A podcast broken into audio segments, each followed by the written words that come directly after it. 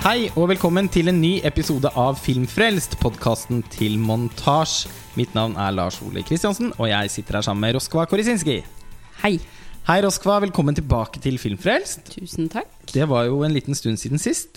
Du har hatt et travelt år. For i februar så ble du nominert til Nordisk råds litteraturpris for eh, din siste novellesamling. Og eh, i månedene som har gått mellom februar og utdelingen nå For noen uker siden så har du vært veldig travel.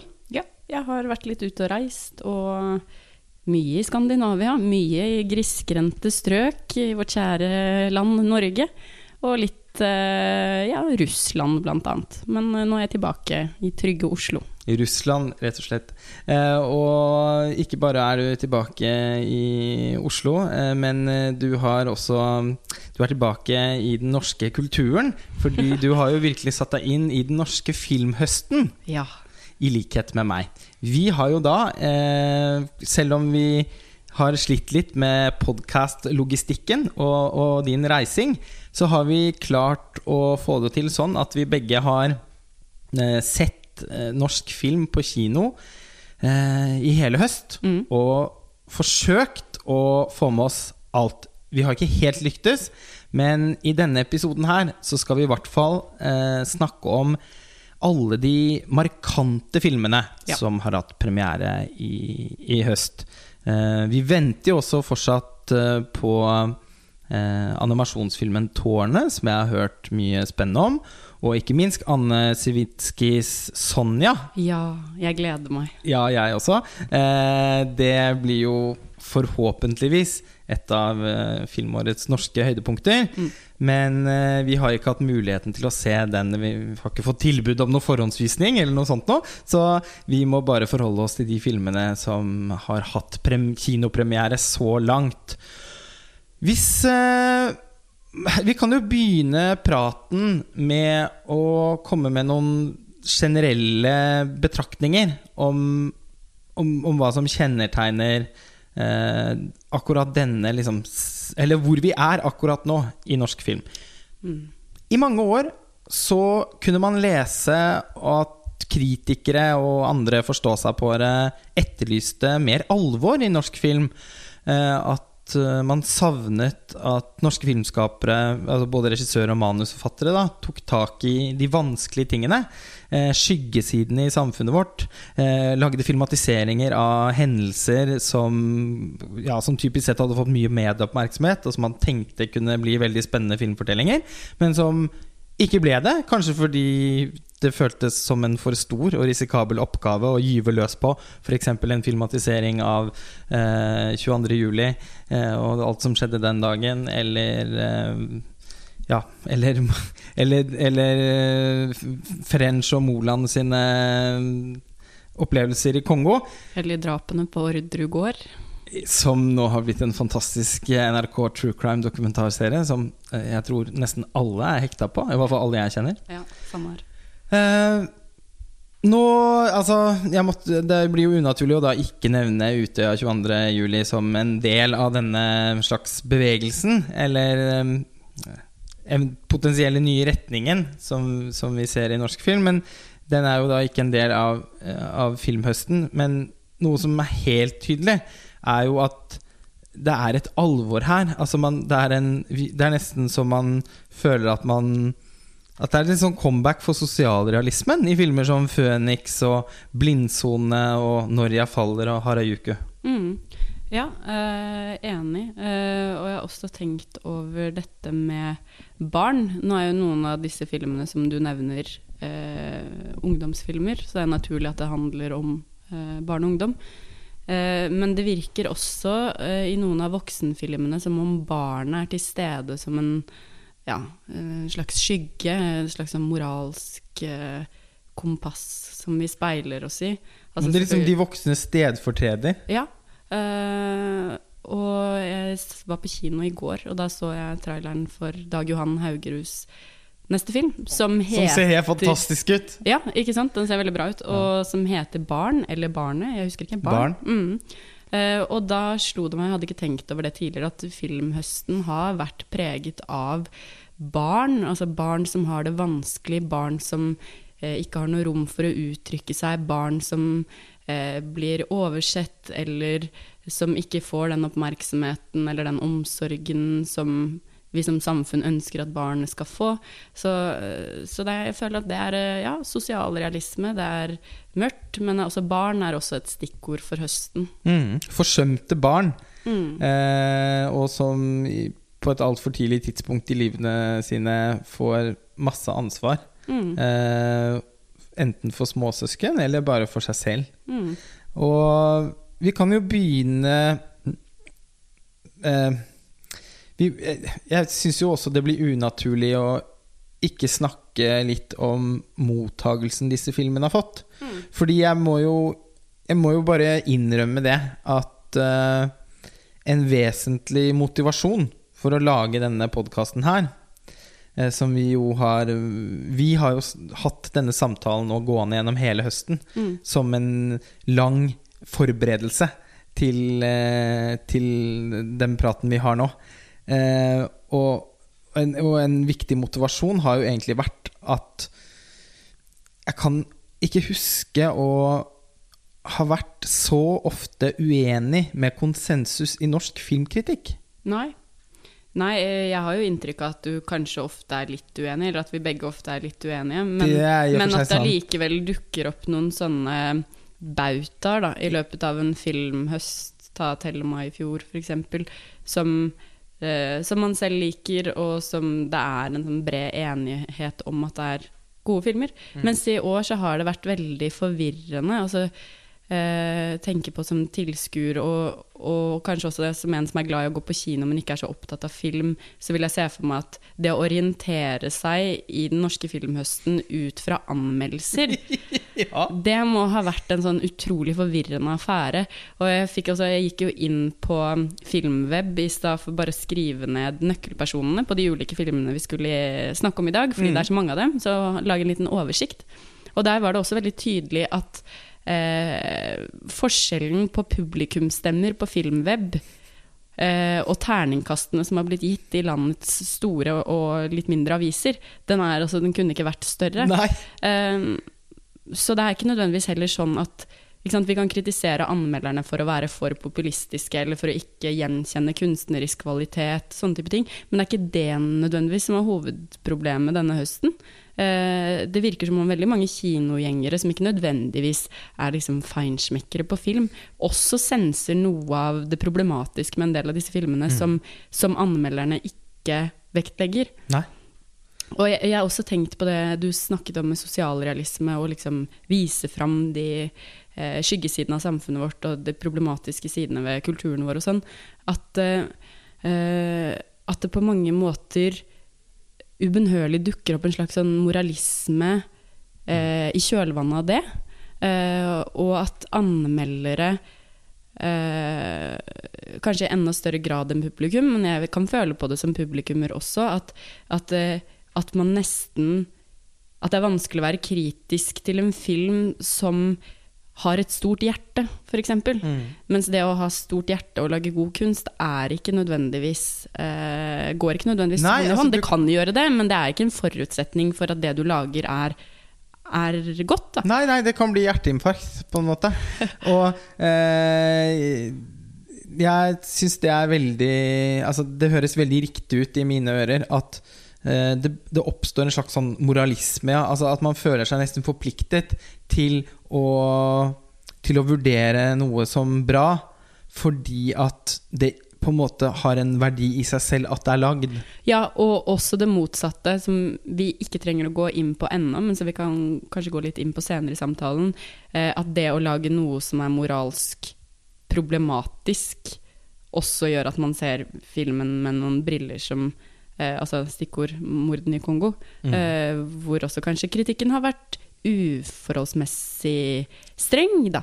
Eh, eller ja, Ja, altså dømmende. helt, eh, det helt, eh, jeg jeg syns det er et av høstens sto, virkelig store mysterier. Mm. At det er den mest kritiker... Eller den, nesten den eneste kritikerslaktede Ja. filmen i norsk eh, Altså den norske, norske filmen i høst. Eh, man kan jo si at Jo, jo, den har fått en og annen firer også, men eh, å få to i VG, tre i Dagbladet og tre i Dagsavisen i Norge, når det er snakk om norsk film, det er totalslakt. Nesten ingenting for under fire og fem. Så eh, Og at det var den filmen som skulle vekke eh, minst begeistring, det syns jeg mildt sagt er en gåte, men det skal vi komme tilbake til når vi snakker om filmen. Men generelt så bare føler jeg at eh, at den, den virkeligheten som skapes, øh, den sannheten på en måte også da, som skapes som norsk film, i dagspressen, og også en del andre eh, altså, tidsskrifter osv. Som, som skriver om film, eller som i det minste anmelder en og annen film, det blir sånn cosplay-aktig. Altså, det, det er eh, en Det, det blir en, en verden som som er for meg helt konstruert, som ikke eksisterer. Som eh, det, Skal man tro pressen om norsk film i høst, så er vi nå en av verdens aller fremste filmnasjoner. Det er nesten ingen som kan slå oss nå. Eh, på tross av at vi glimrer med vårt fravær stadig vekk på, i hovedkonkurransene på de største filmfestivalene, så eh, lager vi likevel bedre film i gjennomsnitt enn kanskje noe annet land. Eh, man, hvis vi sammenligner oss med Altså Når filmer som I, Tonya og The Post og Call Me By Name, som er tungt anerkjente eh, filmer internasjonalt, i Norge avspises med terningkast fire av de fleste anmelderne i Dagsprisen. Tenk å kunne gi, gi I, Tonya terningkast Ja, det er helt Altså, jeg, Oi, oi, oi. ja, jeg kan ikke forstå Åh, og, og, og Det er den Men morsomste filmen jeg har sett på år og dag. Ja, den er bare ja, Vi er jo så enige om hvor vidunderlig den er. Den er fantastisk morsom og, og gripende. Ja. Og, og, og viktig, til og med, vil jeg si. Og drøy, på Ja, noen måter. altså, den er jo bare no, Men nå skal jo ikke dette Nei, bli en det- det er ikke det vi skal snakke om. Nei, eh, en podkast om meg, Men, eh, men, men det sier noe at som kinogjenger, da Mm. For vi er jo også kinogjengere, selv om vi er litt sånn hardcore sinaster også. Så eh, er vi også av og til noen som bare går på kino og kjøper en billett og skal se en film. Eh, og når du da får vite at eh, Aitonia Å oh ja, den fikk fire, den. Og så på andre siden eh, av avisen Altså på, på, på neste side i avisen så kan du lese at 'Når jeg faller' eller 'Føniks' har fått fem. Eh, jeg vil tro for de aller fleste at det er en ganske absurd tanke. da At de filmene er bedre enn at, at, at en en ren popkorn-underholdningsfilm med så mange tydelige svakheter som skjelvet, som jo aldri ville fått mer enn terningkast tre hvis den var amerikansk, eh, når den vurderes som bedre enn 'Call Me By Your Name' av eh, dagspressen Ja, du himler med øynene fordi det er ikke til å tro, ikke sant? Hva, hva skjer? Hva er det som skjer med norsk filmkritikk? Hvorfor er, er folk redde for å, eh, for å fornærme eh, kanskje- folk de kan møte på fest? Eller på, Ja.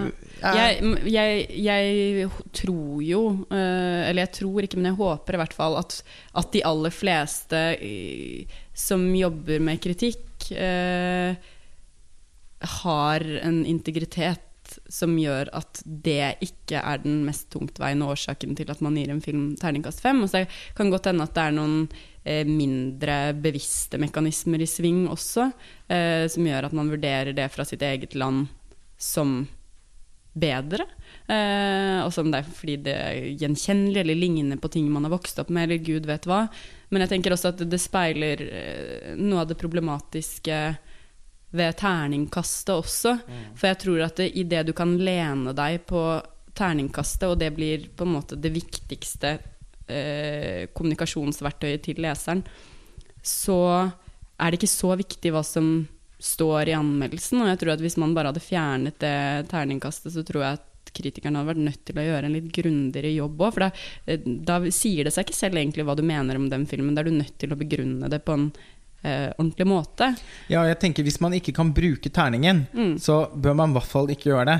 Eh, og, når, og det er dessverre også sånn at eh, tenk, tekstenes omfang tilpasses jo også ofte eh, terningen. Altså For, for det er, den, når den er et så tydelig signal som den er, så er det kanskje ikke så viktig å skrive langt og grundig om filmen. Så derfor har man jo ikke eh, i noen Det, det fins absolutt noen unntak her, men eh, det, det, er jo ikke sånn at på en måte VG skriver om film på samme måte som New York Times. Nei, det kan man jo ikke påstå. så, så det Men og det er selvfølgelig et problem som er mye større og mer komplekst enn debatten om terningkast eller ikke. Men jeg bare tenker Og man kan fortsatt lese om norske filmer i Morgenbladet uten noen av disse tabloide forstyrrelsene. Ja, ja. så, så, sånn, det er jo ikke eh, Men man merker jo Jeg tror bare Jeg tror nøkkelen er det du var inne på, med at det fortsatt Og jeg syns det Jeg blir provosert av det, for jeg syns vi må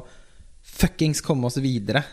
Eh, jeg har bestemt inntrykk av at man fortsatt tenker at man skal ta litt Altså at man skal være litt mer forsiktig med de norske filmene. Mm. Man ikke, at man ikke skal ta så hardt i dem.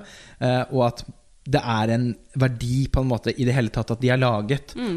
Og der er jeg jo litt ambivalent. Det er kanskje nødt til å være som en person som en gang annethvert år cirka selv eh, skal vurderes og gis en karakter på. Yes. Eller om ikke meg, så i hvert fall det jeg skriver. Ja. Eh, og så har jeg på en måte på den andre siden så henger jeg med folk som deg og Karsten og, og får en ganske sånn fin innsikt i hva det vil si å være kritiker, og idealismen og integriteten og tankene eh, og arbeidet som ligger bak det.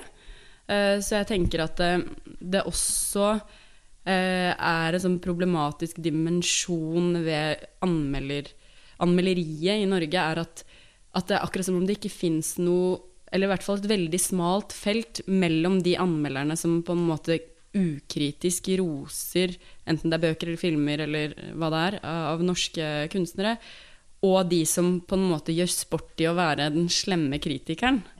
Eh, hvor man nærmest latterliggjør mennesket bak verket. Og jeg tenker sånn Jeg tror vi hadde hatt veldig godt av at det feltet imellom de to ytterpunktene hadde blitt litt større. Eh, hvor man faktisk kan si at nei, dette her er i mine øyne en skikkelig dårlig bok, en skikkelig dårlig film, av dette og dette og dette.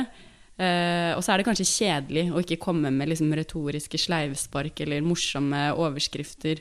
Eh, men jeg, jeg, tenker at eh, jeg savner i hvert fall det som leser selv. Da. De derre eh, grundige og liksom redelige eh, slaktene, da, mm. for å si det sånn. Som ja. ikke ikke sånn, for Det kan lyse av de tekstene også at det er kritikerens ambisjon om å posisjonere seg selv i et kritikerlandskap. Og da blir det vanskeligere igjen å ta teksten og argumentene alvorlig. Mm. Og det er selvfølgelig nå er hun dølle gamle dama som vil at Kan vi ikke bare gjøre det på en skikkelig måte?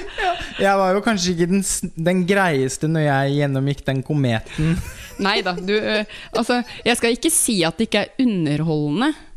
Uh, for det kan det være. Men uh, men det er bare en tanke, da.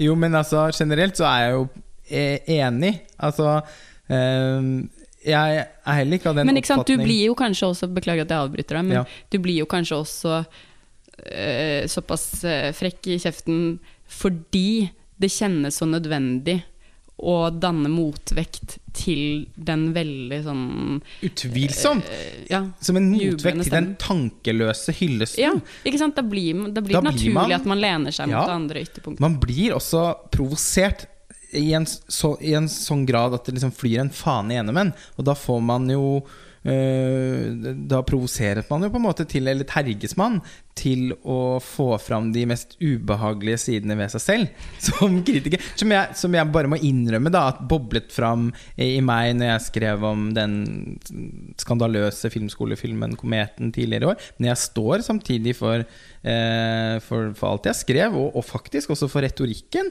Fordi at det er jo en kjempeviktig historie å fortelle, ja, som ingen en... har fortalt. Nei, og det er, sant, akkurat det at den filmen står ikke alene som en sånn Uh, her var det en stakkars filmskaper som lagde en film. Det er jo det du skriver om med hele strukturen bak tanken rundt hva filmskolen skulle være. og alle disse tingene her. Det, det, er jo ikke filmskaperen som var problemet her. Det var konteksten rundt. Ja. Hva den filmen opp, hva den sprang ut av. Og den, det, alt det råtne som uh, har preget den norske filmskolen i mange, mange mange år. Og som har ødelagt for veldig mange som har gått der. Uh, det finnes jo utallige eh, fortellinger om, men som stort sett foregår eh, på fest. Eller i, liksom, i andre fora enn offentligheten. Mm. Og jeg, jeg mener ikke at man skal eh, ha en sånn eh, Det handler ikke om å henge ut folk i offentligheten, og at det i seg selv er så viktig. Men noen ganger må man også si at eh, noe som har kostet veldig mye penger, eh, og som har blitt presentert eh, som Altså med noen ord som tilsvarer noe helt enestående eh, Når det da faller så stygt, Mm. så må det være lov å, å si at, at, sånn er det. Og, og, så, og, at, og, og også på en måte si at man ikke aksepterer at det kan være sånn. Ja, og så tenker jeg også at, eh, at det er eh, Det er lett å sitte og si at på en måte At det burde være et eh, ideal for kritikeren å være kritisk uten å være mm, bøllete. Samtidig som eh, det er litt skummelt å, å på en måte avskrive humor, avskrive snert, avskrive de tingene som er så viktige. For det skal jo også være lesverdig. Ja, det skal være en tekst som skal leve. Så jeg tenker at det er jo en balansegang. Og så tenker jeg på den andre siden også, som vi har snakket litt grann om tidligere, eh, og som jeg på ingen måte er noe forbilde på selv, men som, som jeg prøver å huske på, da, og som jeg tror mange andre også prøver å huske på, men som jeg tror at kanskje enda flere kunne tenkt på, er at norske kunstnere, enten det er filmskapere eller forfattere eller musikere eller hva det er, eh, er ganske bortskjemte.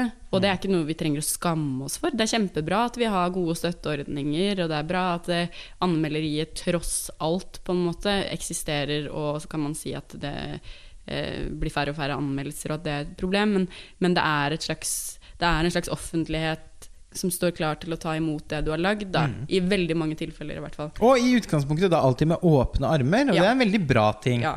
Eh, men jeg tror på en måte at vi alle kan ha litt godt av å øve oss litt på å ta kritikk, og ikke på den måten øve oss på å liksom være enig. Man trenger ikke å være enig med kritikken i det hele tatt, Nei. men at det ikke trenger å være så jævlig viktig. Nei? Og det er klart at det er viktig for deg, fordi ja, det er en klisjé at når du lager noe, så er det deg selv du legger på bordet. Og så jeg vet at det er en del kritikere som er litt sånn Ja, men herregud, det er jo bare noe du har lagd. Men sånn oppleves det jo ikke. ikke sant? Du bruker jo alt du har av emosjoner og intellekt og eh, erfaringer, og, så det er klart at det er personlig. Det er ikke noe vits i å late som det ikke er det. Nei. Men jeg tenker at nettopp derfor blir det desto viktigere å klare å liksom tenke at det, ja, men det er et valg jeg har tatt, og det, jeg har gått så mange runder med dette, og jeg har likevel endt opp med at det er dette jeg skal bære med ut i verden og vise fram. Eh, og da er litt av den oppgaven kanskje å, å bygge seg liksom litt en Jeg vet ikke, jeg blir feil metafor rustning, for jeg mener ikke at man skal la alt prelle av, eller liksom ikke nå en, men, men bare ha en litt mer sånn avbalans, et mer avbalansert forhold til hva kritikk er, da. Ja, for jeg tenker jo at kritikken er jo i utgangspunktet til for leseren. Ja, den er ikke, Det er ikke norsklæreren din som kommer og gir deg tilbakemelding. For at du, Det er en misforståelse. er, nå havner vi jo et helt rart sted i den samtalen, fordi det er noe annet som irriterer meg. Ja. At kritikere ofte oppfører seg som om de skulle vært lærerne Ja til sånn, sånn, Neste gang kan du tenke på uh, Altså, det er helt absurd. Ja, og det er jo også noe med en sånn soft pedagogikk da, Ja. som, eh, som jeg opplever at ofte ikke fungerer så veldig godt. Mm. Eh, nettopp fordi at det da virkelig ikke kommuniserer med leseren. Da blir det jo et brev Ja, ja, til Som kunne vært sendt personlig på e-post. Ja. da kan du gå på Messenger eh, eller sende en e-post. Fordi eh, og, Men det er ikke sånn Analysenprosjektet på Mondage, eksempel, der er jo en del av ambisjonen at tilbakemeldingen også skal være relevant for filmskaperen, eller for eh, sammenhengen som filmen har oppstått i. Men det er også litt en annen sjanger. Det er ikke bare Det er kritikk, men det er en, en essayistisk eh, kritikk, og til dels også en filmvitenskapelig, eh, analytisk gjennomgang, som, eh, som ikke er helt sammenlignbar, da. Nei, men som man kanskje den- dypest sett egentlig kunne ønske seg at var mer til stede i all form for kritikk. Ja, men, men, det er jo da et veldig sånn spesielt prosjekt, og, og som ikke har noen plass i på en måte dagspressen. Ja. Eller altså sånn det, Sånn er Det er utenkelig. Men det er på en måte ikke poenget eh, med denne Altså, når vi snakker om Når vi ønsker med vårt besserwisser-blikk og, og, og sette det, mottagelsen av den norske filmhøsten i et kritisk eh, lys, så handler det ikke om fraværet av grundighet eller, at, eller lengde eller eh, Altså for, eller, det handler format, terningkast. Egentlig så syns jeg bare at eh, det er et veldig tydelig eksempel på at det er noe som er galt. Fordi de norske filmene Det er så åpenbart at de norske filmene ikke vurderes på samme premisser som internasjonal film. Og det er feil, fordi en del av det mandatet man er gitt som kritiker, er jo strengt tatt å kunne veilede leseren til eh, sånn så at vedkommende eh, får en klarere idé om hva hun eller han skal gå og se på kino. Og man kan ikke da ta for gitt at alle har en sterkere interesse i utgangspunktet for, å se norsk film enn annen film. Eh, det får bli opp til eh, distributørene å markedsføre filmene så hardt at folk får lyst til å se dem. Og jeg er selvfølgelig eh, er første til å støtte opp om eh, norsk film. Og når det kommer noe som virkelig er bra, så forsøker jeg alltid å gjøre mitt beste for, å, for, at flest mulig folk jeg kjenner, eller flest mulig folk som følger meg på sosiale medier, eller whatever, eh, går og ser den filmen, og helst på kino. Eh, så eh, Men jeg tror det er veldig skadelig når det blir sånn at nesten alle de norske filmene får samme kritikk. For det er jo naturligvis ikke sånn at alt er like bra. Og når nesten alle filmene får terningkast fire og fem, og nesten ingen får seks, og nesten ingen får én eller to, da eh, blir det en sånn brun saus på midten hvor, ingen, hvor jeg tror ingen skjønner eh, hva Altså, effekten av et høyt terningkast forsvinner hvis alle får det. Og det går utover de beste filmene. Når en film som 'Blindsone', som virkelig er en markant film, eh, som gjør inntrykk, som ingen vil gå og se på kino uten å føle at de har hatt en opplevelse etterpå Når den filmen får samme mottagelse som en så mislykket film som 'Føniks' eller, eh, eller 'Når jeg faller', da er det altså Da føler jeg at det har blitt så relativt hva som er en virkelig god film, at eh, jeg vil tro at publikum utmerket godt kan henge seg med på ja, på, på vårt perspektiv. Det skal jo også sies at jeg har snakket med veldig mange personer gjennom høsten om denne frustrasjonen. Både med folk som jobber Ikke minst med folk som jobber med film selv, og også andre folk jeg kjenner. Og dette her er jo ikke bare noe du og jeg har sittet og nei, tenkt på. Nei, det, det er et poeng. Og det, det skaper jo eh, en viss forvirring. For, eh, for da, da, da spør jeg meg også hva Ja, hva er begrunnelsen? Altså er det, er det rett og slett bare tilfeldig? Altså har det vært dagsformen til kritikeren, og så har det slått veldig merkelig ut denne høsten? Men det er jo heller ikke sannsynlig. Jeg bare forstår det ikke sånn som Ja, jeg syns du trekker fram gode eksempler. Eh, Blindsone, som eh, i mine øyne desidert eh, er den sterkeste norske filmen i høst. Utvilsomt. Eh, og det handler ikke først og fremst om at det er en gripende historie, for det er mange gripende historier denne filmhøsten, og mange hjerteskjærende historier og triste skjebner. Det handler om eh, språk, det handler om filmspråk, først og fremst. Og så tenker jeg at det kan høres snobbete ut, men det som er at jeg tenker at det underkommuniseres, eller det snakkes ikke nok om eh, i norsk filmkritikk hva en film gjør på filmens premisser. Det er det å ha et godt filmspråk er det samme som å berøre den som ser på. Det er ikke noe sånn ekstravagant, ekstra pynt. Det er helt essensielt for hva en film er, og hva en film gjør. Og, ja.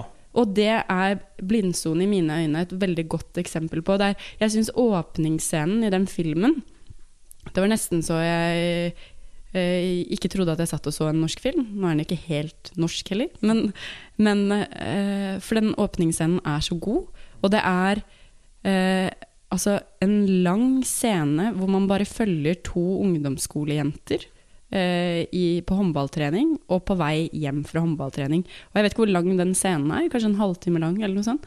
Og det bare er så befriende å se en norsk film som stoler på at det vi ønsker når vi ser på en film, er å se på mennesker. Eh, følge med på mennesker. Det trenger ikke å være en veldig artig skrevet dialog eller merkelig innfall eller voldsomt dramatisk.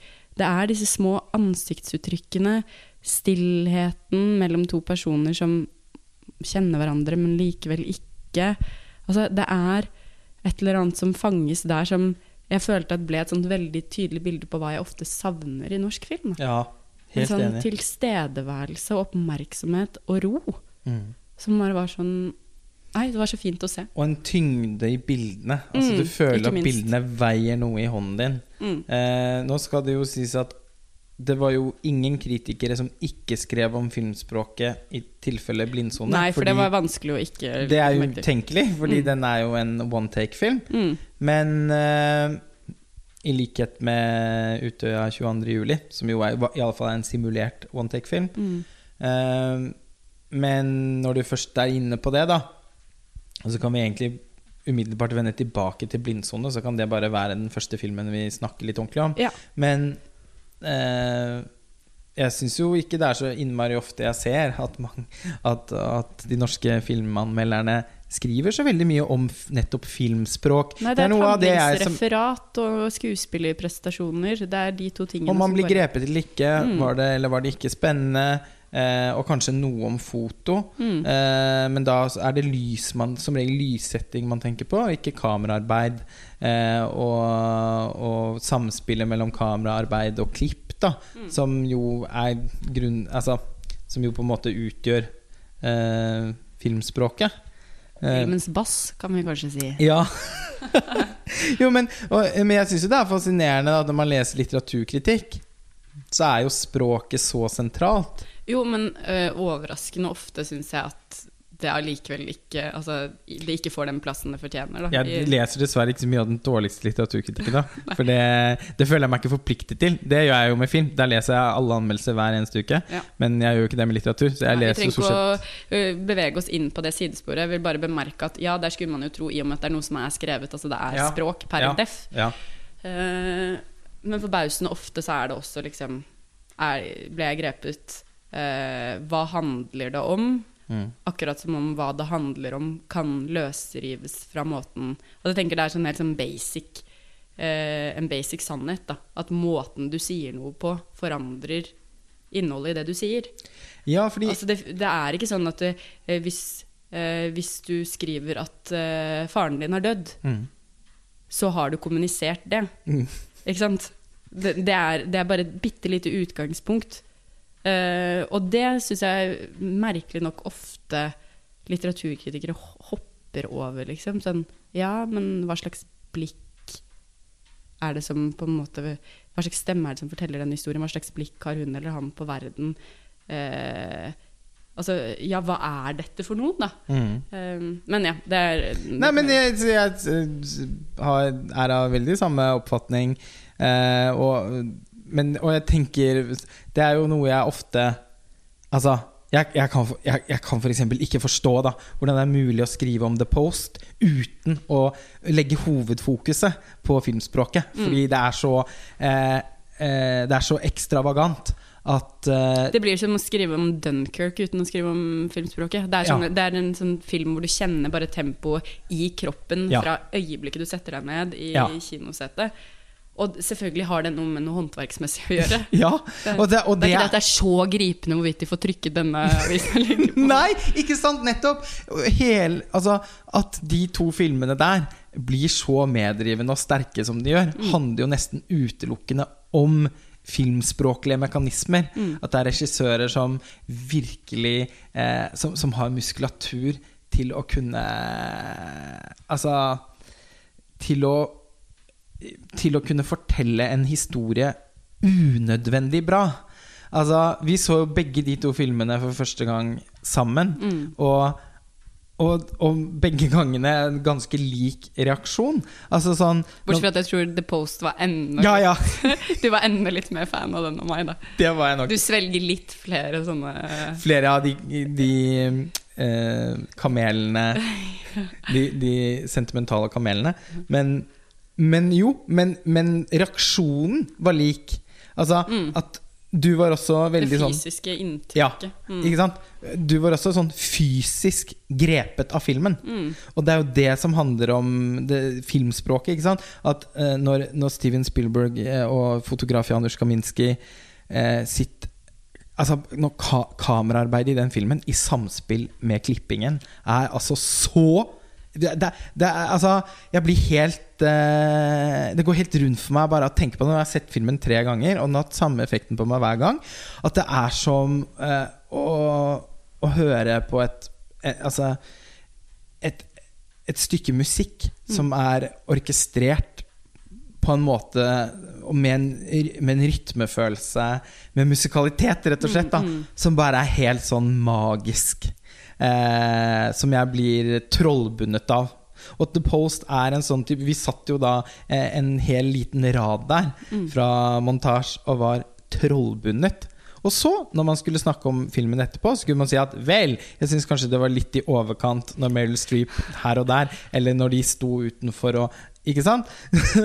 men, eh, men men for en kinoopplevelse! Ja. Og samme med Dunkerque. Det er også en film som noen vil si Jo, men det er jo også litt sånn, eller Ja, det var veldig Ja, eh, det, jeg syns de to faktisk er veldig Jeg får gi meg selv et klapp på skulderen. En god sammenligning der. Eh, Enig. For der opplevde jeg også det samme, at jeg ble sittende og diskutere med noen som ikke var like begeistret for den som meg, og det var gjerne liksom mer ja, kanskje etiske ting, eller liksom det distanserte blikket, eller som for øvrig jeg syns gjorde den veldig interessant. Men, Ja. men, men, Men det er på en måte innvendinger som jeg overhodet ikke har noe problem med å akseptere? Nei, på ingen måte. Men, men jeg opplever jo den filmen på en måte som Ja, den har et distansert blikk, og samtidig så er den jo så nær som overhodet mulig. Altså det er som en injeksjon.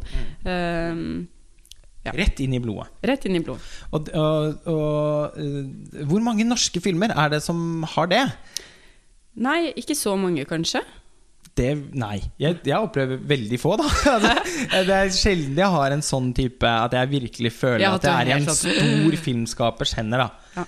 Det, det hender. Det hender. Eh, og, og det er jo et annet poeng når man fortsatt på en måte har en sånn eh, spesialbehandlingskultur, eh, hvor de norske filmskaperne blir på en måte eh, tatt vare på som om de gikk i en sånn hjelpeklasse, på en måte, kontra av en Jo, men altså det, eller, det, blir, det blir liksom hvis, hvis den internasjonale filmen gikk på videregående, så var, var de norske fortsatt på barneskolen. Sånn føler jeg det noen ganger. Eh, og det er jo også en fornærmelse overfor de som virkelig lager bra ting. For vi har jo mye å være stolte av. Vi har, vi har laget kanskje verdens beste ungdoms-TV-serie noensinne i hele verden. Eh, ja, verdens beste i hele verden. Eh, Den beste i hele verden. men eh, tenk på det. Altså, Ja. sånn, hvor stolte skal vi ikke være over hva Julie Andem fikk til med Skam? Eh, hvor stolte kan vi ikke være av Joakim Trier? Han er en eh, filmskaper som, av, virk, av et virkelig internasjonalt format, som, for, som, som kritikere over hele verden er oppriktig interessert i. Eh, vi har en filmskaper som Margaret Olin, som innenfor sitt eh, Innenfor sin dokumentariske metode så er hun helt spesiell, eh, også i en internasjonal sammenheng. Dag Johan Haugerud eh, har, altså, har skrevet et av de beste filmmanusene eh, fra de siste årene, som sikkert også oppleves som ekstra bra for oss som er nordmenn, og som kan forstå alle nyansene i språket, og fordi han er så opptatt av språk. Men eh, altså, den litterære eh, på en måte tyngden i et verk som 'Som du ser meg', den er for meg Den er jeg overbevist om over at det ikke hadde vært lost in translation for meg hvis jeg hadde sett den og den var fransk. På en måte Eller sånn vi, eh, Og jeg, vi annonserte jo i stad at vi begge gleder oss veldig til den nye filmen hans 'Barn'. Mm. Vi har altså noen filmskapere og serieskapere som er i verdensklasse. Så vi trenger ikke å skamme oss, Nei, vi trenger ikke å føle oss så jævlig små. Det er ikke sånn lenger at Sverige og Danmark eh, gjennomgående lager veldig mye bedre ting enn det vi gjør i Norge. Det er ikke sant! Mm. Eh, og det å da likevel spesialbehandle de norske filmene, og da alle under ett, så blir jo gjerne sånn at de virkelige toppene heller ikke får gå til topps, da. Mm. Eh, men samle alle sånn litt sånn jevnt på midten, og si at dere er flinke alle sammen, det syns jeg også er en fornærmelse. Mm. Overfor de som virkelig gjør det bra. Og det gjør at eh, når folk skal gå på kino, så blir det jo ikke Det, det blir jo nødvendigvis veldig vanskelig å velge òg. Så eh, veldig Altså, mange av filmene også gjør det jo I og for seg så er det også dessverre en sannhet at mange av filmene bare gjør det dårlig. Men eh, de gjør det jo også litt likt. Det blir, sånn, det blir jo ikke sånn heller at vesentlig flere folk går og ser den absolutt beste av de ti filmene. Eh, publikum fordeler seg. Mm. Fordi man har jo ikke fått noen tydelig beskjed hvor man skal gå. Og når man kanskje gang etter gang også går og ser norske filmer Ja, som har får den erfaringen av at det samsvarer ikke med ikke Nei. bare forventningene, men hva man på et eller annet vis har blitt forespeilt at man skal oppleve. Det. Så ja, det svekker jo tilliten også til, Ja, til ikke bare anmelderi, men også til norske filmskapere. Da. Ja, Fordi man vil man- jo føle at de også på et eller annet vis lurer deg. Da. ja, jo, men ikke sant? Sjarlatanene i ja, Ta dem! ja, for, Men hvis man Jeg må forresten bare unnskylde at jeg er veldig forkjøla hvis jeg har noen sånne bjeff innimellom. Så er det derfor. Det er sesong. Det er så sånn. Eh, men hvis man gang på gang går og ser norske filmer på kino som har fått terningkast fem, og selv opplever at de har terningkast to, Mm. så må det jo skje noe der òg. Tilliten blir jo brutt. Ja, man ser det jo. Jeg følger av og til med mm, på kommentarfeltet under ymse anmeldelser som ligger på internett, særlig på NRK. Eh, og der ser jeg jo at uh, flere stemmer som liksom Selv når det er filmer jeg mener at det er veldig gode, og enig med anmelderen om at det er veldig gode filmer, eh, så er det en sånn mistro til Nei, Ja. dette stemmer ikke, det, det sier dere alltid, men det er, ikke, det er jo ikke sånn det er. Nei, altså generelt så er jo kritikken på en måte for begeistret.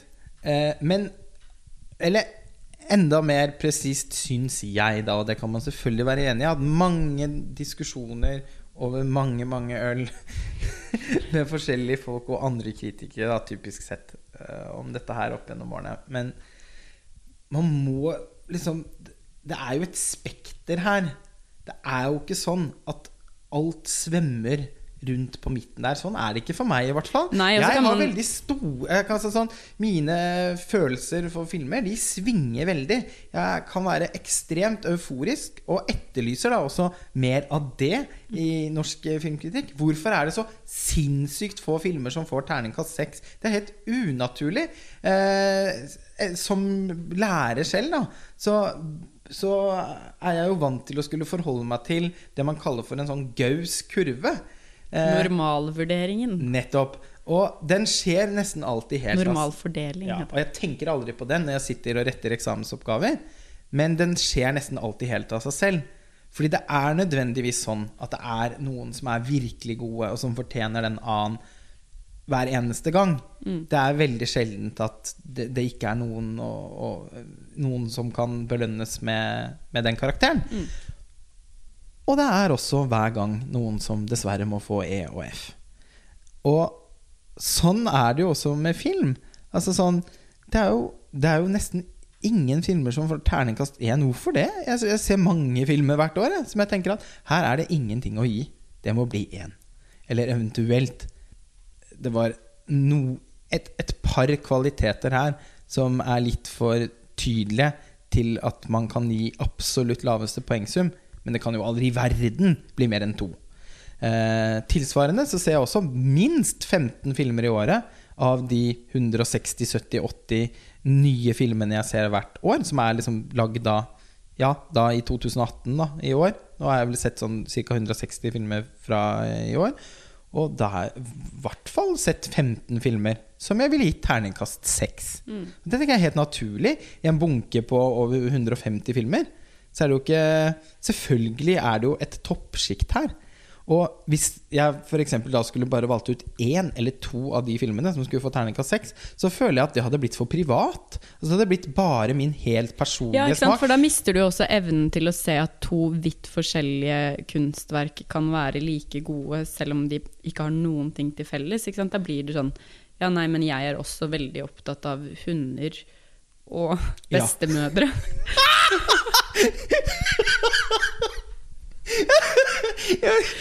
Ja, Hvis dette faktisk jeg er veldig spent på hvilken så film det eventuelt hadde vært. det er liksom bare tilfeldig.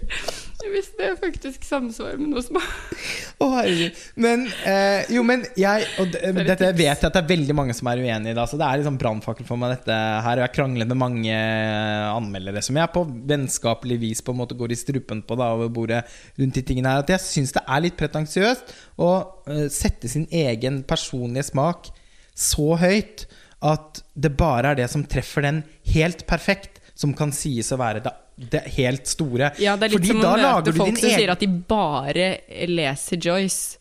Så det er sånn Nei, uh, Dostojevskij er helt ræva. Ja. For, for han skriver Altså, Joyce Det er sånn, Ja, det er to forskjellige verdener, men eh, du, ja, du framstår jo også da som litt uh, barnslig, vil jeg si. Ja. For det blir en sånn uh, Ja, sånn Nei, nå skulle jeg hete si runk, men det kan vi kanskje ikke si på radio. Det kan du si. Ja, På en- Filmfrelst er det lov. Ok, ja, det blir en sånn runk på meg og mitt, da. Ja. Eh, og jeg tenker at hvis du har sett veldig mye film, så kan det vel ikke bare være sånn at det er akkurat filmer som har det formspråket og den tematikken Nei. som berører deg, for det må det jo være noe i selve mediet som Jo, berører men- deg, og ut, uavhengig av en tematikk, f.eks. Sånn er det jo. Jo mer man ser, jo mer liker man. Jo mer musikk man hører på, jo mer musikk liker man Ja, også. ja. Sånn, sånn er det bare. Og på en måte skal man fange Jeg er jo helt det, Altså skal man, være, skal man ha en personlighet som filmkritiker, skal det i hele tatt være et poeng å holde på, så må man jo nødvendigvis forsøke også å forme folk da, etter sin egen smak. Du ønsker jo å få lesere som kan identifisere seg med din stemme og dine vurderinger, og som, eh, og som eh, eh, ja, altså sånn Man kan jo ikke jeg, jeg mener jo på ingen som helst måte at man skal gå rundt det. At filmkritikk er, det er en subjektiv øvelse, det. Det er, ingen, det er ikke noe rett og galt. Men det er ikke så relativt heller, som det f.eks. har vist seg at det liksom er denne norske filmhøsten. Men først og fremst så bare mener jeg at sånn hvis man eh, f.eks. da bare gir terningkast seks til filmer som for evig og alltid vil befinne seg på din personlige favorittfilmliste gjennom tidene Nei, vet du hva, i år var det faktisk ingen seksere, altså. Jeg, var, jeg er veldig streng, jeg, da. For det er også sånn Å ja, du har så peiling, du. At for deg så må det liksom det ikke, da, da må det eh, du, har så, du har så peiling, og derfor har du så høye krav, at bare den filmen som, eh, som er ti av ti på absolutt alle punkter som du har skrevet opp på et ark, det er liksom sekseren. Hva er det for noe formidling? Altså, eh, ut blant, til leserne som, som, som har lyst til å vite om det er laget noen helt eksepsjonelle filmer hvert år. Det er jo da også verdt å nevne at det er ikke sånn i noe, noe annet sted hvor vi kan lese filmkritikk som vi forstår, i hvert fall primært Storbritannia og USA. Der kastes det jo femstjernerne ut Altså i hvert fall et par ganger i måneden. For sånn er det jo! Det, hvis man ser man nok film, så finner man jo de filmene eh, lett. Og det gjelder ikke bare alt det man ser på festivaler og ditt og datt. Det er også det som settes opp på kino i løpet av året i Norge. Det, det er alltid ganske mange filmer som er på et sånn helt tydelig toppnivå. Eh, og, og når de da heller som oftest ikke får seks, men gjerne får fem, så blir det enda underligere ikke sant? Å, å, å, se hvordan Å forstå hvordan på en måte eh, en av den, den sjette beste norske filmen i høst har fått samme eh, poengsum terningkast som 'Phantom Thread' av Paul Thomas Anderson. Da Eller 'Call Me By Your Name'. Eh, da, da blir det, det blir så Det blir sånn bakvendtland for meg. Mm. Ja, Der hvor det- alt går an, som det heter. det heter det. Men eh, skal vi rett og slett ta og returnere til blindsone, da? Eller det, den staket seg ut som den første filmen å snakke litt mer om. Ja, absolutt. Det har jeg jo allerede røpet at kanskje er min norske, I hvert fall delvis norske, eh, favorittfilm denne høsten. Den er jo også en regidebut av en eh, dame vi har sett litt til før, som er egentlig mest kjent som skuespiller. Tuva Novotny. Stemmer. Eh, det er hennes regidebut. Eh, Pia Tjelta spiller hovedrollen. Det kan vi snakke litt mer om etterpå. Hun har fått ganske mye oppmerksomhet for den rollen, Mm. eh, med god grunn. Mm. Eh, Men det var også den filmen eh, som, eh, som du også nevnte, at faktisk har fått en del oppmerksomhet for formspråket sitt. Det er en one take. Den handler om eh, Eller den gir seg ut for å handle om en jente på sånn 13. eh, Men hun forsvinner ganske raskt ut av filmen. Jeg vet ikke hvor mye vi skal spoile. Kanskje Jeg tenker at vi i denne podkasten kan tillate oss å spoile det som er nødvendig å spoile. ja, eh, For det er jo ganske nødvendig å spoile. Jeg vil si at vi kan Det er hele premisset for filmen. Ja. Eh, kort fortalt, eh, vi følger da en jente eh, som er på vei hjem fra håndballtrening, kommer hjem, eh, går på rommet sitt, eh, spiser litt mat, alle disse vanlige tingene som vi alle husker fra sånn skoletida. Eh, mens moren hennes, tilsynelatende, da, steller en lillebror på badet. Og så kommer moren, spilt av Pia Tjelta, ut fra badet, inn på soverommet, hvor datteren ikke lenger er. Og så viser det seg da at denne jenta har hoppa ut av vinduet. Eh, og resten av filmen følger kameraet veldig tett på um, Pia Kjeltas karakter. Maria heter hun. Eh, fra det øyeblikket uh, og gjennom natten på sykehuset, hvor de ikke vet om datteren kommer til å overleve eller ikke, og hvor hun til slutt ja, rett og slett dør. Um, ja. Det er kort oppsummert handlingsreferatet. Ja. Og som du var inne på i stad, så er den første halvtimen av denne filmen kanskje nesten det aller mest eh, oppsiktsvekkende. Mm. Til og med før Pia Kjeltas som tour de force Ja. av en rolleprestasjon eh, igangsettes. så Eller på en måte får plass i fortellingen, så gjør denne filmen veldig, veldig inntrykk. Den gjør det. Eh, ja, det, er et, det er ytterst få ganger jeg har sett en norsk film hvor jeg bare liksom etter et minutt har vært oppslukt av bildet og alt som foregår i det, eh, uten at det egentlig ligger noen eh, retoriske filmgrep til grunn for det. Eh, jeg blir sugd inn, nesten ut, helt sånn umerkelig. Eh, og kjenner bare at den, den hverdagen som fremstilles, er så sånn tungt gjenkjennelig Mm. at uh, man blir berørt av det i seg selv. En veldig sjelden ting å få til på film i det hele tatt, Mm. som eh, gjorde meg Jeg ble helt satt ut, egentlig, etter bare noen minutter. Ja, samme her. Og, og, og hvordan de klarer også å skape den, som du sier, egentlig en veldig sånn uspektakulær åpning som samtidig dirrer av et eller annet sånn Du vet ikke om noe kommer til å skje, men du har en følelse av at det likevel er viktig at du følger med. Mm.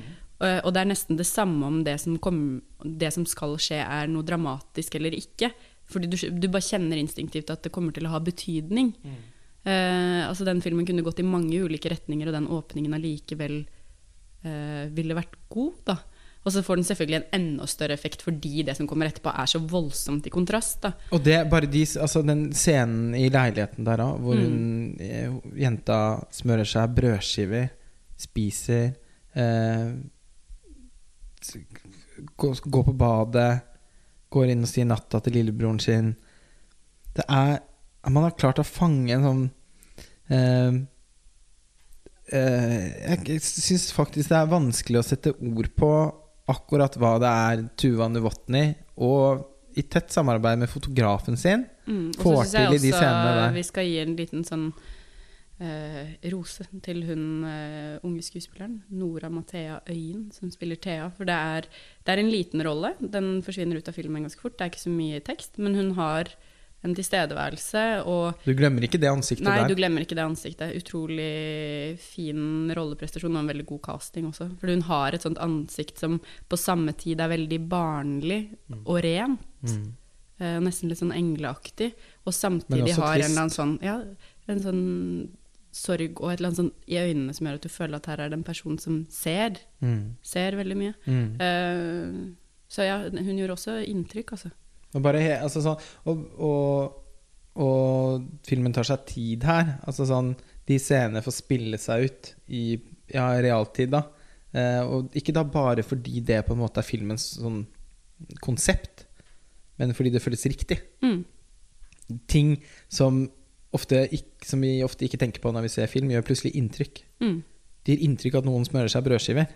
Mm. Eh, hvorfor virker det på den måten? Eh, det har jeg ikke noen god forklaring på. Men man kan, og, og sånn er det jo ofte når man møter et, eh, et kunstverk Mm. som man, som man eh, responderer på emosjonelt. Ja, og jeg tror også det derre one-take er et veldig eh, godt grep for å fortelle denne historien, også fordi at eh, hvis man har vært eh, i sitt eget liv eh, opplevd et eller annet Rett og slett traumatisk, da, en traumatisk opplevelse, så er det jo ofte det som kanskje gjør størst inntrykk, er overgangen fra noe tilsynelatende vanlig eh, via et sjokk og til en ny tilstand som føles som om den på en måte ikke har noe med hvem du er og livet ditt å gjøre. Altså, og one take er, funker så bra for å skildre en sånn opplevelse, fordi det nettopp ikke er valgt ut scener fordi disse scenene er viktige. Det følger fra det totalt uviktige til det liksom sånn ekstremt dramatiske. Ja, og det å bli liksom Det å tro at man har en helt vanlig dag, Mm. som, plut, som plutselig og, og plutselig så er det som det er en helvetes ild eh, under føttene dine, og du vet ikke hvilken retning du kommer til å falle i. Det Har man erfart det, og det har jeg erfart, Mm. eh, så eh, Den filmen får til så utrolig bra å fange det, det, det er på en måte helt, helt uvirkelige ved en sånn situasjon. Og, eh, og måten man og, og der er jo selvfølgelig folk veldig forskjellige. Jeg kan godt identifisere meg med eh, Pia Tjelta sin hysteriske reaksjon i filmen. Fordi eh, noen av de jeg har snakket om som ikke har vært så begeistret for blindsone, har netto, har liksom følt at eh, Pia Tjelta sin eh, al Altså Det er ingen Jeg har ikke hørt noen som ikke har vært imponert over hennes arbeid som skuespiller i filmen. Men noen har liksom kanskje opplevd karakteren som i overkant hysterisk. Eh, eh, jeg syns det er helt Altså, det er Ok, man er jo forskjellig, da. Ja, noen reagerer med apati, eh, noen blir snarrådige og løsningsorienterte. eh, Det finnes mange måter noen krakulerer, og det gjør jo hun. Det fins mange måter å håndtere eller ikke håndtere en sånn situasjon på. Hun håndterer den ikke. Eh, og det er for meg vel altså, akkurat like troverdig som en annen. Og, og nok den type reaksjon som jeg kan best identifisere meg med. Fordi jeg ikke håndterer en sånn type situasjon spesielt bra. Ja, og så tenker jeg at øh, om man kjenner seg igjen eller ikke, så tenker jeg at norsk film kan man vel kanskje påstå, uten å ta fart i, at er i større grad kjennetegnet ved en sånn apati eller følelsesløshet eller distanse til ting. Det er ikke så ofte, verken i film eller i litteraturen for den saks skyld, at vi kommer i kontakt med liksom sånn overskridende følelsesutbrudd. Da. Og jeg syns også det var liksom sånn det i seg selv er en verdi, å se det på film med norske skuespillere. Eh, ja, det er kanskje noe unorsk i den, samtidig som du sier, det er jo også en reaksjon som for veldig mange vil være gjenkjennelig. Eh, men det er, det er lett uh, å ty til liksom Eller å portrettere eh, sorg og sjokk og traumer eh, gjennom en slags sånn nummenhet eller distansert holdning. Eh, det er også lettere å, å gjøre troverdig, da. Eh, så jeg syns det er ganske mye som mot, eh, både fra regissørens side og fra Pia Tjeltas side, eh, i å gjøre det motsatte av det som man tenker at at det kanskje er mest nærliggende, da. Ja, og den mest nærliggende følelsen for henne er jo at Er livet slutt nå? Er det, er det, er det sånn det, det slutter, alt sammen? Hun eh, er, Altså eh, Den opplevelsen som hun har eh, der, er ikke nødvendigvis noe man Det er i hvert fall naturlig å tenke i den situasjonen at dette kommer jeg ikke til å klare. Mm. Så er det sånn at de fleste mennesker klarer det likevel, Mm. eh, med masse med hjelp og med tid. Og med, altså, men, men der og da så føles det ikke sånn. Og så tenker jeg også, når vi snakker om det nå som på en måte apati og avstumpethet eller distanse versus eh, følelsesutbrudd og tap av kontroll, så tenker jeg også at det, mm, når vi snakker om det på den måten, så kan det høres ut som om det er et sånn eh, klassisk drama liksom, med store følelser. Men jeg, jeg syns at noe av det fine i rolletolkningen til Pia Tjelte er at den er veldig den er veldig fysisk og på sitt vis veldig Det er det som gjør den troverdig for meg, i hvert fall, er at det, det er noen sånn gutturale lyder, og det er noen spasmer i ansiktet, og det er noen sånn halvveis brekninger som ikke blir ordentlig til oppkast. Og jeg tenker at eh, eh, de få gangene i livet i hvert fall jeg har vært i nærheten av å få et slags sjokk, da, så er det jo nettopp en sånn Det handler ikke så mye om liksom, er jeg lei meg, eller er jeg glad? Nei. Det handler om helt sånn Det er noe sånn fysisk som tar over kontrollen, som ikke har noe med de em, merkelappene vi vanligvis opererer med. Da. Eh, Det er rett og slett en, ja, en overskridelse. Det overskrider noen av de kategoriene. Og det, det syns jeg at hun får fram. Hun blir nesten et, et dyr. Ikke sant? Hun, Det er ikke bare sorg og nei og gud, hvordan skal dette gå, og uh, fortvilelse. Det er, det er noe Hun har ikke er- kommet så langt. Nei, det er i- som en demon overtar kroppen hennes. Ja. Altså, det er noe fremmed som tar bolig, og det, det, Det syns jeg de får fram veldig fint. Ja, det er en akutt reaksjon Mm. eh, overfor en situasjon som er, oppleves som så uvirkelig at det eneste hun kan ta utgangspunkt i, er den reaksjonen i seg selv. Mm. Og det har også Pia Tjelta på en måte skjønt her som skuespiller. Mm. Og hun gestalter det eh, med, som du sier, ned til hver minste rykning i ansiktet og ekte tårer som gråtes.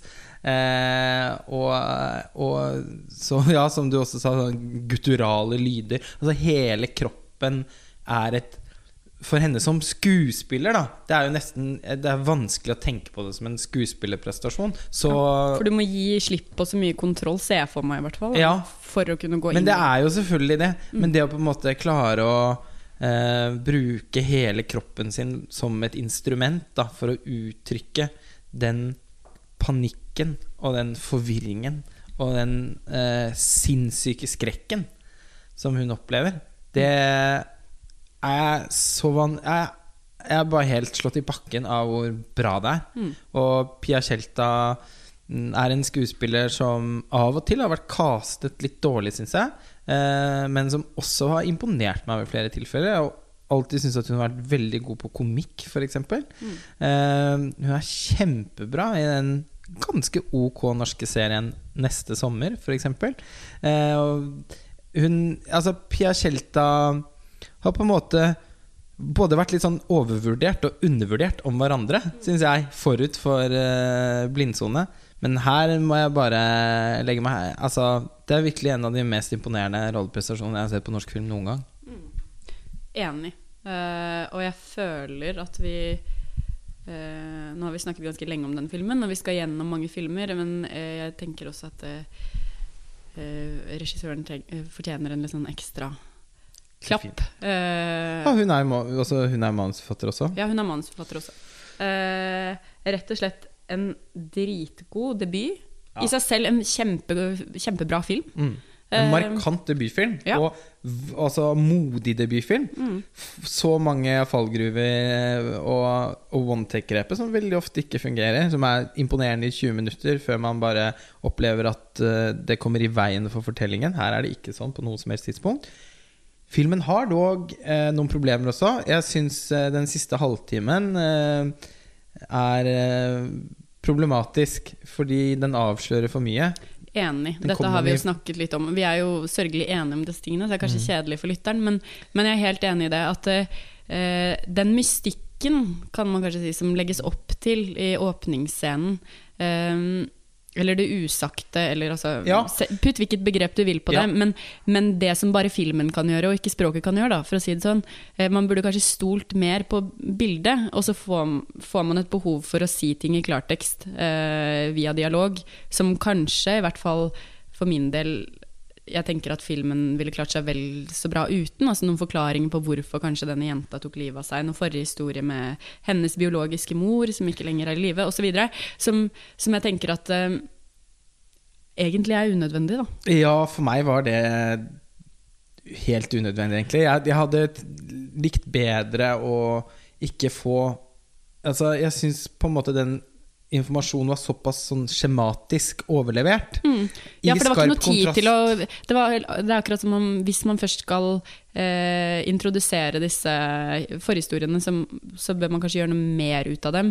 Eh, eller så må man la være. Eh, for jeg er enig med deg at det blir noe sånn Det blir veldig instrumentelt. Det blir sånn, ja, det er her nå for at vi skal ha en forklaring på hvorfor dette var mulig. Det er sånn forsinket eksposisjon som det nettopp har vært så forfriskende at filmen har unngått. Så det er Og, og jeg syns også hele den, den scenen med Anders Båsmo Christiansen som er god, men dessverre ikke helt på samme nivå som de andre skuespillerne i filmen. I, den, I akkurat den rollen, syns jeg. Han er litt for mye hentet inn fra Nationaltheatret her, syns jeg, i sin syke, og blir lagt i en sykeseng. Og det blir en veldig sånn teatral scene der som eh, hvor, hvor også på en måte one take-grepet Ja, faktisk bidrar til noe litt sånn teatralt, da. Eh, det, det blir en sånn det, he, Hele den sekvensen her, som er ganske lang, da, 20 minutter eller noe sånt, nå, er som en liten sånn teaterscene plassert inn i fortellingen. I det hele tatt så er det noe med den scenen som kommer litt i veien for filmens rytme. Eh, men ja, i det store og det hele, da, så syns jeg faktisk ikke det Det ødelegger ikke mye. Fordi det er så mange Det er for, altfor mye annet som, som er virkelig, virkelig bra. Ja, absolutt. Det er ikke nok til å eh, velte filmen på noen som helst måte. Nei. Eh, mm, jeg bare kom til å tenke når du satt og pratet nå, så kom jeg til å tenke på Gus Van Sant sin 'Elephant'. Ja, en av mine favorittfilmer. Ja, metoo. Eh, eh, og det er jo ikke et one take, men det er noe i den åpnings... Den har mange veldig lange tagninger. Ja, og den, det er noe med åpningsscenen i blindsone uh, som Det er en kan kjempegod sammenligning, faktisk. Ja, som kan minne veldig om Hun klarer å få fram den samme type stemningen som du får når du følger Og det er klart at når du ser Elephant, så vet du gjerne på forhånd at her kommer det til å skje en skolemassakre. Det er vanskelig å se Blindsonen uten å ha fått med seg at her er det noe dramatisk som kommer til å skje, fordi det har vært skrevet så mye om det, og om Pia Kjelta sin rolleprestasjon. Så selv om du ikke vet akkurat hva som skal skje, så har du en følelse av at dette er en film hvor det kommer til å skje noe voldsomt. Eh, og måten den er skutt på den, De to filmene har en del sånn paralleller. Ja, men det er sant. I Elephant også så er det sånn at man begynner å legge merke til ting som i andre filmer ikke oppleves som så vesentlig. Eller som Mm. ikke eh, Altså Måten folk setter seg på. Eh, det å gå gjennom en skolekantine, folk som eh, tar til seg mat. Plutselig får en helt sånn en helt underlig vekt. Mm. Og når du nevner ord som mystikk, da, eller noe usagt, men veldig ladet, eh, så det kan jo også høres ut som Hvis det er dårlig, så er det noe man kan bruke for å latterliggjøre en film. At en, at en film er selvbevisst på at hver minste bevegelse den gjør, uh, er så meningsbærende Mm. at bare at, Ja, ja. at, at det nesten ikke er til å holde ut. Ja. Men, men de filmene her har det til felles at det er helt sånn uanstrengt. Det Mm. er bare et, egentlig et nokså vanlig bilde av noen som gjør noe nokså vanlig. Mm. Men likevel har man evnet å, å, å fylle det med en mening Mm. som fengsler oss som tilskuere. Mm. Og hvordan er det man får til det? Hva er det man da gjør som regissør, eh, og i samarbeid, tett samarbeid med fotograf i begge de to tilfellene?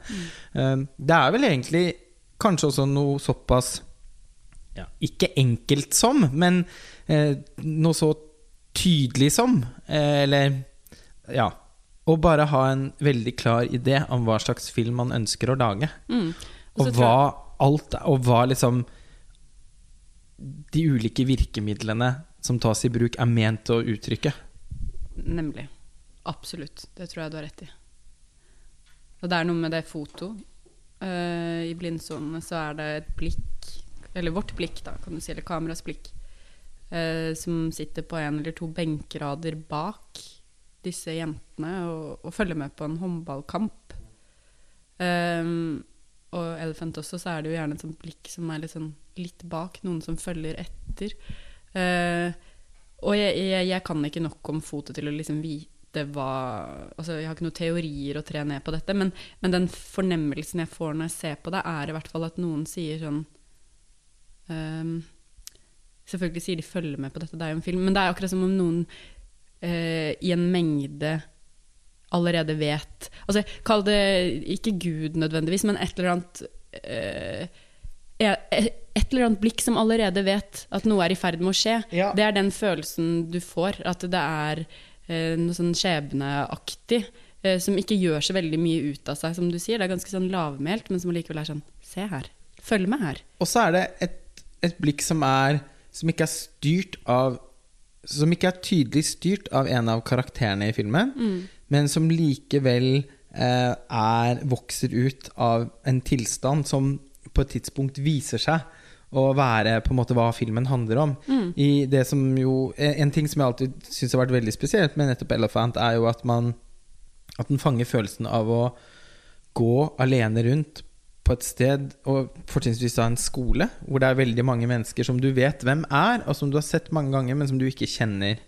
Eh, det er ikke én scene i 'Elephant' hvor vi setter oss ned ved et bord og har øyekontakt med noen. Hele tiden er det sånn at man overhører samtaler. Man observerer situasjoner, men man er aldri en del av dem. Og nå er det jo heller ikke sånn at kamera er et point of view i den filmen, men det oppleves som et point of view. Og hva slags point of view er det? Mm. Det er jo det du nettopp var inne på nå. Mm. Men det gir en eh, Filmens visuelle uttrykk fanger liksom da det, det, det, i seg selv gestalter en fremmedfølelse som viser seg å ha stor betydning for den historien som også skal utspille seg i filmen. Mm. Men hvor ikke noe av det blir overtydelig gjennom en eksposisjon. Mm. Eh, man må jo selv sitte og kjenne, den, kjenne, på den følelsen. Og hvis man ikke gjør det, så fungerer ikke filmen. Nei. Og jeg kjenner jo mange som, som, ikke er så opptatt av Elephant, nettopp fordi bare de liksom ja, fordi de ikke følte det. Mm. Og det. Ja? Og det er kanskje bare en sånn personlig Det er vanskelig å argumentere mot. Ja, ikke sant? Det er bare en opplevelse. Men det er jo interessant å høre, fordi det er akkurat som om jeg syns at den måten å filme en film på helt sånn umiddelbart alltid, hvis det er godt gjort, engasjerer meg. Eh, fordi jeg føler ikke at det er noen som har lagd noe for meg. Jeg føler at jeg er der og liksom lunter bak. Da, at det er en grunn til at noen viser meg det. At jeg på et eller annet vis blir mer involvert og mer eh, sånn som Elefant, hvor du føler Er du et overvåkningskamera? Er du en av disse guttene som kommer til å begå Altså du føler at du, din rolle på en måte er viktig. Det du ser er viktig, da. Mm. Eh, du har en funksjon som observatør. Du er ikke bare en passiv tilskuer. Altså du, du, er i filmen. Mm. Um, og det samme gjelder blindsone, for så vidt. Særlig den første delen. Da. Ja. Og um, det er nok også sånn at man, når man ser mye film, så blir man kanskje også spesielt eh, fascinert av de filmene som, som, som, utfordrer en, og som man på en eller annen måte kan føle at man Når man blir litt sånn invitert til å bli medskaper, så kan det gi en Så kan det vekke en sånn helt sånn spesiell konsentrasjon. Mm. Som i seg selv er litt sånn som trolldom. Ja, som gjør filmen bra. Ikke sant? Ikke sant? Ja. Så vi kan jo eh, bevege oss da videre fra blindsone til eh, en annen film med, som, som tar opp eh, en like grusom og og dessverre også på en måte ikke så uvanlig situasjon. Eh, den, en, enda en film som, som kretser rundt et selvmord. Og hvor eh, personer som på ingen som helst måte er i stand til å skulle håndtere den situasjonen, likevel på en eller annen måte er nødt. Eh, og som sagt så er det jo ikke nødvendigvis sånn at, at Pia Tjelta håndterer den situasjonen i blindsone, men det å ikke håndtere den er jo også en måte å på en måte håndtere den på. Altså, så man kan ikke eh, Reaksjonen til eh, den hva er, kan hun være? 13-14-15 år gamle jenta? Gild Gild Ja. i Phoenix i Phoenix. er jo helt annerledes. Ja. Eh, og eh, vi nevnte jo innledningsvis at man kan se at norsk film viser en fornyet interesse for sosialrealisme. Og 'Føniks' er jo da basert på regissør eh, og manusforfatter Camilla Strøm Henriksens egne erfaringer. Eh, og handler om et hjem med en mor som er plaget av psykisk sykdom og rus, eh, som på et tidspunkt velger å ta sitt eget liv. Og datteren eh, blir da stående tilbake eh, som ansvarlig for sin lillebror og velger å holde det hemmelig at moren, moren har tatt selvmord. Eh, det kan virke som det er en skam eh, tilknyttet eh, det som er altså, For hun har jo tidligere i filmen åpenbart vært en eh, slags støttekontakt for moren sin. Så hun føler kanskje også at hun har tapt en kamp som hun har kjempet, eh, og at det ikke bare er en helt sånn en, en sorg som man ikke kan finne ord for for henne, men også et eh, på en måte rasjonelt sett et nederlag Mm. som gjør at hun ikke har lyst til å invitere noen andre inn i den situasjonen. Mm. Så har hun også da en far som har forsømt henne, og som uh, hun da uh, velger å, kon Og som uansett skal komme og besøke henne på bursdagen hennes, Mm. er det vel? Mm. Eh, mm, og så følger vi en slags gjenforeningsprosess mellom disse to barna og en fraværende svensk far. Mm. Og så er de med han på en Og han er en konsertmusiker. Ja, han er vel saksofonist eller noe sånt? Jazz. Det er jazz. Og så Og drømmen deres har vel hele tiden vært at han skal flytte til Oslo. Mm. Og så har han hatt en kjæreste i Oslo som han har vært og besøkt ved flere anledninger, men da ikke besøkt dem, viser det seg. Eh, men så blir heller ikke det helt noe av. Og Og så kommer sannheten for en dag, holdt jeg på å si. Mm. Ja, det er en sånn Det er Føniks. Ja, den er jo kanskje Ja, hva skal man si? Den, det er en fortelling man eh, føler man har eh, vært borti før. Altså Det er en sånn Ja, moren, spilt av Maria Bonnevie. Eh, eh, kunstner, alkoholiker, psykisk ustabil. Eh, alenemor for to barn i en leilighet. Og disse vekslingene, kanskje en bipolar, eller man kan jo sette hvilken label man vil på det. Men poenget er i hvert fall at hun veksler mellom sånn voldsom entusiasme og rundt sitt eget kunstnerskap og rundt framtiden for henne selv og barna. Eh, og noen sånne voldsomme, voldsomt brutale eh, Hva skal man si nederlag eller uh, emosjonelle stup, Ja. eh, hvor alt blir svart og hun ikke har overskudd. Og hvor hun avviser barnas kjærlighet. Ja. Så er, barna må hele tiden forholde seg til en sånn type vekselsgreie, hvor moren i det ene øyeblikket er veldig sånn kjærlig og omfavnende og full av mål og drømmer for dem, eh, til neste morgen og kanskje ha snudd helt på flisa, ligge på soverommet, ikke orke å stå opp.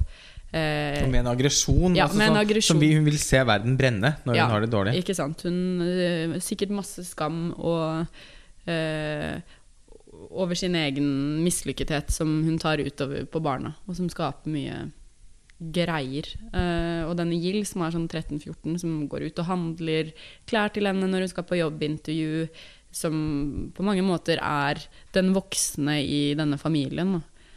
Um, men det er jo en del ting sånn rent uh, formmessig som skiller denne filmen. Den er eh, Selv om den på en måte er en sånn klassisk sosialrealistisk fortelling, så har den også en del ting ved seg, eh, grep, som gjør at den også er en grense litt mot en sånn eventyr Det er noe innslag av magisk realisme, ja. Ja, det, jeg er litt uenig i akkurat det med magisk realisme. Jeg ser at det er flere kritikere som har skrevet det, for det er det annet de ungene som driver og ser et sånt slimete eh, slags monster som en, driver og sleper seg rundt på En kjøkkenet. kjøkkenklut, en Ja, kjøkkenklut Det ser nesten som blekksprut, eh, kakerlakkaktig, noen sånn krysning. ja, Og det er jo eh, hvis man eh, Det er ikke psykose, men det er noe annet. Jeg vet ikke hvilket begrep man skal bruke på det. Men hvis du har veldig overspenning i nervesystemet ditt, Mm. så kan du begynne å se ting eh, som du vet at ikke er der, men Mm. som allikevel F.eks.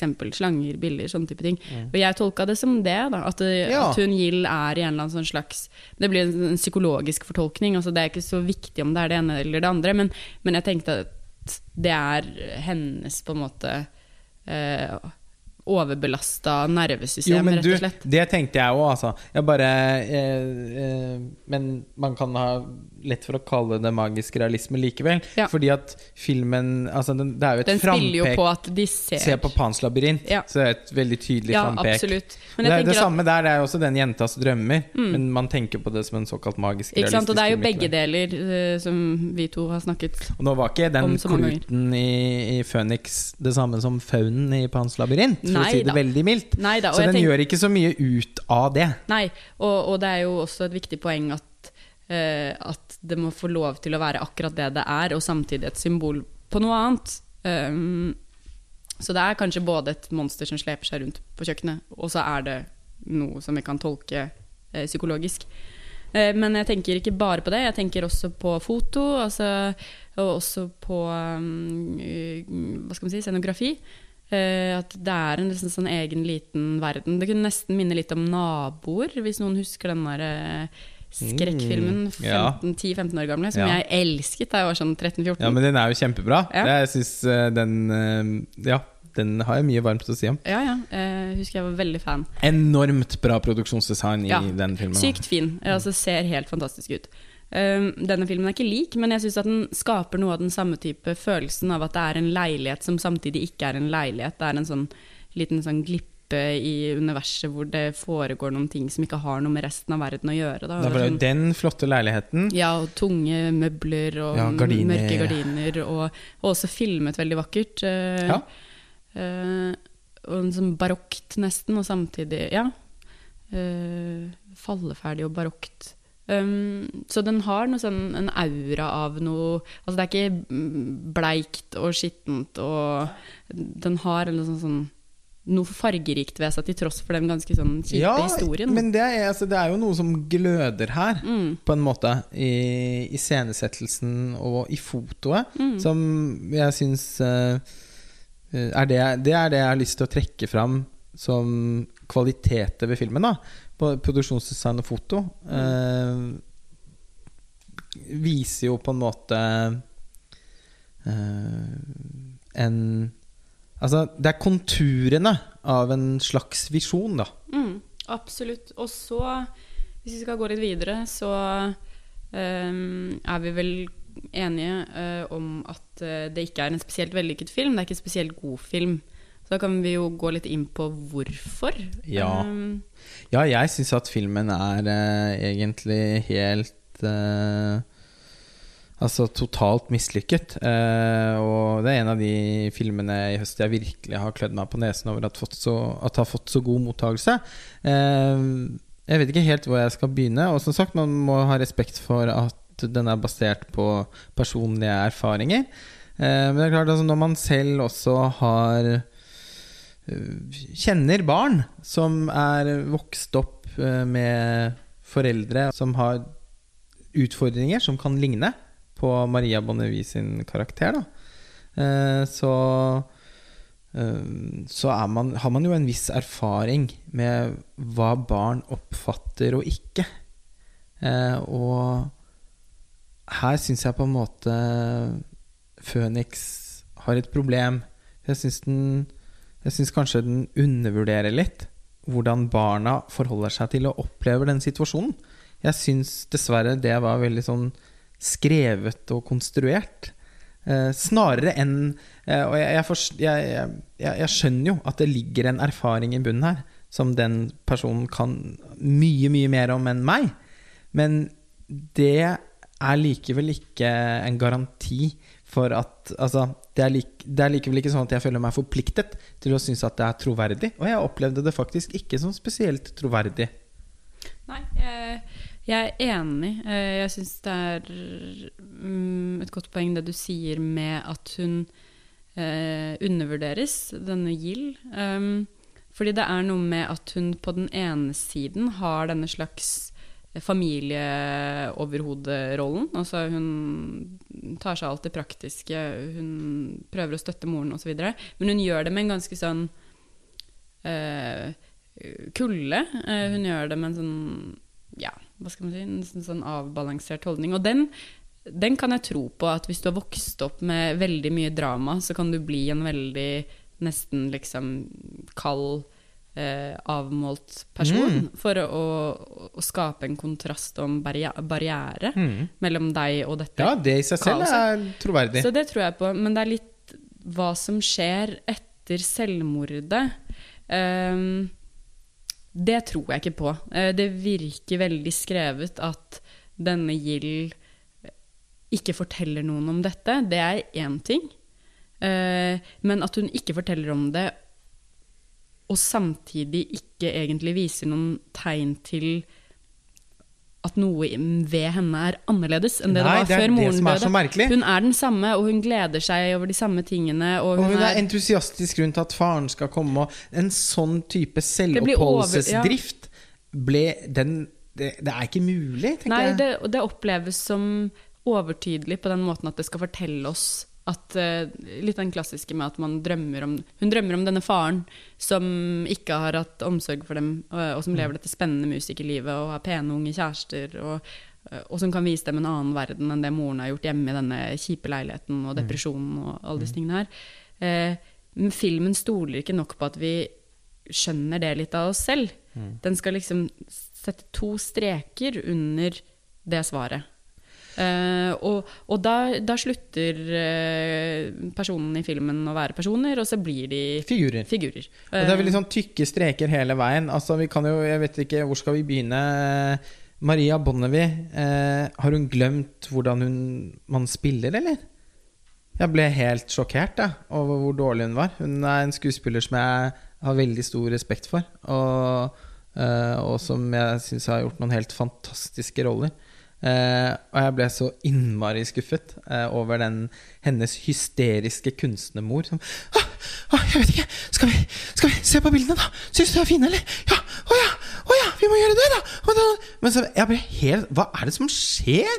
Hva, uh, her må jo både hennes egen eh, tolkning og regissørens instruksjon ha Hva har skjedd eh, her, tenkte jeg. Mm. Ja, jeg tenker sånn uh, Ja, det er jo den der klisjeen, liksom, at hun, hun driver og farger noe tøy som skal bli en kunstinstallasjon nede i kjelleren, i vaskekjelleren, og Eh, eh, og det er på en måte kan du si at det er en klisjé og en sjablong, og samtidig kan du si at det fins helt sikkert mennesker som lever sånne liv. Altså, uh, det, alt trenger ikke å være så særegent og banebrytende heller. Altså, jo, mange av oss lever jo liv som ligger ganske tett opp til en eller annen form for klisjé. Eh, og så er det selvfølgelig flere nyanser der når man begynner å grave, men, men, men liksom jeg tenker sånn, det, det i seg selv er ikke nødvendigvis et problem, men det Nei. er noe allikevel i den eh, karakteren, sånn den er skrevet, og sånn den er gestaltet, som gjør at, eh, at jeg deler liksom inntrykk med deg. At det blir det blir for mye Møllers tran, si. Det blir for mye Møllers tran, ja. Ja, det er akkurat som om man trenger et eller annet som bare, Det trenger ikke å være så mye engang. Hun kan godt være liksom Hvis hun er manisk også, da, så er det naturlig at hun er ganske sånn oppskrudd og flagrete.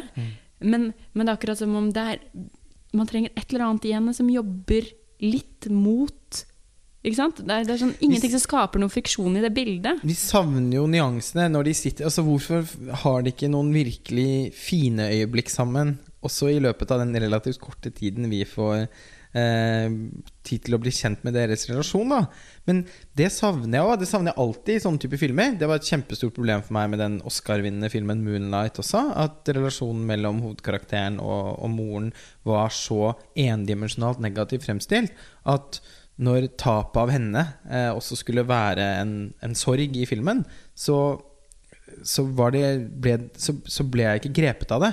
Fordi jeg hadde ikke sett noen gode øyeblikk. Og det ser jeg heller ikke i Phoenix. Altså Med en gang de nærmer seg å kunne ha ti glitrende sekunder, så slukkes de igjen med en gang.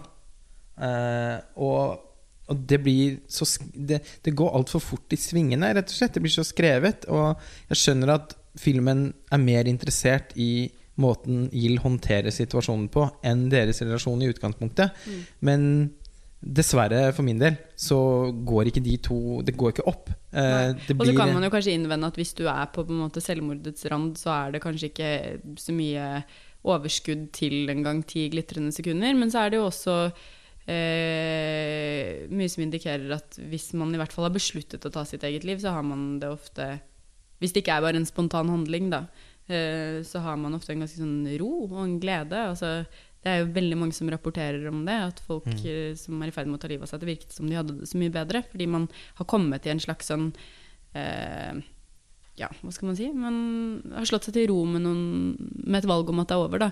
Eh, og jeg tenker sånn Harajuku er jo et eksempel på det. Veldig godt eksempel. Det tenkte jeg faktisk ikke på, men der, der har du jo akkurat mm. Der har du et bilde av det. Og, mm. og det, der, jeg, der blir jeg også mer eh, Der tror jeg mer på det, da, mm. rett og slett. Um, tro mer sånn... på den moren. Den moren ja. er veldig mye mer troverdig. Ja, selv om hun er der i enda ja. mange færre ja, minutter. Ja, altså, to minutter er hun der. Eller, altså, men allikevel så får man noe av det som du, du, etterlyser, som ikke nødvendigvis er liksom sånn at det skal være sånn happy go lucky, men, men en eller annen form for menneskelighet, da. Ja, det er kanskje det som er det som mangler. Mm. At det oppleves ikke menneskelig fordi det blir så Fordi alt er skåret ut i papp. Og hun eh, jenta òg, som jeg dessverre ikke syns at er spesielt overbevisende som skuespiller. Eh, sannsynligvis bare fordi instruksjonen ikke har vært tilstrekkelig god. Eh, det er ikke at hun ikke er et talent, men det er noe som Altså det er, det er, for mange av replikkene som vokser i munnen på henne eh, fordi de er skrevet på en klumpete måte som, eh, som er i utakt med hvordan en 13-14-åring ville ha snakket eller gitt uttrykk for de og de situasjonene. Og, eh, og de, liksom, og, de, og de, vokser i munnen på Du ser at hun tygger de langsomt i seg som skuespiller fordi at man ikke har hatt eh, tiden til rådighet, eller jeg vet ikke hva som Det kan jo være så mangt eh, som er årsaken til at det ikke fungerer. Men du, du, Jeg føler aldri at hun er i ett med karakteren sin. Det er en, eh, en veldig ung skuespiller som gjør sin første filmrolle og som prøver på noe. Eh, og det er egentlig det vi altså, Og det er på en måte det vi sitter igjen med. Det, man, jeg føler hele tiden at her er, det, her er det hun som har et manus som hun fremfører. Det gjelder også han lillebroren, og det gjelder Maria Bonnevie. Altså, skuespillerinstruksjon og manus er såpass svakt her at uh, det fremkaller ikke noen følelser. I hvert fall ikke hos meg. Jeg vet at det er folk som har blitt grepet av filmen. Mm. Jeg har også snakket med utallige personer som eh, virkelig har mislikt den. Eh, ikke minst mange filmarbeidere eh, som har vært veldig overrasket over den overveiende veldig positive mottakelsen filmen har fått. Så sånn sett så føler jeg ikke at det nødvendigvis er så innmari kontroversielt. Og, og, og snakke å være kritisk til Phoenix. Men igjen da så er det jo en film som også da har fått femmer i mange av de store avisene. Og generelt eh, vil bli husket som en film som fikk kjempegod mottakelse. Den ble også valgt ut til filmfestivalen i Toronto. Eh, men eh, her tror jeg kanskje også har, at det er et tilfelle hvor Altså hvor filmen fremstår dårligere på norsk ja, når, når man er nordmann. Si ja, fordi man ser nyansene i språk og sånn. Ja, enig. Og så kan jeg jo skjønne da at hvis man slipper den faktoren, eh, så er det jo en film som, som vi var inne på innledningsvis også, som har eh, ja, jeg vet ikke, jeg syns jeg overdriver når jeg sier at den har store kunstneriske ambisjoner, for det mener det jeg kanskje jeg ikke at den har. Nei, men den har kanskje sammenlignet med Den har noen ideer. Ja, eh, hvis vi sammenligner den med en film som det er naturlig å sammenligne den med, eh, 'Når jeg faller', som også handler om rus. eh, Og omsorgssvikt. og omsorgssvikt og barn eh, i relasjon til voksne som ikke eh, er helt på plass. Eh, der kan vi jo snakke om at 'Føniks' eh, er en mer ambisiøs film når det kommer til foto, når det kommer til eh, ja Iscenesettelsen Ja, i det hele tatt. Jo, men den har en, den har en, en slags visjon, på en det, måte. det har den. Og den prøver Den har noen innklipp uh, av noen tablåer som bryter litt med handling. Altså, ja, skal man si hvor ambisiøst er det? Men, men det, det er det er, i hvert fall Men det er en halvkvedet vise hele veien, fordi altså, det, alt fra den, den, den magiske kluten til uh, uh, Til drømmedagen med pappa, eh, som avsluttes med jazzkonsert i et sånt Og her klapper jo også produksjonsdesign og sånn sammen. Det ser ut som en norsk film fra 80-90-tallet. Eh, Det likte jeg litt, da. Jeg Ja. syns det var litt morsomt. ja da, eh, men jeg tror ikke det er ment å være morsomt, dessverre. Så eh, Ja, men da blir det sånn filmskole, eh, novellefilmaktig, syns jeg. Eh, eh, og en og så føler jeg bare at filmen munner ut i et absolutt ingenting. Eh, jeg, jeg sitter ikke engang ja, igjen med, erf med følelsen av at de erfaringene som Gill Som merkelig navn hun har fått uh, at, at, at, det, at hun Hvilke erkjennelser er det hun sitter igjen med? Hvor skal hun videre? Er vi engang interessert? Jeg var, hadde mistet interessen for lenge siden. Ja, det er et godt poeng at, eh, at det er jo ikke det at enhver film må liksom føre til nye innsikter eller katarsis eller altså, Nei. Jeg kan være kjempekritisk til den ideen om eh, karakterutvikling, f.eks. Ja, det er jeg helt enig i. Eh, Men, men det er akkurat det der med at det, hvis det ikke skal Altså, det må allikevel være noe for oss som tilskuere å dvele ved. Altså, det må ha åpnet et eller annet rom i oss. Om Mm. det er liksom eh, rent visuelt, bortsett fra at jeg også er skeptisk til å snakke om noe som er rent visuelt, fordi det er også bare en idé om at disse tingene er separert fra hverandre. For selvfølgelig er alle disse tingene Når det fungerer, så er det som ja, oftest er ikke det også eh, ikke sant, Det bare går helt uanstrengt sammen. Ja, ikke sant. Eh, og så kan det være lettere å sette fingeren på hva som skjer når det fungerer, Mm. enn når det ikke fungerer. For det er liksom vanskelig å si ja, men det var noen ambisjoner her, det var noen visuelle, visuelle greier, ja, tematikken var jo interessant, men hvorfor fungerer det allikevel ikke? Eh, og det, da syns jeg at det er en god innvending. At jo, man sitter igjen litt sånn likegyldig. Ja. Eh, Og det er et problem når historien i utgangspunktet er så opprivende. ja. Eh, det er jo Det er jo bunnløs sorg som ligger under Phoenix. Og den springer ut av noe veldig, veldig sårt. Og, og, og det at man vet at det også er en personlig film, uten at jeg helt kjenner til detaljene i det, er jo noe som gjør at man virkelig ønsker å møte den med, ja, med respekt og med en og, Altså sånn Man ønsker på en måte å ta den imot. Mm.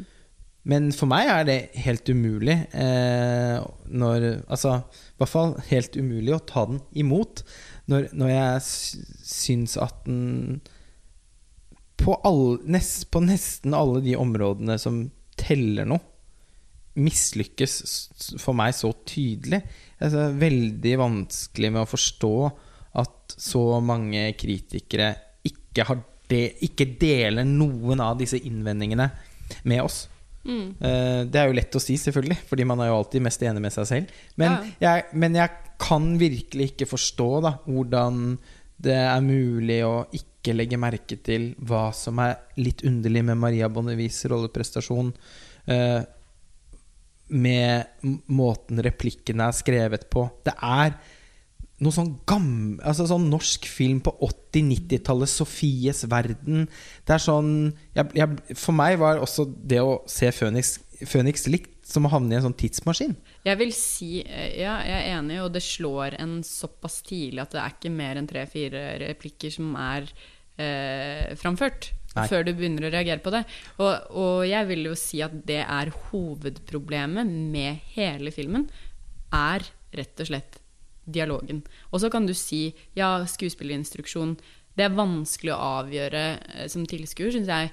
Hva er skuespillerens er ansvar? Hva er regissørens ansvar? det det er liksom, og det er kanskje ikke så viktig heller. Um, men at de replikkene uh, vokser i munnen, og at det er noe der som skurrer, det, det vil jeg vel si at kanskje er det som er aller tydeligst. Ja, fordi manuset er ikke på lag med noen i filmen. Verken regissør Og ma eller manuset er jo helt fremmed i det visuelle universet som har blitt skapt. også. Det, er sånn, Mm. det, er, det er virkelig sånn Hvordan havnet disse replikkene inn i dette?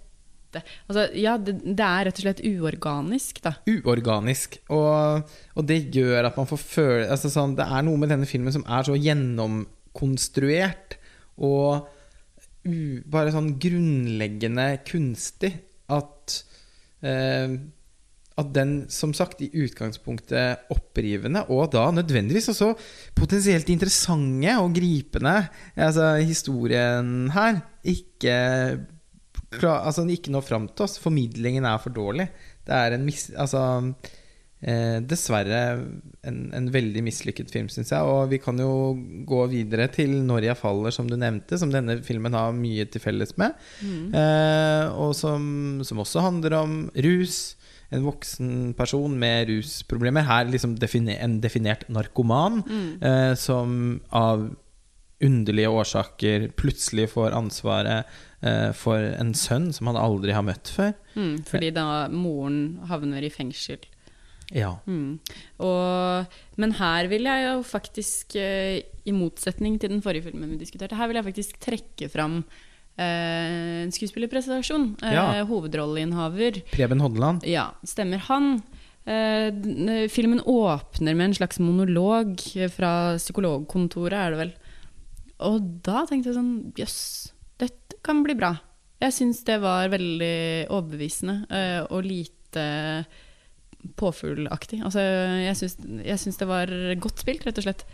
Um, nå har jeg ikke det, det bare innrømmer jeg, jeg har ikke sett filmen ferdig. Uh, ikke helt ferdig, men jeg så en god del av den. Så jeg har ikke så mye jeg kan si om hvordan den avrundes og alle disse tingene, men jeg så en times tid, og eh, formspråket, tematikken, alle disse tingene her. Um, den, sånn jeg opplevde det, eh, som ikke har så mye med historien som fortelles nødvendigvis, er at at man av og til kan få følelsen av at det fins en sånn oppfatning om at når vi skriver om noe som er tungt og vanskelig, og særlig noe som handler litt om kanskje fattigdom, rus, så skal det gjenspeiles ved at filmen innehar den samme type monotonien som et sånt type liv er preget av. Eh, og det er ikke en idé jeg nødvendigvis mener at det er en dårlig idé. Altså, jeg tenker Det fins jo mange store verk som, som på sett og vis er litt kjedelige på sin måte. Tenk på liksom de rumenske filmene som Fire måneder, tre uker, to dager'. For eksempel. Ikke sant? Så det er ikke det at liksom alt skal ha en eller annen sånn underholdningsverdi i så måte. Men, men jeg tenker at det det fins flere måter å være kjedelig på. Ja. Eh, og det er det Hvis du skal være kjedelig, så tenker jeg at du skal være kjedelig fordi du virkelig klarer å framstille et liv som er traurig. Og Du må være får- interessert i den kjedsomheten. ja, og vi må da som tilskuere føle den kjedsomheten som en sånn skjebne, nærmest. Altså, det er, sånn er det å leve det livet. Å gud, så jævlig. Så fryktelig, så monotont, så kaldt, så Åh, at du kjenner den slitenheten inn i margen. Mm. Men hvis du, hvis du ikke får til det, da, som sikkert er en kjempevanskelig oppgave, oh, ja. så syns jeg det fins få unnskyldninger for å lage kjedelig kunst. ja. Altså, Det finnes ingen unnskyldninger for det, Nei. tenker jeg. Nei, da må det som nevnt være fordi at du virkelig klarer å gå inn i noe som Da er kjedsomheten i seg selv et motiv. Ja, da er den et motiv. Eh, mens her i denne filmen, sånn jeg opplevde det, så er det bare Det er som om filmen i seg selv har gitt opp. Ja. Det er ikke bare hovedpersonen. Nei, men altså, for å si det sånn Det skal jo litt til å, å avbryte en kinovisning. Altså, du valgte jo faktisk Jeg husker du ringte meg og sa Du vet hva, Lars Ole, denne orket jeg faktisk ikke å se ferdig. For jeg, det, det har på en måte ikke noe å gi til denne Nei, og filmen. det kan sikkert ha med andre omstendigheter å gjøre. Kanskje være en dårlig dag. Altså, jeg skal ikke gi filmen liksom skylden for det. Fordi det er jo altså, Det fins jo mer uutholdelige ting i den verden enn å sitte og se en kinofilm du syns er kjedelig. Men det var akkurat som det nådde et sånt metningspunkt. Ja, Eh, Den kom sikkert også på akkurat feil sted i, i, I rekka. i rekka på det, filmhøsten det for din del. Det mistenker jeg.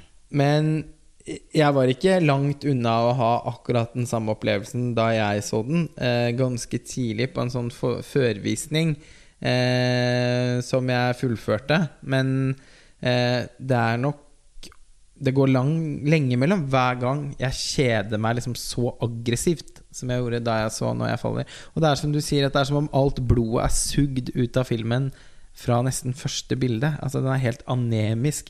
En vampyr av en film som eh, på en måte forsøksvis sikkert skal fange liv, den, den både kroppslige og sjelelige eh, på grensen til livløsheten Ja, til Preben. Hodneland sin karakter. Som, Ja, og han spiller i og for seg eh, bra. Eh, Jeg syns han skal få den. han skal få den. Jo, men altså, det, er ikke, det er ingen sånne ting som Dette er også en sånn film som man kan si at i utgangspunktet ikke er så mye galt med. Eh, det er ikke sånn at man kan lett løfte fram eh, forferdelige scener Nei. eller eh, direkte elendige kunstneriske innfall. Også fordi det ikke er noen kunstneriske innfall. Da. Altså, den er på en måte eh, i, i, i, når, når han tar toget mellom Oslo S og den hytta eh, som han skal bo på, eh, som han har på en måte fått tildelt av familien eh, etter at han liksom skal ha blitt rusfri, som han selvfølgelig ikke er da. Eh, og, og av Altså, det er så utrolig utroverdig, syns jeg, at han skal ta vare på det barnet. Alt det der er bare rart. Så det er jo selvfølgelig store Det er jo selvfølgelig noen manusproblemer her, men, eh, men mest av alt er det bare sånn at jeg virkelig sliter med å bry meg. Altså, hva er det denne skal fortelle som ikke titalls andre filmer om rus har fortalt på en mye mer engasjerende måte før? Eh, er den en slags sånn Er den en blodprøve av det norske samfunnet her vi er akkurat nå? Det syns jeg ikke filmen er. Det er ikke noen Oslo 31. august-aktige dimensjoner. Og samtidig så savner jeg litt Apropos det, da, for nå ble jeg sittende og tenke på Du nevner Oslo 31. august. Jeg, Så er jo på en måte Den må tåle å bli sammenlignet litt med. Da. Absolutt. absolutt Eh, Og så tenker jeg også på Margaret Olin sin 'Engelen', mm. som det også er naturlig å sammenligne med. Med Maria Bonnevie, en Hvor hun spiller fantastisk bra rolle. Helt fantastisk. Kjempebra film. Ja, Um, veldig bra. Eh, men ja, det er akkurat som jeg, jeg gledet meg egentlig litt til å se når, du, når jeg faller.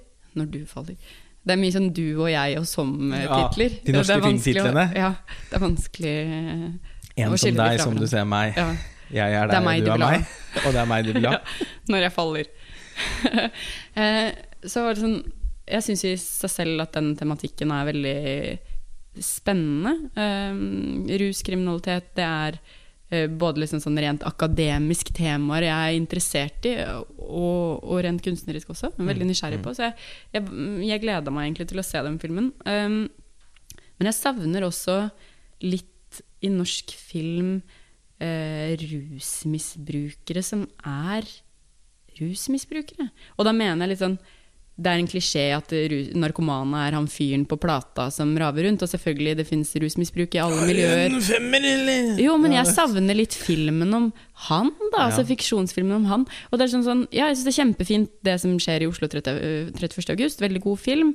Eh, når jeg faller, ikke en så god film, men som samtidig portretterer også en slags sånn middelklassegutt som har havna Og han utpå finnes. Og han finnes! Men jeg tenker ikke- sånn, man har allerede fått understreket ganske mange ganger at han finnes. Mm. Og så er det liksom opp til dokumentarsjangeren Ja, å eh, å vise fram de som lever på gata, eller ikke sant. Mm. Men, men jeg tenker sånn Jeg savner Det er utrolig teit å drive og bestille ting som ikke er lagd, fordi det, det hater jeg når kritikere gjør, men Ja. nå gjør jeg det sjøl. jeg, jeg vil gjerne bestille en film eh, om eh, en type arbeiderklasseperson eh, som er narkoman, men som allikevel ikke er dum. Mm. Skjønner du? For de finnes òg. Mm. Men det eh, opplever jeg ikke at vi ser noe Nei, bare på til. dokumentar, som du Ja. sier. Ja, og der er det jo ofte også litt sånn eh, Ja, street smart, men jeg, jeg mener sånn Det fins Eller Engelen, i og for seg. Ja. Den er jo et unntak. det. Engelen gjør det. Men den sprang jo også ut av et dokumentarprosjekt. Ja, ikke sant. Som bare av etiske årsaker ikke ble mulig Ja, og. Margrethe Olin er en dokumentarfilmskaper. Ikke sant? Så, men, men ja, eh, også sikkert mange ting man kunne sagt om det. Men jeg tenker sånn, du sier det er mange filmer lagd om rus. Ja, og på en måte så føler jeg at det er nesten ingen filmer som handler om det. Fordi jeg føler på et eller annet vis at det er en veldig sånn konstruerte utgangspunkter for å snakke om det ofte. Og mange av de filmene som er laget, som jo mm, eh, Når jeg faller overhodet ikke har noe til felles med, da. Men jeg tenker på filmer som 'Reckon for a Dream' eller 'Christian F'. Eller så, som Ja! er ganske så veldig sånn ja, så Fantastisk film, ja.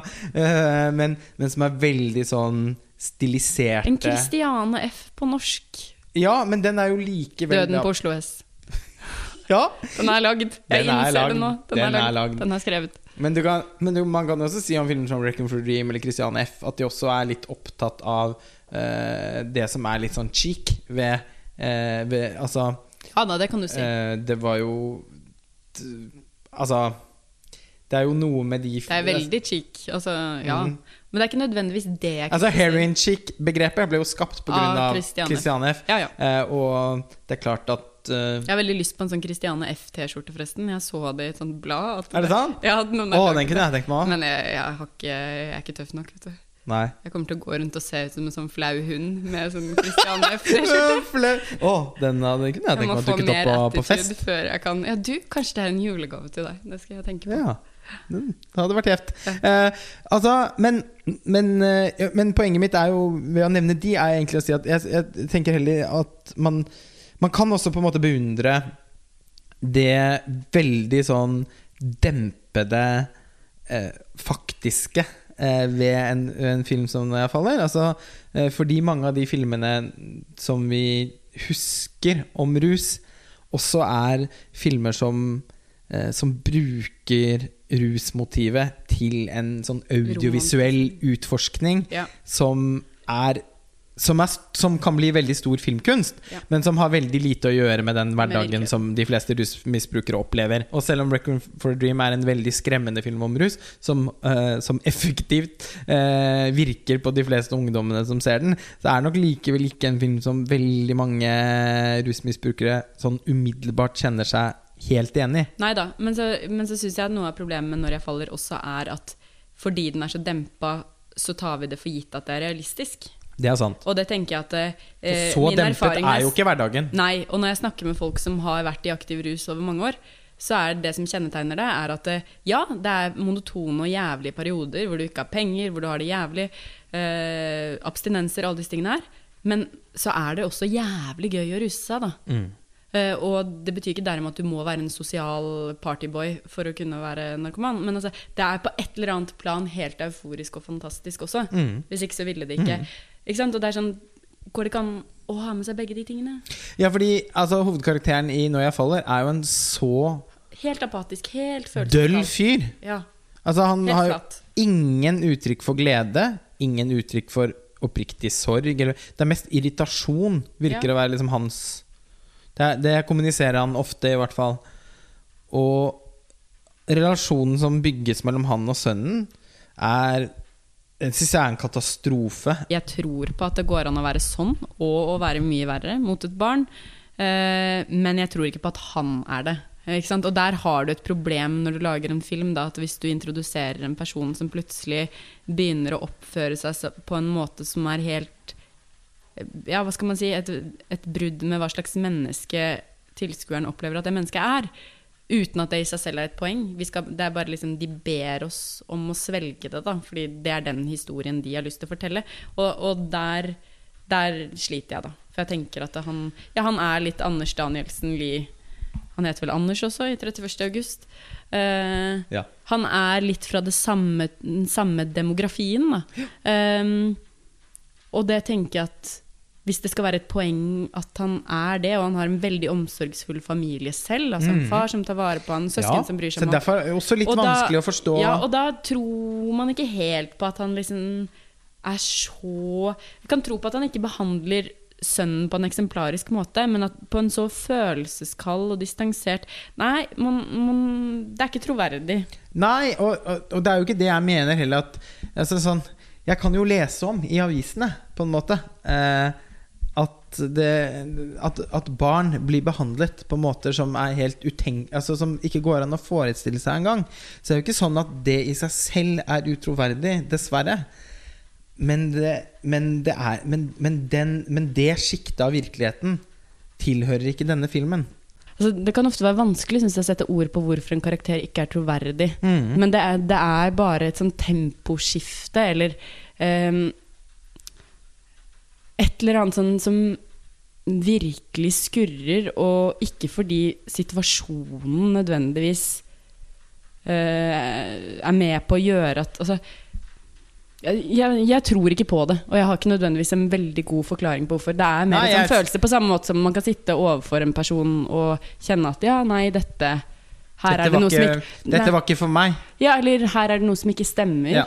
Eh, og og det, det er vel det inntrykket jeg satt igjen med etter å ha sett den relasjonen mellom far og sønn i den filmen. At Ja. jeg, jeg tror han hadde prøvd hardere, og ikke nødvendigvis fordi han er et bedre menneske enn som så, men fordi jeg tror han er mer opptatt av sin egen fasade. Det også. Uh, han er mer opptatt av hvordan han virker.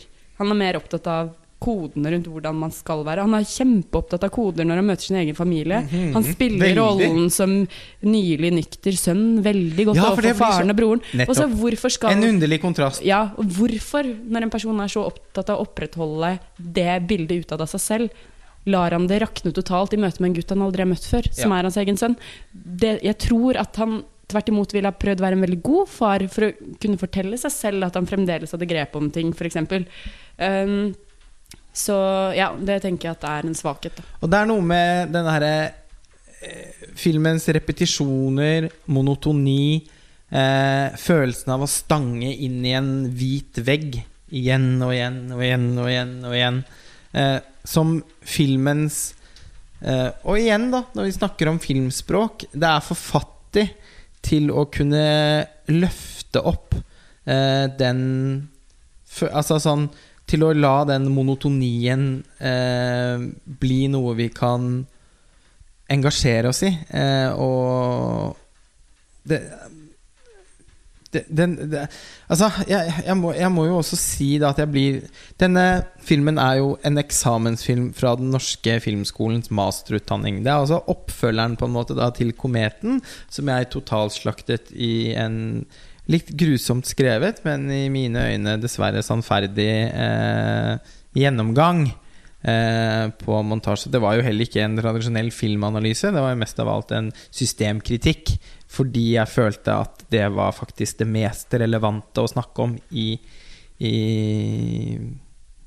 Ja, når, når man skulle ta for seg den filmen. Eh, Tilfellet er jo ikke nødvendigvis helt det samme med 'Når jeg faller', fordi den har ikke så Altså, den er ikke, den er ikke noen kalkun, sånn som kometen var. Men eh, den bærer også preg av å være lite informert, syns jeg, om hva som foregår ute i filmverden. Og det var jo en av de kritikkene jeg rettet mot uh, Den norske filmskolens masterutdanning. At eh, eh, The Master of the House, eh, Thomas Stendrup, var jo veldig veldig opptatt av at studentene hans ikke skulle ha for mange impulser utenfra. For eksempel så bidro han jo aktivt til å skape en istid mellom uh, et, en, en istid uh, Så istidsklima mellom filmvitenskap og, og filmskolen på, på Lillehammer. Eh, to seksjoner som av helt naturlige årsaker i alle år hadde hatt et, eh, en relativt nær relasjon til hverandre. Og, Og, og, og det er klart, det blir jo bare noe man spekulerer i. Men det er jo en spekulasjon som man, jeg mener at man kan tillate seg, da når lederen for en skole eh, tar noen såpass hårreisende avgjørelser. Så må man jo på en måte bare rent retorisk egentlig ta for gitt at de påvirker studentene. Eh, og at det skapes et klima hvor eh, filmhistorie og filmanalyse eh, har en mindre viktig rolle, vesentlig rolle, fremtredende rolle, enn det det er naturlig å tenke at, at de burde ha på en filmskole. Og ja, det er noe uinf sånn lite informert over måten eh, 'Når jeg faller' er en sosialrealistisk film på. Fordi har man, har man sett filmene til Darden-brødrene, eh, eller de rumenske eh, filmene fra det man omtaler som en sånn rumensk nybølge mm. på 2000-tallet, så vet man jo innmari godt at denne type fortellinger eh, og den type monotoni da, som preger et liv, som à det som skildres i 'Når jeg faller', det kan gjennom filmspråket eh, ju, Altså fanges på en måte som, som igangsetter følelser hos tilskueren på en helt annen måte enn det regissøren får til uh, her. Magnus Meyer Arnesen, som han heter, uh, er jo ikke nødvendigvis Altså, han, han viser et åpenbart på en måte visst talent som skuespillerinstruktør, og filmen har og det er jo ingen den har, den, dårlig Den er, liksom er jo kontrollert, den, ja, ja. den, vet hva den gjør. Den har en eh, Man kan jo merke at det er en tydelig idé bak eh, de kunstneriske valgene som er gjort i filmen. Men det betyr ikke at det fungerer. Eh, jeg, jeg, savner en eh, jeg, får også inntrykk av at Eh, man Og det skal også sies, da, det var jo et premiss for masterutdanning i den norske filmskolen at skulle, det var en plikt å risikere, man skulle eksperimentere, man skulle lage filmer ingen, altså som man aldri hadde sett før. Det ble beskrevet som et laboratorium for filmkunst. Man skulle virkelig kunne lage noen spennende Frankenstein-monstre av noen filmer med dette som et utgangspunkt. Og da må man jo virkelig si at når jeg faller, er det totalt motsatte. Da. Det er en ekstremt konvensjonell sosialrealistisk film som ikke engang later til å på en måte ha fått med seg de ganske spennende varia variantene av, av sosialrealisme man har sett i det man gjerne omtaler som New European Realism. Fra Lucas Modison til Andrea Arnold til Darem-brødrene mm. til Christian Mungu i Romania. Eh, filmen når jo ikke noen av de liksom, opp til knærne engang. Og det handler ikke bare om kvaliteten på um, filmfortellingen og eh, hvorvidt vi blir grepet av den eller ikke, men også rent sånn filmkunstnerisk, da, så er det et mye mer konvensjonelt arbeid. Det er en grå film eh, som sliter med å bare liksom bli levende for meg, mm. og åpenbart for deg, og for mange andre jeg også har snakket med. Dette er også en sånn film som veldig mange jeg kjenner, i hvert fall, er svært overrasket over at det har fått så god mottakelse. Den fikk jo veldig mange femmere og masse medvind i ja, uh, avisene. Ja, og der tenker jeg litt sånn Også for at dette ikke skal bli en sånn bare en uh, nedriving av filmen og bakmennene og kvinnene, så, så, tenker jeg også at det, uh, det er litt interessant det der med noe som ligner på det du allerede har sett, og hvor, hvor hvor kort tid det egentlig tar før noe blir konsensus, da, og vi nesten glemmer hvordan virkeligheten oppleves for oss fordi vi er så vant til å se det i en form. Og det tenker jeg jo, apropos det du sier med filmskolen og eksperimentvilje versus liksom eh, ja, stagnerte filmuttrykk, da. At, eh, at der ligger litt av problemet. For jeg er helt enig med deg at jeg har ikke noen vanskeligheter for å se for meg at denne regissøren kan komme til å lage noe som er veldig bra. Han kan sikkert lage bra ting. Det... Eh, men det er noe med når også disse tingene blir så rost opp i skyene og belønnet for å være noe som ligner på noe vi har sett før, og som vi dermed tror at er autentisk, eller kall det, kall det hva du vil. Da.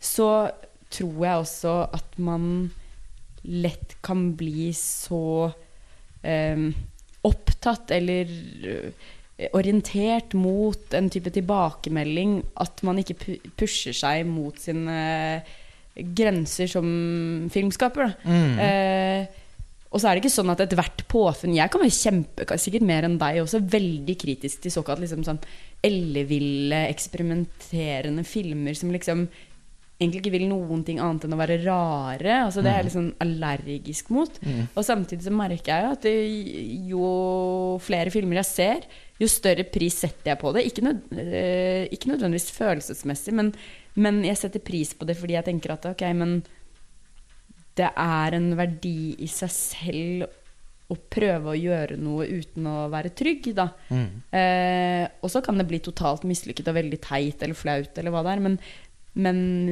jeg tenker at det trenger vi mer av eh, i norsk film. Altså, vi trenger det så sårt. Ja, Noen altså som, som bare Altså, vi hadde jo en podkast for noen år siden med On the Silver Globe, eh, hvor vi snakket mye om dette her. Ja. Eh, filmen til Andrzej Ja. Zulavsky som vi så på Cinemateket. Ja, som var en helt sjuk film, og på mange måter helt katastrofalt dårlig. Samtidig ganske bra. Men den var, den var jo bare det, Den gjorde inntrykk, i hvert fall. Den gjorde inntrykk. Men, men det vi liksom Jeg husker vi snakket om på den podkasten, var jo også det der med Ja, ok, så kunne noen sikkert lagd en bedre film, da. Mm. Men herregud, vi har jo liksom blitt puttet inn i en slags tørketrommel. Eh, og det er så tydelig at personen som står bak dette verket, har heller et overskudd av ideer, referanser eh, og også liksom typ eksistensielle spørsmål som han vil få løst i ett og samme verk. Og det kjenner jeg at det er noe jeg har veldig sympati for, er folk som eller filmskapere eller forfattere eller musikere eller, som ikke helt vet hva de vil. Fordi Nei, de, vil, de, vil, de, de syns det er ganske mye som er viktig. Ja. Og hvordan å klare å lage en grøt ut av dette. Også, det sier seg selv at da kan du ikke være stilistisk en perfeksjonist. Nei. Hvis du vil besvare både spørsmål som er veldig dype eksistensielle, og også mer sånn hverdagslige, og du er veldig opptatt av eh, eh, tegnefilmestetikk, men du er også veldig dratt mot liksom fransk nybølge. Altså jeg tenker sånn Ja, jeg, jeg syns Det blir kanskje ikke stående som liksom noe sånn finskårent, eh, renskårent, liksom nydelig, subtilt. Men, men det har i seg selv en type kraftenergi, da. Ja, nettopp. Og mer av det. Ja. Eller, Det- og jeg kan- tror at det bor i veldig mange, og jeg tror at det er litt jeg av tror at en sånn institusjon som Den norske filmskolen Ja, i dette på- tilfellet er med på å drepe det. Ja, og det er synd. For jeg tenker at det, jeg, at det å tørre å gjøre alle disse tingene her, og ikke fordi det er rart og spennende i seg selv, men fordi man faktisk genuint brenner for å finne ut av noe i sitt eget liv, eller som menneske, eller gud vet Da må man nødvendigvis liksom gi slipp på noen greier. Ja. På noen ideer. På noe sånn, for å si det klisjéaktig, på noe sånn flinkhetsnykker. Og, og, og det håper jeg jo at Filmskolen kan være en institusjon som Altså- gjør, da. Som tør å gå skikkelig skikkelig her grøfta man noen skulle- ganger for å få fram noen filmskapere som har prøvd alt, og så kommet fram til sitt formspråk. da Ja, og denne, denne masterutdanningen som skulle være en filmkunstens laboratorium og plikt å risikere og eksperimentere osv. Det var jo her man skulle liksom lage en film som Team Hurricane. Eh, og nettopp vært på eh, en turné med Den kulturelle skolesekken med, og vist Team Hurricane for flere hundre videregående skoleelever med regissøren Annika Berg. Og det har vært en veldig morsom og berikende opplevelse, fordi eh, responsen på filmen, på tross av at jeg tror Eller jeg vet at man tenkte at dette var en slags risiko, da. Veldig uvanlig å vise en så annerledes film med, med DKS. Men responsen har jo vært kjempebra. Og, og det har vært gøy å høre regissøren snakke om hvor ubetydelig det var for henne å lage noe som skulle please andre. Eh, og hun inviterte jo alle skuespillerne i filmen, som jo mer eller mindre bare er seg selv, til å bidra kreativt og være medskapere, forme filmens uttrykk. Eh, hun var jo mer som hun sa, en slags kurator for hva som endte opp i filmen, enn en regissør i tradisjonell forstand. Og se hva for slags resultat det eh, ble. Altså, det er en, helt, eh, en av de beste filmene jeg har sett de par siste årene. Eh, fordi, og jeg bare liker den bedre og bedre og bedre jo flere ganger jeg ser den. Hadde jeg hatt anledning til å se den mer enn én gang, for jeg måtte lage den topplisten i fjor, så er jeg redd den hadde havnet enda mye høyere. Eh, det er sånne opplevelser jeg lever for som sinast. Å bare virkelig oppleve at noen eh, Altså lager film på en veldig fri måte. Og det kan man i hvert fall ikke si om når jeg faller. Og den har også noen sånn konstruksjoner rent dramaturgisk som jeg syns er mislykkede. For eksempel Og det Altså, det leder oss tilbake til samtalen vi hadde i stad i forbindelse med Phoenix, om eh, Altså med en viss livserfaring så har man vært borti barn som, er, som, har, eh, som lever i, i hjem hvor det foregår hvor, foreldrene har det vanskelig. Og man erfarer at barn skjønner mer enn man i utgangspunktet tror. Og når man når, i, i Når jeg faller, så er det sånn at eh, hovedpersonen da gjentatte ganger i løpet av filmen går på do for å ruse seg mens han er sammen med sønnen. Og sønnen skjønner jo da at det foregår noe på do som er dumt, men, det, men klarer liksom ikke helt å sette ord på, på det, og later egentlig ikke til å skjønne hva det er for noe. Eh, han er ikke Det er mer handlingen at faren går på do som er problematisk, enn kontrasten mellom hvordan han var før, og hvordan han var etter dobesøket. Og det er jo litt Veldig, veldig veldig rart, Ja. syns jeg. Og pluss at hvor gammel er han? Gutten er ikke så ung. Han er kanskje ni år eller noe sånt nå. Åtte, ni, ti. er litt usikker. Vanskelig å jeg husker, Det er mulig det blir nevnt i løpet av filmen, det kan jeg ikke huske i så fall. Men han er jo virkelig Altså, han er ikke et barnehagebarn. Eh, man vet utmerket godt hva narkotika og hva narkoman er når man, begynner, når man går på skolen. Eh, og når et, En slags sånn rosebud i filmen, eh, helt mot slutten, det er jo at faren forteller at nå skal det skje noe bra. Nå skal jeg på et Altså på avrustning, da. Jeg skal på et sted hvor eh, Hvor jeg skal få det bedre. Eh, så, men vi kommer ikke til å se hverandre på en stund. Og da er guttens respons om det stedet er uten do. Ja, det er uten do.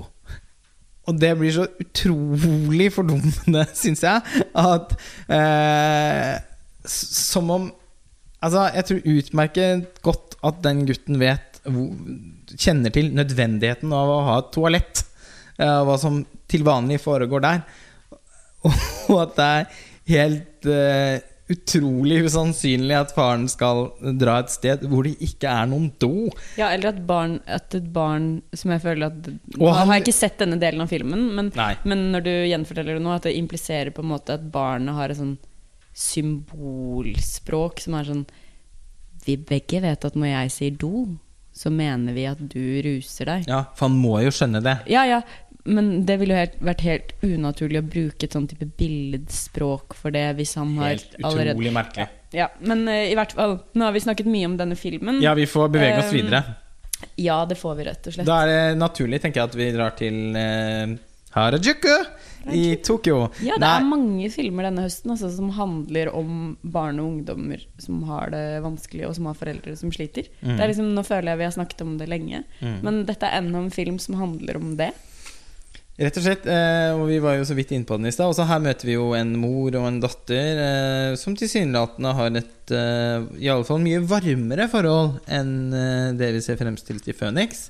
Og det er bare minutter vi tilbringer sammen med dem før eh, moren eh, Før datteren velger å istedenfor å pynte juletreet med moren sin, dra ned til vennene sine på Oslo S.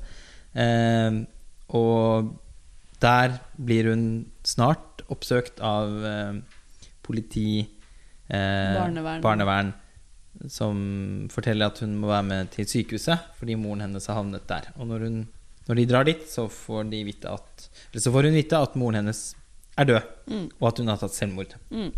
Eh, og Harajuku eh, handler ikke om Altså i motsetning, da, til eh, til Phoenix. Og i, mots altså, i motsetning til Når jeg faller, så handler den ikke om relasjonen mellom en mor og en datter. Eh, eller en Men den handler til Og heller ikke eh, på en måte mellom en far og en datter. Men, den, men det blir jo etter hvert en veldig viktig del av fortellingen. Eh, og her har man jo eh, Her er det jo også en far som da ikke kjenner datteren sin. Som i lys av de, ja, den akutte og dramatiske situasjonen blir nødt til å eh, På datterens eget initiativ eh, ikke ta ansvar, men bare være til stede. Eh, det skal vi komme tilbake til. Mm.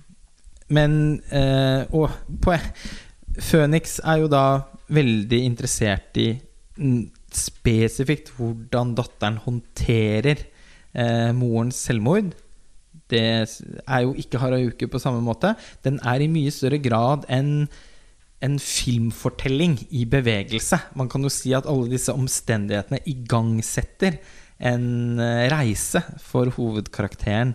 Uh, ja, og du kan på sett og vis Det er jo på mange måter også en språklig distinksjon, på en måte. For du kan si disse to filmene er i utgangspunktet veldig, veldig like. Eh, hvis man skulle lest en slags sånn oppsummering eller et plott eller altså mm. eh, Det handler om to jenter, de er ca. like gamle, eh, som mister eh, omsorgspersonen sin. Eh, hva skjer nå? Eh, omsorgspersonen tar livet av seg tidlig i filmen. Begge er mødre. Begge er jenter i tenårene. Egentlig, en fraværende far. Ja, en fraværende far. Premisset er mer eller mindre faktisk akkurat det samme. Ja, det er det. Og likevel så er det Men de oppleves veldig forskjellig, da. Ja, det er to filmer som ikke føles Altså, det sier seg selv. Jeg har, ikke, jeg har reflektert over at ja, Filmhøsten består av filmer som har denne tematikken, men jeg har ikke tenkt over disse to filmene som veldig like før jeg sier det nå. Mm. Og det sier i seg selv ganske mye, tenker jeg. Mm. Fordi mm. premisset er akkurat det samme. Mm. Eh, men det oppleves som to vidt forskjellige filmer ja, ja, ja, som vil helt ulike ting. Uten at det er så lett å sette fingeren på akkurat hva, annet enn at, eh, at sånn førsteinntrykk uh, Harajuku føles som en film som handler om mennesker. Mm. Uh, I en helt annen grad enn det Phoenix gjør. Ja. Altså Harajuku oppleves ikke som skrevet på den samme måten. Det tenker jeg at uh, har sikkert med flere ting å gjøre. Uh, skuespillerinstruksjon. Skuespillerne. Altså fantastisk hovedrolleinnehaver. Uh, Ines Høysæter Assersson. Ja, stemmer. Helt uh, Spiller kjempebra og har et, uh, også et ansikt som er helt sånn fortryllende. Ja. Med det blå håret. Det, det, tilhører også historien at hun er en sånn cosplayer på Oslo S ved Spor 19. Mm. Og det er morsomt, for jeg husker jeg så en dokumentar som het Spor 19. Ja, jeg så den selv. Ja, For to-tre år siden, som gikk på NRK, som handlet om disse ungdommene som kler seg ut og henger på Oslo S. Og den var så fin. Eh, og jeg ble så glad da jeg hørte at noen hadde liksom tatt det universet inn i en sånn spillefilmsetting. Mm. Eirik Svensson, som har eh, regien på Harajuku. Uh, men ja, det er bemerkelsesverdig hvor ulike de filmene er. Uh, Harajuku foregår egentlig primært på Oslo S og omegn. Altså Det er en dag, eller noe sånt, mm. i, i, denne jentas liv. Mm. Uh, og en helt annen form for realisme, uten at jeg mener at realisme i seg selv er å ettertrakte. Men, men, her blir det en kvalitet, da. Ja, det gjør jo det. Fordi at uh, måten hovedpersonene eller karakterene i filmen snakker med hverandre på, høres ut sånn som folk snakker. Ja. Og uh, må jeg bare nevne det, da, at uh, jeg er jo på en måte litt inhabil. Ja. Uh, og det er vi vel på en måte begge to. Det er vi på en måte litt begge to. Men i større grad meg. Ja. Fordi jeg kjenner jo regissøren Erik Svensson, eh, og, og, ikke minst Karsten Meinick, da, som har klippet den. Ja. Eh, og har også eh, så filmen på et tidlig tidspunkt på testvisning og kom med tilbakemeldinger og sånn. Så for redelighetens skyld så tenker jeg det er viktig å opplyse lytterne om det. Ja. At uh, her, dette er jo en film som er laget av en del folk som jeg kjenner godt. Absolutt. Og ja, jeg kjenner selvfølgelig Karsten. Eh, Eirik kjenner jeg ikke så godt, men nok til at jeg hilser på han hvis jeg ser han. Ja. Eh, men jeg tenker at det skal være mulig å snakke om denne filmen synes, uavhengig av det. Ja, fordi eh, når det er sagt, da, så syns ikke jeg det er noe problem å ta den kritiske avstanden. Men, det er jo, men eh, mange vil sikkert eh, oppleve at det er umulig å være objektiv når man har relasjon såpass liksom Ja, til dels veldig sterke relasjoner til noen som har som, som er vesentlige bidragsytere til filmen, og det er helt fair. Ja. Eh, men eh, vi skal nok gjøre så godt vi kan for å, for å unngå å være partiske. Erik Svensson har da tidligere laget eh, en som deg, og en av de syns jeg definitivt beste norske ungdomsfilmene noensinne, 'Natt til 17.', som har vist seg å være en ganske innflytelsesrik eh, film. Eh, ikke, altså, en ting er at det er den eneste ungdomsfilmen i nyere tid som faktisk har kommunisert med målgruppen, film. Eh, målgruppen sin. Altså, den ble jo kjempepopulær. Eh, og høyt elsket av, av ungdommer. Mm. Og som på en måte forespeilet Skam på en del områder. Jeg vet også at det var eh, en film som Julie Andem så flere ganger. Altså som, at, det, at det var en av flere referanser hun hadde i forkant av, Og litt sånn samme metode, var det ikke det med at man improviserte? Jo. Man hadde liksom en sånn setting, og så improviserte Ja. man dialog ut fra det, som selvfølgelig gjør det veldig realistisk og Nettopp. naturlig og fint. Og så har jo også da eh, Eirik Svensson regissert de tre første sesongene av Unge lovende. Og er jo og Jeg tenker hans Et av hans liksom, markante trekk som filmskaper er jo at han er en veldig god skuespillerinstruktør. Eh, som er helt eh, som, som, er Som virkelig slår ut i full blomst i Hara, Harajuku. Eh, hun Ines Høysæter Assersson, det er vanskelig navn å huske, eh, er jo et funn Mm. i hovedrollen. Og veldig bra casting av Ingrid Olava som eh, ja, Jeg vil ikke si stemor, men som fars Den eh, onde stemoren. ja, fars såkalt nye kone. Hun har jo vært kona hans i 14-15 år, men eh, Eller lenger, fordi det viser seg jo da at eh, denne hovedpersonen i filmen er en, et barn som ble født eh, pga. en utenomekteskapelig affære. Um, men ja, Og Nicolai Kleve Broch syns jeg spiller veldig fint. Også. Kjempebra. Han har jeg alltid hatt veldig sans for, men eh, kanskje hans beste rolle, syns jeg. Mm. Eh, castingen er kjempegod. Skuespillerinstruksjonen er åpenbart veldig Altså sånn å få en Her kan man jo virkelig sammenligne eh, hovedrollen i Harajuku med hovedrollen i Phoenix. Da ser man en, veldig tydelig forskjell. Og som selvfølgelig også har med manus å gjøre. Eh, det er jo Altså replikkene som er nå Harajuku er etter hva jeg har skjønt ikke en film som er basert på improvisasjon. Nei, Men det virker sånn, for det er veldig Det virker sånn, men det er sannsynligvis bare fordi det er godt skrevet Ja. og instruert. Mm. Så det, etter hva jeg skjønner, så følger Som det vi også kjenner igjen fra Eskil Vogt og Joakim Trier sine manus, som også kan Nettopp. virke veldig improviserte, men som rett og slett er bare er skrevet veldig godt og naturlig. da. Ja, altså, som, som de har et øre for dialog. Ja. Og filmen er jo da, selv om eh, den gjennom sitt eh, utgang Altså via utgangspunktet sørger jo for også å plante denne filmen i den samme sånn sosialrealistiske jorda eh, som vi nå har befunnet oss i Mm. eh, i ja, i alle filmene vi har snakket om.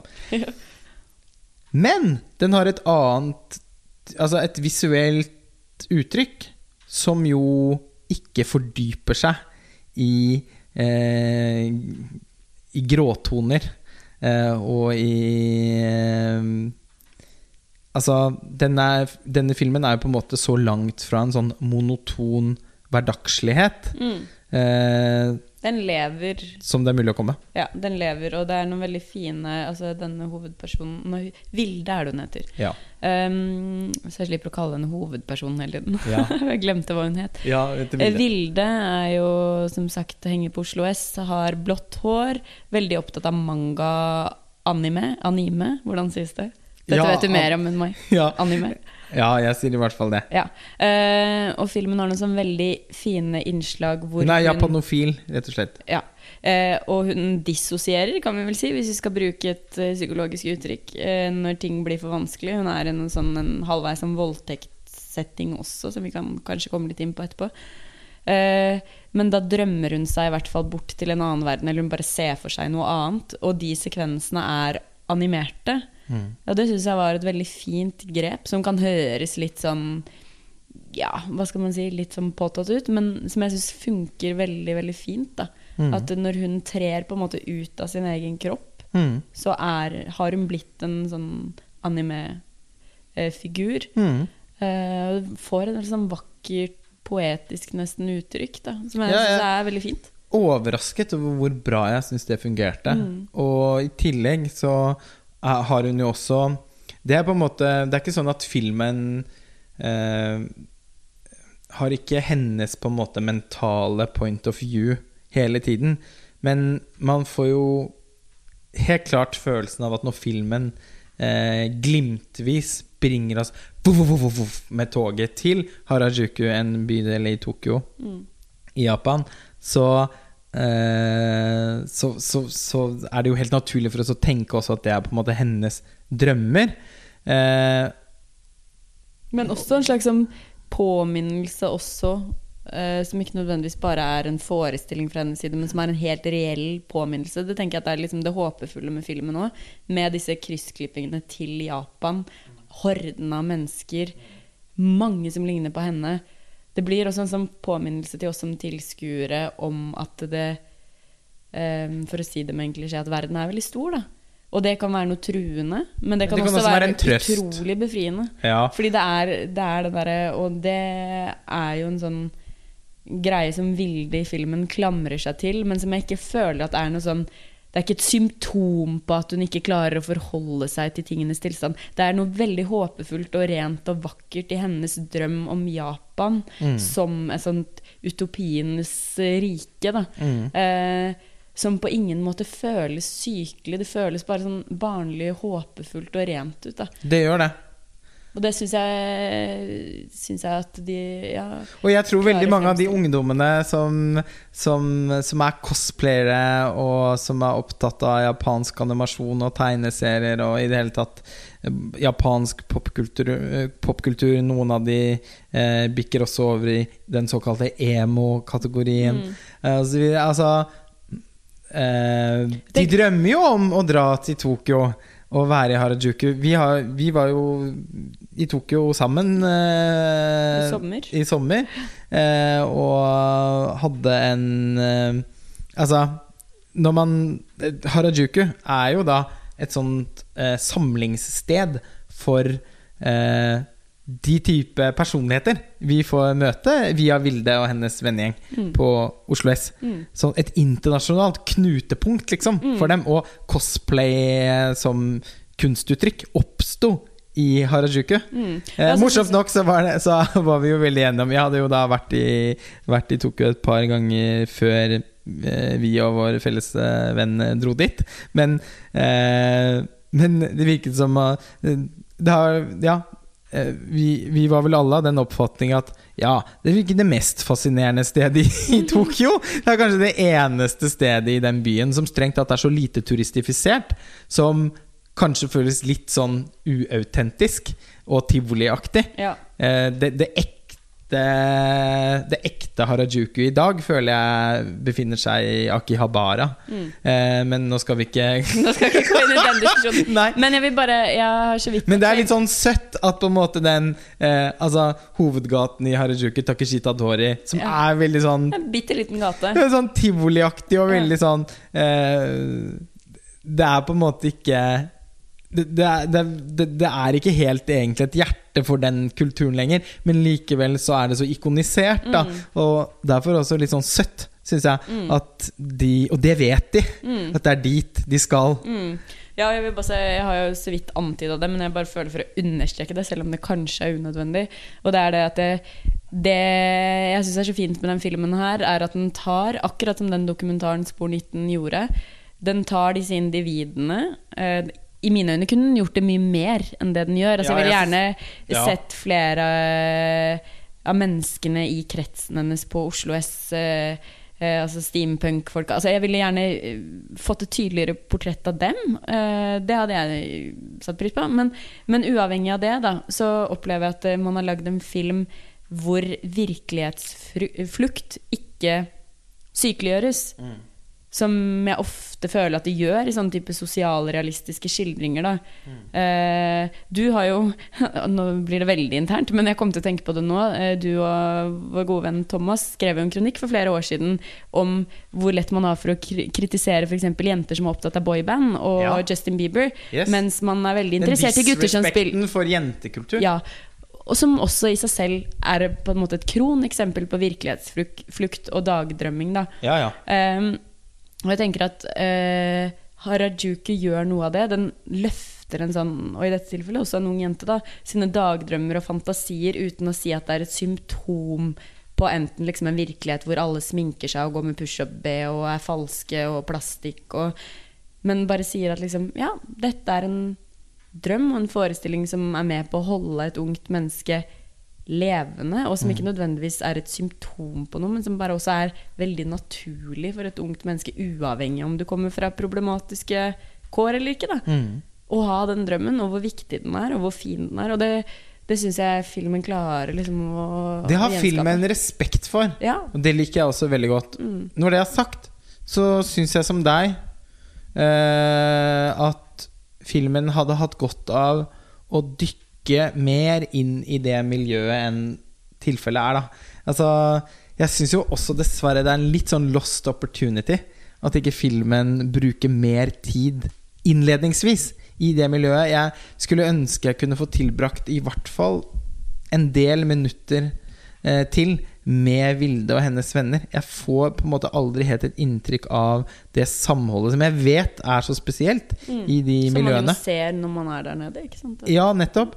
Og, og jeg skulle likt flere presise popkulturelle referanser til de tingene som de er interessert i. Jeg skulle likt at de snakket om eh, Death Note og baby metal og eh, Altså eh, Og, og Haya Miyazaki-filmer. Altså, det er noe der går litt sånn i vasken for meg. At eh, Eh, det er som jeg kan Jeg får litt inntrykk kanskje av at regissøren ikke har vært eh, interessert nok i det. Eh, fordi fokuset har ligget på en, en, et annet aspekt ved fortellingen. Eh, som er den far-datter-historien som etter hvert, altså som omtrent halvveis ut i filmen, blir eh, eh, dominerende, da. Eh, men jeg syns det er en svakhet, da. Eh, Jeg er enig, den kunne med fordel vært mer, altså mindre realistisk, da, eller kall det hva du vil. Altså mindre bundet til dette liksom typisk norske mellommenneskelige Ja, drama. Men det, hadde jo vært, men det hadde jo også vært på en måte veldig altså det, er jo, det er jo en realisme da som jeg kanskje føler at den ikke er ja, interessert sant, nok i å fange. det er deres, ja, det er deres liv, det er deres referanser. Ja, ikke sant? Det, det miljø, den miljøskildringen der glipper litt, syns Ja. jeg. Ja, jeg er enig. Veldig for øvrig ganske fin den scenen hvor eh, karakteren til Nicolai Klevebrok og Ingrid Olava sitter og spiser sushi på sånn bånd. Ja, veldig bra. På I vest- Byporten, mistenker jeg. Men i jeg det er- Østbanehallen. Mm. Ja, Østbanehallen er det, selvfølgelig. Eh, samme et sånt Så stusslig kan også japansk kultur bli. Ja, det er veldig morsomt! Eh, eh, Det er og så surt. Det var et bra eksempel på at det alltid er noe i bevegelse i bildet i den filmen. Mm. Altså sushibåndet som svirrer rundt. Eh, det er Altså Og eh, møtet som oppstår mellom far og datter der også, i en Abdelatif Keshish lang eh, scene på Burger King eh, på Oslo S. Mm, eh, veldig, veldig, veldig bra, syns jeg. Eh, en, altså, så deilig å se at man kan holde en scene så lenge. Det er, det er et av de aspektene i filmen som jeg opplever som litt kompromissløst. Det å oppleve som mer kompromissaktig, er egentlig at historiefortellingen er så kondensert. Ja. Og så er det også et problem med en sånn bifortelling med en fyr i en kebabkiosk. Ja. Altså Han spiller veldig godt. Jeg husker ikke hva han skuespilleren heter, men han spiller en lignende fyr i Unge lovende også. Eh, som, Han har spilt mange sånne ja, Han er så veldig spytter god. Elise i ansiktet. Jeg husker ikke om det er sesong to eller tre, men han er veldig god. Sesong to. Eh, lurer på om han kan hete André et eller annet, men jeg Ja. husker ikke hva han heter. Beklager det. Eh. Det har jeg glemt. Jeg klarer ikke å huske det her. Nei. Eh, men han spiller en veldig god rolle, så det har ikke noe med det, har ikke noe med det å gjøre. Altså, og fint samspill mellom de to. Men det er bare selve utviklingen av den bifortellingen eh, og dens plass i historien eh, som jeg syns skurrer litt. Ja, den, eh, den er litt skrevet inn. Eh, Og man kan jo si at egentlig hele filmen Den er litt der for å vise at hun har det vanskelig, men jeg tenker at det vet vi allerede at hun har, for moren Ja. hennes har akkurat tatt livet av seg. Men, fordi, men den er jo litt en sånn, sånn odyssé-aktig eh, filmfortelling også, hvor hennes møte med ulike typer personligheter eh, former fortellingen, som i Altså virkelig uten sammenligning for øvrig, da, med filmer som Eyes Wide Shut eller After Hours av Martin Scorsese.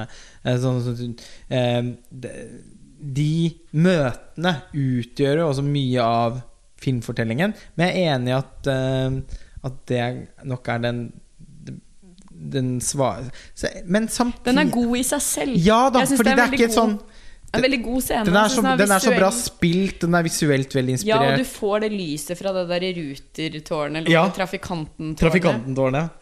Og det er Ja, den ser veldig fin ut, og den er godt spilt. Og den er spesielt fin, den animasjons... Uh, ja, Hvor hun går på de trappene. Ting, ting, ute i luften ting. fra Ja, hotellrommet. Veldig fint. Mm, det aller fineste animasjonsøyeblikket. synes jeg. Husker jeg sa det til deg da vi gikk ut av kinosalen, for den så vi også sammen. Ja. Og da sa jeg sånn Jeg vedder på at du likte at hun tråkket på de trinnene så begynte å lyse, for det var litt sånn Michael Jackson-aktig.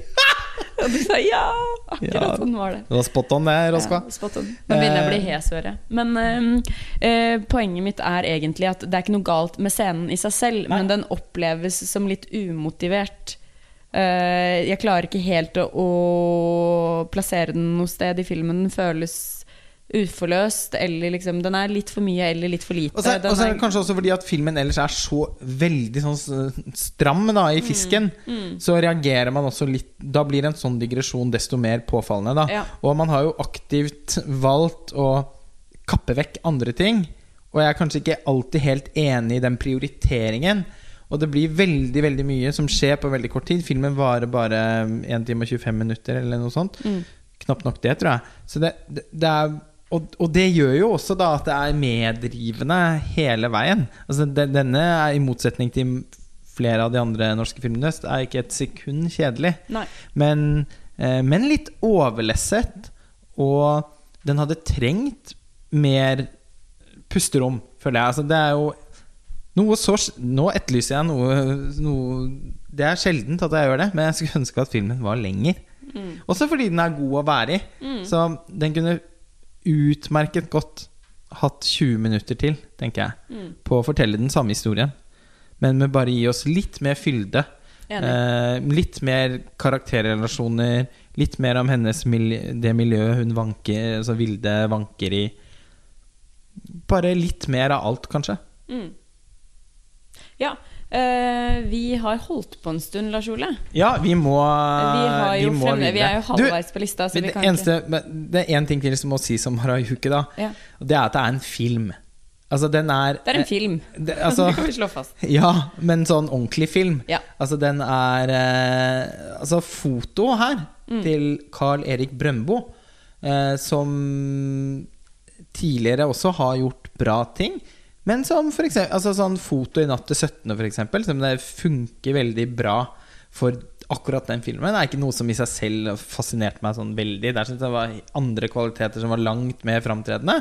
Men i Harajuku må jeg si at jeg er imponert over fylden, svartnivåen, teksturen i fotoet. Mm. Ja, det er en veldig fin tekstur i bildene. Skikkelig, og det, den er jo skutt digitalt, men det er nesten sånn at man et par ganger kunne begynne å lure på om den var skutt på film. Mm. Så metta er de bildene, og neonestetikken og sånn Ja, altså Kostymer, sminke, alle de tingene der også syns jeg fortjener litt kred. Altså, den er visuelt veldig Altså, det er en veldig vakker film. Mm. Så, så og, og det er jo for eh, Altså, da tenker jeg at den Jeg blir Jeg håper at Eirik Svensson ønsker å utforske de tingene, da, Mm. enda mer framover. Eh, han Altså, det, det var ikke sånn at jeg umiddelbart opplevde han som en eh, Som en nødvendigvis så visuell filmskaper, men etter hvert så, har jeg, så, så, så føler jeg virkelig at han, egentlig film for film, og også via Unge lovende, altså, har, har, har begynt å liksom eh, bli en Altså at bildene veier noe i filmene hans. For å vende tilbake til den. Altså sånn, Ja. Noen ganger så, Og i, i Harajuku så syns jeg mange av bildene gjør det. Og den har noen sånn utrolig fete montasjesekvenser med kjempe sånn euforisk syntmusikk av Fay Wildhagen som minner om altså, Xavier Dolan og, og, og, Ja, og apropos Og så syns jeg også det er noe med hun eh, Ines Høysæter Assersson. Assersson. eh, som kan minne litt om Lea Seido. Seido? Ja, Seido. Ja, I fargen. Men det Mm. er selvfølgelig hårfargen. Ja, Men også at hun har et ansikt som um, ligner litt. Da. Ja, men det kan og den samme enig uttrykksfullheten. Vi begge elsker jo den filmen. Men Mm. ja. Vi vil gjerne se mer av henne også på film.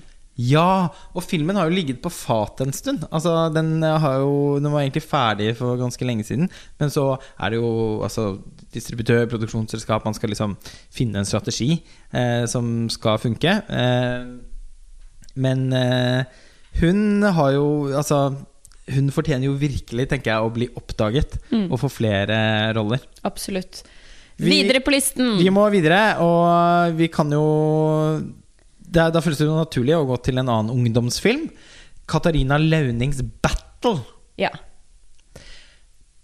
Hva skal man si om premisset for den? Altså, det er jo øh, Som øh, det har blitt sagt, så er det en slags øh, norsk versjon av West Side Story. Um, det er en dansefilm om en jente fra beste vestkant eh, hvis far mister eh, hele sin formue pga. et underslag eller noe sånt. De må flytte fra vestkanten til en kjip leilighet på østkanten. Hun er danser, eh, går på danseskole, veldig talentfull, men bor da på østkanten, må skjule det for sine venner, fordi det er et sosialt fall som bare er helt sånn uhåndterlig. Eh, Hun, begynner, hun oppsøker en slags treningshall på østkanten eh, for å danse. Der møter hun en kjekk ung fyr med innvandrerbakgrunn. Eh, vi er på Stovner, eller noe sånt. Um, og så handler det egentlig om hvordan hun prøver å sjonglere sin nye tilværelse på østkanten med denne gutten og hans venner, som hun egentlig føler seg ganske komfortabel sammen med, Mm. versus liksom sosiale statusen og fasadejaget på vestkanten. Eh, og i kjernen av alt dette så er det hennes lidenskap for å danse, da. Og dansen som et språk når andre språk ikke nytter. Ja, og, og hennes kjærlighet til dansen, den er jo ikke der, tenker jeg. Altså, hun blir jo tidlig i filmen avslørt som en sjarlatan av danselæreren sin, som jo har rett. Og jeg er imponert over hvor bra Lisa Teige spiller å være en dårlig danser, som prøver å være god. Eh, det er noe av det beste med filmen, syns jeg. Eh, den har noen ganske fantastiske scener i begynnelsen der, hvor vi ser at hun virkelig forsøker å liksom, oh, komme inn i det, føle det, men bare ikke gjøre det. Og, og forsøker å overbevise Altså øh, har en maskerade som skal forsøksvis narre læreren, men som ikke biter på kroken, da. Ja. Eh, det er eh, det, eh, Jeg jeg må innrømme at fem til ti minutter ut i battle, så satt jeg inne der Haha, dette blir jo kjempebra. Og Lisa Teige er etter min mening den Spiller beste av skuespillerne fra Skam-serien. Eh, syns jo fortsatt at eh, den første sesongen hvor hun er hovedpersonen, er best. I skarp konkurranse med den siste. Ja, vet du hva, jeg, der er jeg inhabil, fordi jeg, jeg er jo en av de der som er sucker for Nora William. Ja, Og Isak og Even. Altså, ja du er på midten, du. Ja, altså, nei, men jeg, jeg likte første sesongen også, det var den første jeg så. Men jeg syns jo også Isak spiller altså Ter Ja, men, ja, som vi skal innom han skal vi komme tilbake til. en veldig, veldig god skuespiller. Men, men eh, tilbake til det vi snakket om. Ja, men jeg har hatt et veldig sånn en softspot for Lisa Teige sin Ja. spillestil. Ja. At hun har sånn Veldig naturlig og nedpå. Ja, som jeg liker skikkelig godt. Og, og hun leverer veldig bra i Batman, syns jeg. Selv om hun er gitt et manus hvor nesten ingen replikker høres ut som noe noen kunne ha sagt. Ja, og det er jo på en måte Det tenker jeg at eh, i Skam så har det også vært litt vanskelig å avgjøre hva som er godt skuespill og ikke, fordi eh, Julie Andem er en fantastisk regissør, og hun har tydeligvis en metode som gjør at, eh, at liksom alle blir helt sånn kunne vunnet en Oscar for innsatsen sin i Skam. Og det høres jo overdrevent ut, men det mener jeg virkelig. Så det er veldig mye bra spill da, fra veldig unge mennesker uten så mye skuespillererfaring. Ja, ja, Så det er liksom vanskelig å si ut fra Skam hvem som egentlig er en god skuespiller eller ikke, fordi det er så mye der som er bra, og man mistenker at det har noe med Julie Andem å gjøre som instruktør. ja. Uh, så jeg ble veldig positivt over, uh, overrasket over Lisa Teige sin prestasjon, for jeg, jeg er helt enig med deg. Jeg syns det er et manus som er veldig ofte viser seg å være stivt og unaturlig, og hun klarer på magisk vis å gjøre et eller annet Ja, med disse ordene hun, som de altså. framstår som naturlige, da. ja. Og jeg syns ikke han gutten, altså love interesten fra østkanten, er like god. Men kjemien mellom de to på en eller annen måte kjøper jeg litt. Jeg også kjøper det litt fordi jeg vil òg. Altså, jeg syns at Battle i utgangspunktet da er en Mens man opplever den, så er det en ganske underholdende film. Ja, den er jo veldig i ditt segment med liksom danse Ja, Mye musikk og Ja, dans og elsker sånt. følelser. Ja, ikke sant? Det er litt sånn flashdance, eh, dirty dancing Ja. eh, Men Men Altså Men jeg syns ikke filmen er noe god, da. Den, eh, og, og bismaken kom veldig raskt etter jeg var ferdig, og også flere ganger underveis. Men jeg må innrømme at her var det sånn her, Jeg kjente virkelig at jeg var på lag med filmen mens jeg så den. Jeg hadde lyst til å like den. Jeg hadde lyst til å si at jeg syns jo den battle var litt bra, jeg, da. Men, men jeg klarer ikke det, altså. Jeg, den er eh, For det første så er den klassereisen så dum, og den kontrasten som tegnes opp eh, i liksom den delte byen Oslo, er utrolig utroverdig og usann. Uh, det er vel en årsak også til at denne filmen ikke har slått så veldig godt an blant ungdommer. Altså, det har ikke blitt noen natt til 17., for å si det jævlig mildt. Uh, den filmen har et veldig uanstrengt forhold til Altså, den, den forsøker ikke å forske i de ulike ungdommenes etniske eller kulturelle bakgrunn. Eh, og det gjør jo på en måte Battle, da. Altså, Ja, ja. Så på en ganske sånn På en måte som jeg syns føles veldig gammeldags. Det er litt som å se asylet på 90-tallet, på en måte, etter Midt i smørøyet. Eh, at eh, snarere enn å, å, å, enn å se noe som springer ut av den tiden vi lever i nå. Ja, absolutt. Og så kan man jo si selvfølgelig at det er store forskjeller på å bo i en villa på Oslo vest og å bo i drabanten på østkanten. Det er det selvfølgelig. Men jeg, Ja. jeg er helt enig i at filmen ikke tar på alvor perspektivet til en ung Altså ja, at den prøver å ha et fugleperspektiv samtidig som den skal si noe gripende om noe relasjonelt. Og de to tingene går ikke helt i hop, da. Nei, altså eh, Møtet mellom de to sidene av byen i natt til 17. Mm. Ja. da er jo skildret vesentlig annerledes og Ja. langt mer troverdig. Ja, absolutt. Eh, men for å ikke bruke altfor mye tid på dette, eh, så tenker jeg at eh, det kanskje er naturlig å gå fra skam til skam. At Ja. vi går til en affære. Det kan vi, det er ikke så mye mer å si om Battle, faktisk. Nei. Men man kan konkludere med på en måte at nå er den solgt til Netflix. Eh, det betyr jo at noen der har skjønt at eh, filmen Sikkert også fordi at en av Skam-hovedrolleinnehaverne er Mest sannsynlig. Ja, eh, men det skal bli spennende å se da om den får en Altså hva slags, slags internasjonal reise den får. Jeg er sikker på at den kan underholde ganske mange, men ikke sitte noe særlig igjen. Det er ikke en, en film man husker spesielt godt. Den gjør ikke ordentlig inntrykk, rett og slett. Eh, en affære, ja. Mm. Av Henrik Martin Dalsbakken. Ja, det er også en film fra filmhøsten 2018 som går liksom inn i kategorien litt undervurdert. spør du meg. Ja, for nå, altså, nå har vi jo mest snakket om de overvurderte, Overvurderte. filmene.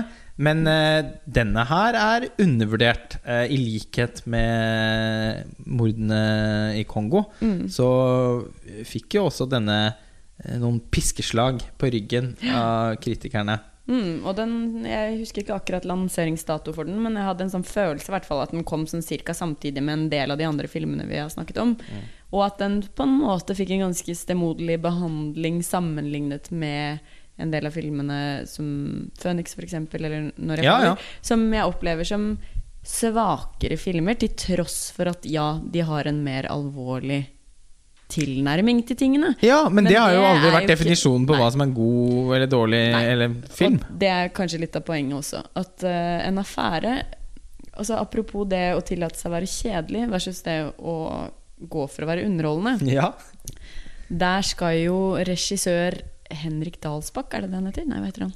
Regissør og manusforfatter Henrik Martin Dalsbakken. Ja, stemmer.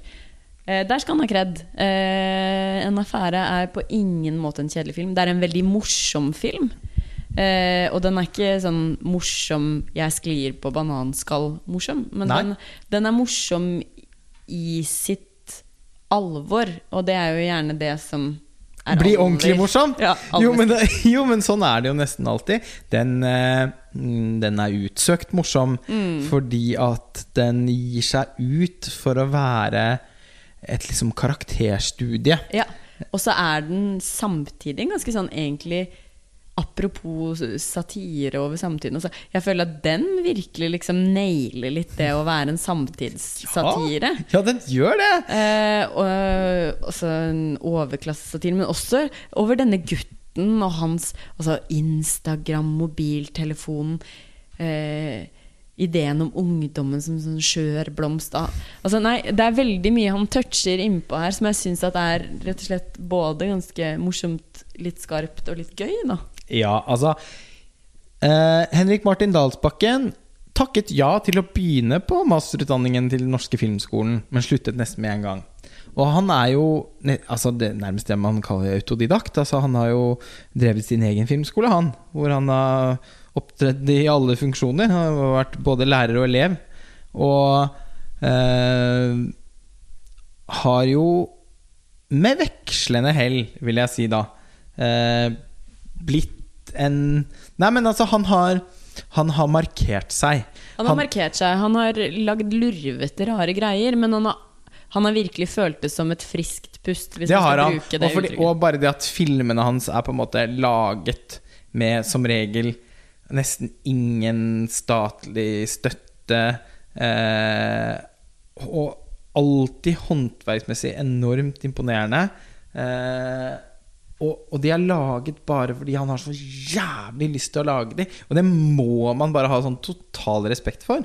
Og han og broren hans, som er en vanvittig begavet fotograf, og de har alltid skutt på 35 mm. Ikke denne gangen, faktisk, men de har sånn Det er noe med, med The Dalsbakkens som, som fascinerer. Det betyr ikke at jeg har vært så begeistret for alle filmene. Altså, jeg, no, og veldig ofte har jeg tenkt at det går altfor fort i svingene. Altså, jeg tenkte at å, Henrik Martin, du eh, er jo en åpenbart veldig talentfull regissør, men jeg har vært innmari usikker på om han har noe å bidra med som manusforfatter. Eh, I Cave, for eksempel, så syns jeg det var et åpenbart problem. Eh, den forrige filmen han lagde, Rett vest, eh, var Altså, hva skal man si om den? Det var Den har jeg ikke sett. Nei, den var som en sånn Vam og Vennerød-film. Virkelig ikke god, syns jeg, men, men ikke umorsom å se.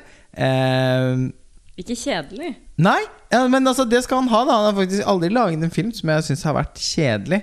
Og men, men, men nå føler jeg at Oi, plutselig så skjedde det. Og jeg hadde, jeg hadde hørt ganske mye negativt om filmen før jeg så den, og hadde lave forventninger. På tross av at det var en film som på papiret så veldig morsom ut. da eh, Men så var jeg Det er bare er, Den er jo kjempe Den er jo veldig bra, den! Ja. Altså, det, altså, jeg, jeg, altså, den var så uimotståelig underholdende. Eh, morsomt skrevet. Kjempebra spilt. Spesielt av Andrea Brein Håvig.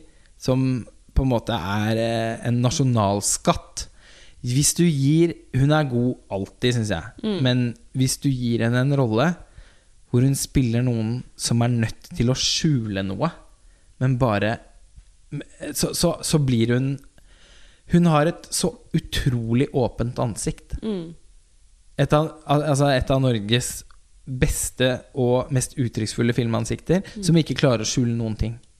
Det er hun ikke i stand til. Og når hun skal spille noen som må skjule noe, og det bare pipler fram, så er det så fantastisk både gripende og morsomt hver eneste gang. Og her spiller hun jo da selvfølgelig igjen en sånn rolle som gymlæreren som forelsker seg i den litt sånn rebelske eleven sin. Ja, Som introduserer er seg selv med å si at han er en svær kukk. Ja, og som hun åpenbart, eller går jeg ut fra, har fått denne rollen også basert på prestasjonen hennes i Dag Johan Haugerud sin hva skal man si, nesten kortfilm, nesten langfilm 'Det er meg du vil ha', hvor hun også, som er bare en monolog, rett og slett, som, hvor Andrea Brein Håvig sitter og snakker om et forhold til en av elevene sine, som også er jeg synes en veldig god film. Ja, ja, en av de siste Eh, årenes beste norske filmer. Ja, og, veldig godt spilt av henne. Eh, så da har hun fått en lignende rolle denne gangen. eh, Men med litt på en måte større bevegelsesrom. Det er både bokstavelig og i overført betydning. Ja, og definitivt mer karikert, Mm. men på en veldig kostelig måte. Ja, men fordi, nettopp fordi hun er så god, så, klar, altså, så blir det ikke karikert allikevel. Altså, det, du tror på Jeg tror på det. Selv Ja. om universet er stilisert på et eller annet vis. De- Mange har jo skrevet om dette her som en sånn erotisk thriller. Ja. Eh, og man kan jo forstå hvorfor, fordi at filmen har noen motiver som, og på en måte et plott som kan eh, få oss til å tenke på filmer som Fatal Attraction eller Basic Instinct, og særlig Fatal Attraction. Da, som, sånn, for den er jo på sett og vis da også et, sånn, et utroskapsdrama. Hun er jo da utro med sin mann, eh, med denne eleven som hun ikke klarer å motstå. Mm. Eh, men jeg syns det er veldig åpenbart at filmen altså, er en svart komedie. Den er ikke ment, føler jeg, å være en spenningsfilm. Det er ikke det at den er uspennende, fordi den er altfor engasjerende og underholdende Ja, å ja, følge men du sitter ikke med hjertet i halsen eller liksom er litt småshaky eller skvetter. Altså, det, er ikke, det er ikke de tingene den spiller på overhodet. Og jeg tenker at hvis du går inn i salen med den forventningen og nærmest liksom krever at det er det filmen skal gjøre med deg, så vil du bli skuffet. Ja, og det er der det kan virke som at mange har blitt skuffet. da At de eh, har gått inn i kinosalen med en slags forventning om at det skal være en, sånn, en, en spennende erotisk thriller. Eh, og det er det ikke i det hele tatt. Det er en eh, satire over, som også tar opp i seg en del eh, type kommunikasjon som, vi, som er typisk for vår tid, spesielt via sosiale medier.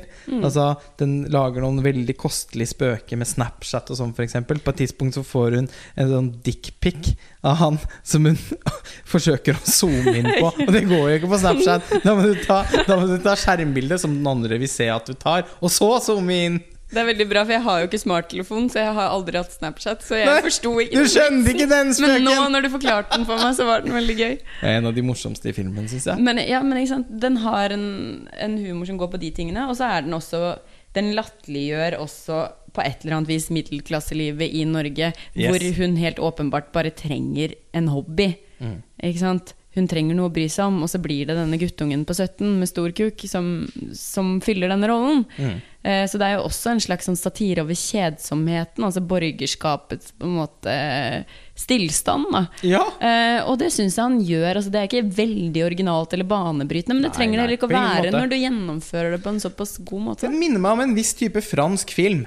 Eh, som som oftest får veldig positiv det- Når det er sagt, altså NFR har også fått eh, eh, Fått en, mange positive kritikker. Så det er ikke sånn Men i, man må justere kartet etter terrenget. Eh, som vi snakket om i stad, så er det jo sånn at for en norsk film å få treere er jo på en måte totalslakt.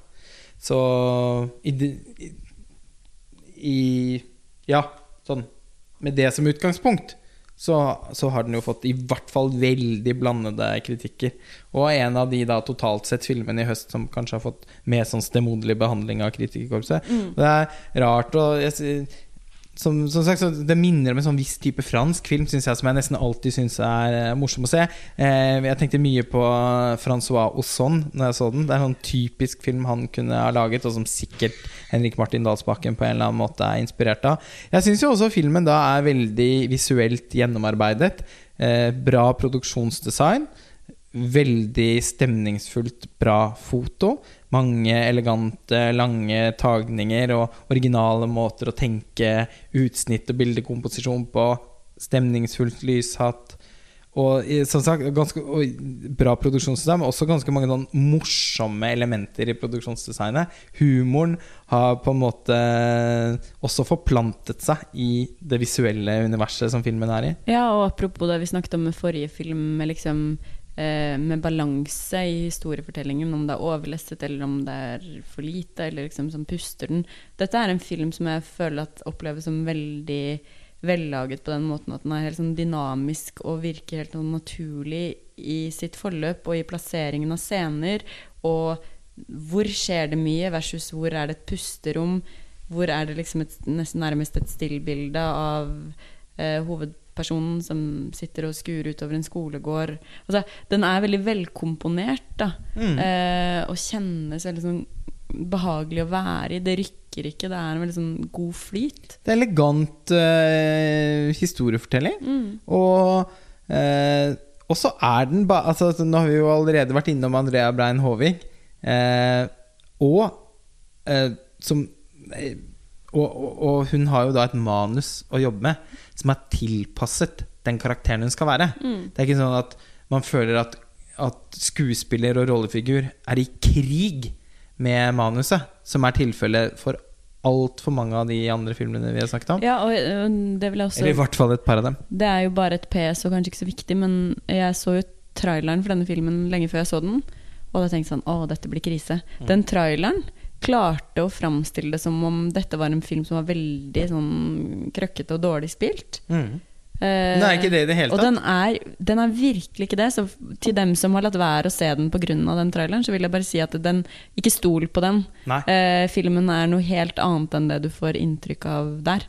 Ja, og altså Tarjei Sandvik Moe fra Skam, da som du så vidt eh, nevnte i stad. Mm. Han er jo kjempebra. Han er utrolig karismatisk.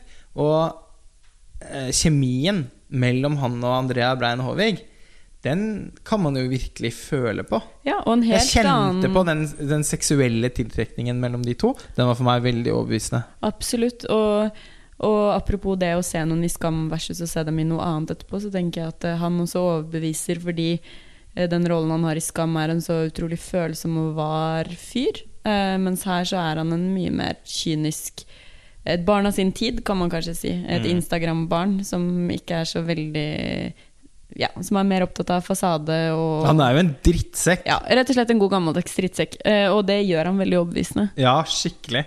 Og det er også overbevisende hva hun eh, tiltrekkes av ved han. Ja, ja, og motsatt. Ja. Altså det er noe med at eh, Og her er det noe så enkelt og selvfølgelig utrolig vanskelig på en gang som bare blikkontakt. Av- Mm. Ja, sånn som han får en, han får en skade uh, under gymtimen, eller jeg husker ikke detaljene i det. Men i hvert fall hvor hun skal massere han eller se på såret eller et eller annet sånt. ja.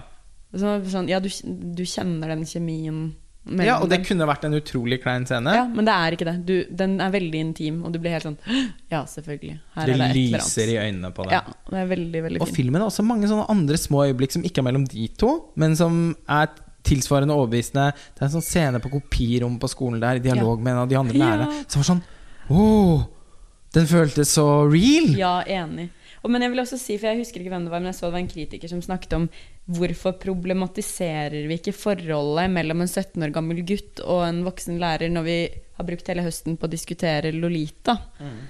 Eh, og det er i seg selv, tenker jeg, et kjærkomment argument. Fordi ja, han er jo også bare en ung gutt som Ja, en voksen dame på mange måter Ja, ja. ja, men det er jo forgriper seg på, hvis vi skal bruke det språket, selv om det ikke oppleves sånn som for henne. Eh, men jeg tenker at det også er litt sånn forfriskende at den ikke gjør, lager noe politisk prosjekt ut av det. da. Nei, den gjør jo Så får det det. være opp til oss. For det tenker jeg at det er litt Apropos, nå har vi snakket i nesten timevis i kveld om kritikk og, og tendenser og alle de tingene der.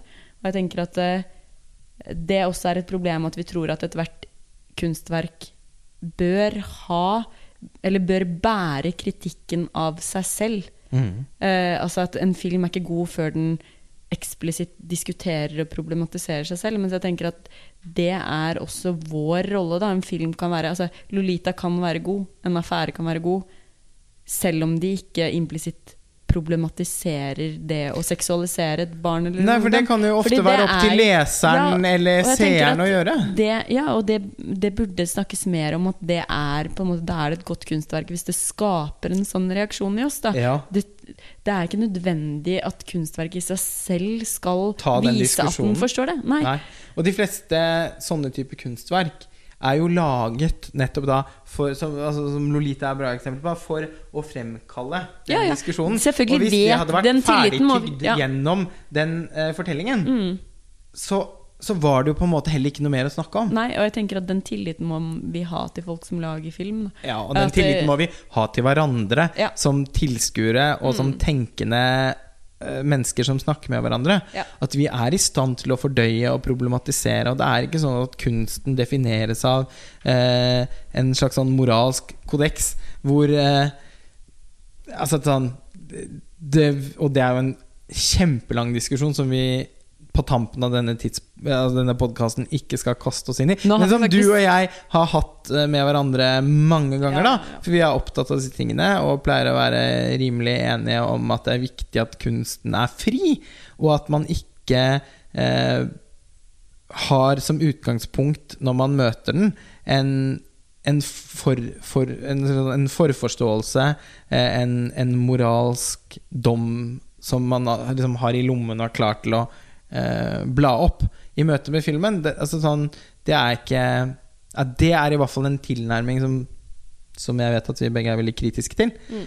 Og det er befriende at en affære også på en måte nøyer seg med å være en liten flørt av en film. En underholdningsfilm. Mm. Ja, ja, det er jo ikke noe stor film i så måte, men jeg tenker at ja, den, den, den Det er et visst, som du sier, det er et visst mot i det å å ville bare gjøre det. Og det tenker jeg at det er også denne regissøren sin styrke, at han ofte er litt sånn han vet at han ikke kommer til å lage det neste liksom, storverket som vi sitter og grubler over i 100 år framover i tid. Men han har skikkelig lyst til å, å øve seg på å lage film, fordi han er opptatt av det. Mm. Og alle filmene han han lager, er helt han er Og alle filmene han lager, er helt forskjellige. Ja. Så det skal jo bli veldig spennende å se hvilken filmskaper Henrik Martin Dalsbakken blir til slutt. Når han liksom Mm. får landet litt Når han holdt på å si er ferdig med utdanningen sin. Eh, men han har jo begynt så tidlig, da. Så vi kan jo få 30 filmer til av han. Ja, ja. Eh, og dette er den klart beste så langt, syns jeg. Mm. Og eh, helt, altså en av årets beste norske filmer. Enig. Og avslutningsvis så eh, Apropos det å ha med seg liksom fordommer eller inn i en kinosal, så må vi jo snakke om Marius Holst sin 'Mordene i Kongo'. Det er jo da høstens på en måte Særlig målt opp mot forventningene, målt opp mot filmskaperens status. Eh, hele Altså målt opp mot hvor eh, Altså Det er jo på forhånd eh, tenkt å være en, en stor norsk film. Altså en, en norsk film som, eh, som får over gjennomsnittet mye oppmerksomhet, og som det er lagt masse ressurser inn i. Særlig målt opp mot det, så er jo det på en måte høstens Ja Altså Den som har i minst grad blitt omfavnet av kritikerne, da. Den har jo fått, eh, som jeg nevnte innledningsvis i podkasten, terningkast to i VG, tre i Dagbladet, tre i Dagsavisen. Eh, det er sjelden for en norsk litt, film. ja, og det er litt interessant, fordi det er naturlig å Det burde ikke være sjeldent, da. Som sagt, jeg synes jo Nei, eh, det hadde vært det si. deilig om vi langt oftere så norske filmer som fikk den behandlingen de faktisk eh, fortjener. Mm. Men denne tok de hardt i. Ja. Hvorfor det? Nei, hvorfor det? Eh, Jeg tenker at det er nærliggende å sammenligne prosjektet helt sånn sett utenfra, med Erik Poppes 22. Juli, Utøya 22. juli. Eh, fordi eh, begge prosjektene fikk kritikk i forkant for å skulle på en måte framstille og estetisere eller lage underholdning av dypt trage, trage, eh, ja, tragiske hendelser. Så sånn sett hadde de et likt premiss. Eh, selv om Utøya selvfølgelig det problematiske der var at mange unge mennesker mistet livet, og det var pårørende. Mens, eh, mens mordene i Kongo Selvfølgelig, det er lettere å kritisere den for å kunne liksom lage en sånn voldsromantikk ut av en historie om to norske gutter som det er lett å gjøre til helter. Altså, de er på en måte Breivik, da, eh, for å si det sånn. Eh, og der dukker det opp andre problemer fordi det nødvendigvis er dem vi skal følge. Det er ikke ofrene. De er også ofre, selvfølgelig, de havner i fengsel, men, men de er ikke de som har blitt drept, det er de som er tiltalt for drap. Og allerede der så blir det prosjektet i seg selv kanskje mer komplisert enn Utøya blir. Um, men de har allikevel liksom litt det samme utgangspunktet. Og så er det morsomt å se hvordan Eller morsomt, interessant å se eh, hvordan Utøya i stor grad i hvert fall ble omfavnet. Eh, oh, ja. Det er jo årets mest kritikerroste norske film. ja. Ikke uten grunn, eh, vil jeg si, men, eh, men ja, det er, det er interessant å se hvor Hvordan kritikken mot mordene i Kongo i hvert fall ofte ser ut til å være en kritikk av prosjektet, og ikke av filmen som Mm. Nettopp. er et resultat av prosjektet. Ja, og i tilfellet med Erik Poppe-filmen så så man igjennom det. Evnet jo kritikerne å se igjennom det og se prosjektet. Her føler jeg ikke at man har gjort det. Nei, men Det er kanskje også fordi jeg tenker har det noe med at man eksplisitt i Erik Poppes tilfelle hele tiden har snakket om at målsettingen med filmen er å vise ungdommene på Utøyas opplevelse av hva 22. juli var for noe for dem.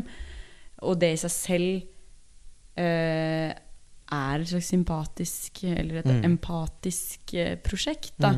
Mens det å vise Kjostolf, Kjostolf Moland og Joshua French sin historie um, kan på en måte aldri få den samme mm, auraen, da. Nei, nei, det er jo Eh, veldig sant. Ja.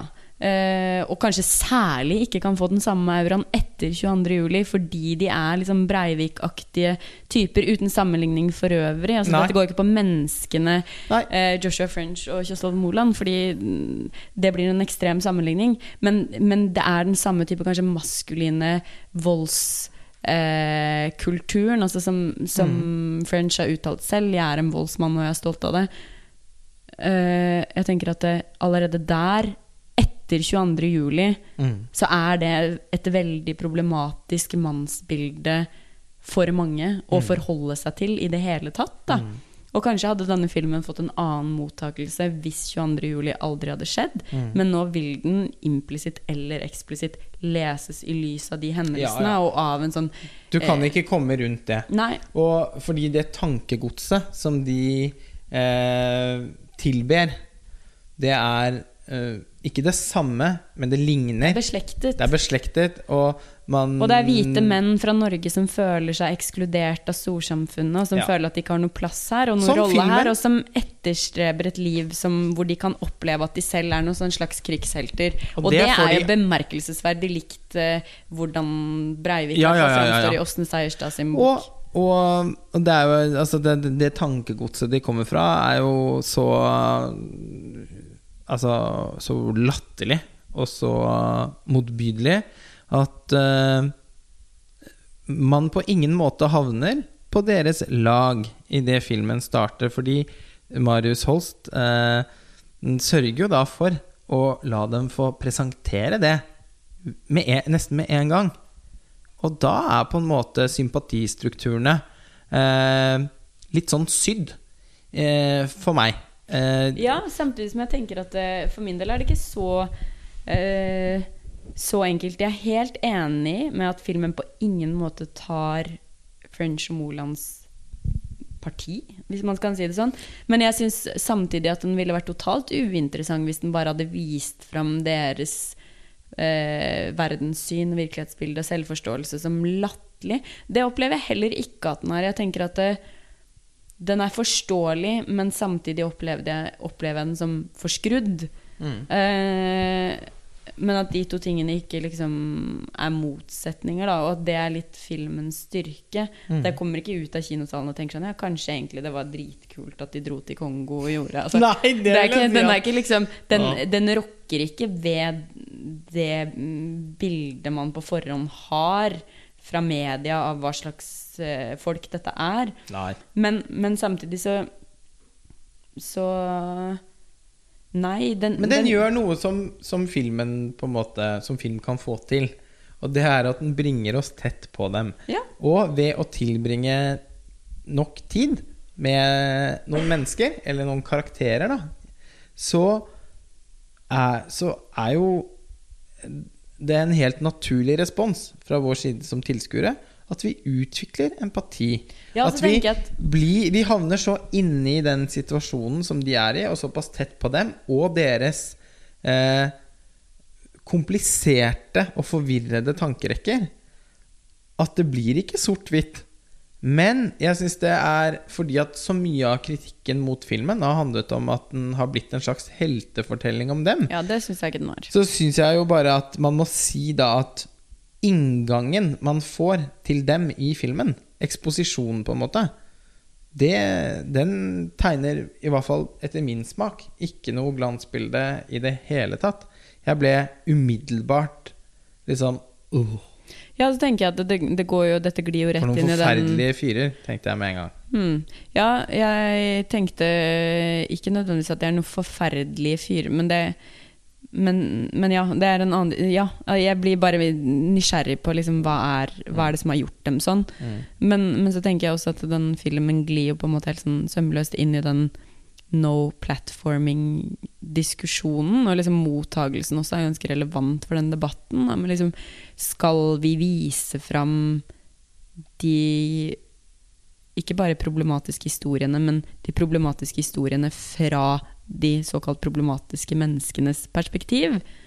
Eh, og du kan også si at filmen på mange måter sikkert eh, kan tolkes som en slags arena for Joshua French til å uttale seg, fordi eh, den også er basert på ganske mange intervjuer med han. Sant? Og han har uttalt at han syns det er en veldig god film, osv. Ja, ja, ja.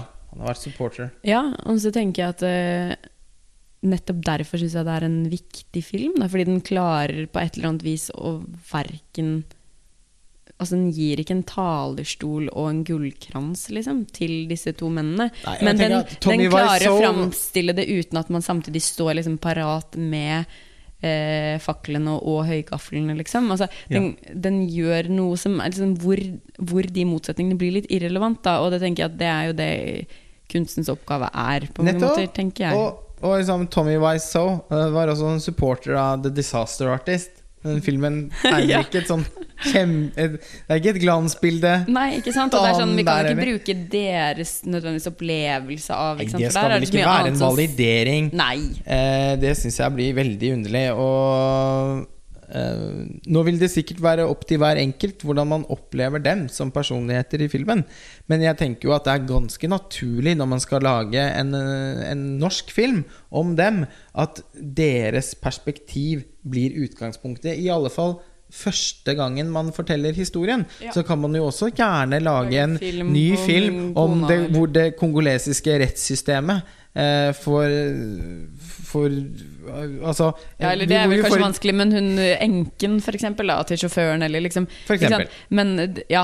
Jo, men altså sånn, Det er mange personer sitt perspektiv som kunne kastet lys på denne Rashomon-aktige fortellingen. Ja. Eh, som hadde vært interessante. Eh, jeg liker jo også veldig godt at filmen ikke avslører Altså at det nettopp har en, en Rashomon-struktur eh, når den Ja, du hele tror at de postulerer til- Ja, du tror veldig tidlig at nå har filmen tatt et standpunkt Yes. rundt hva som er sannheten, Ja. og så viser det seg at det har den ikke gjort. Nei, og det likte jeg så godt. Mm. At man først og, og jeg var jo da på en måte litt skuffet over det i første omgang. Eh, men desto mer, mer spennende var det jo da den plutselig åpnet opp eh, sannheten igjen. Mm. Eh, og, og ikke endte opp med å Ja, og Aksel Hennie sitt sånn veldig megetsigende blikk på God morgen Norge, eller hva det var, hvor han sier at 'sannheten fins i filmen'. Ja. Fikk plutselig eh, Jeg ble plutselig forståelig for meg, da. For mm. ja, alle sannheter fins i filmen. Yes, eh, Som også hun eh, Ine Jansen eh, snakker veldig fint om i de scenene hvor hun mm, Ja, på en måte Hun skal jo for, forhandle eh, med, med de kongolesiske myndighetene. Men hun er jo også i en forhandlingssituasjon med Joshua French. Fordi hun aldri kan stole på om han snakker sant. Hun vet at han har løyet ved så mange anledninger. At en sannhet fra han, uansett hvor mye han understreker den selv, vil oppleves som relativ. Og det syns jeg også filmen eh, tar opp i seg.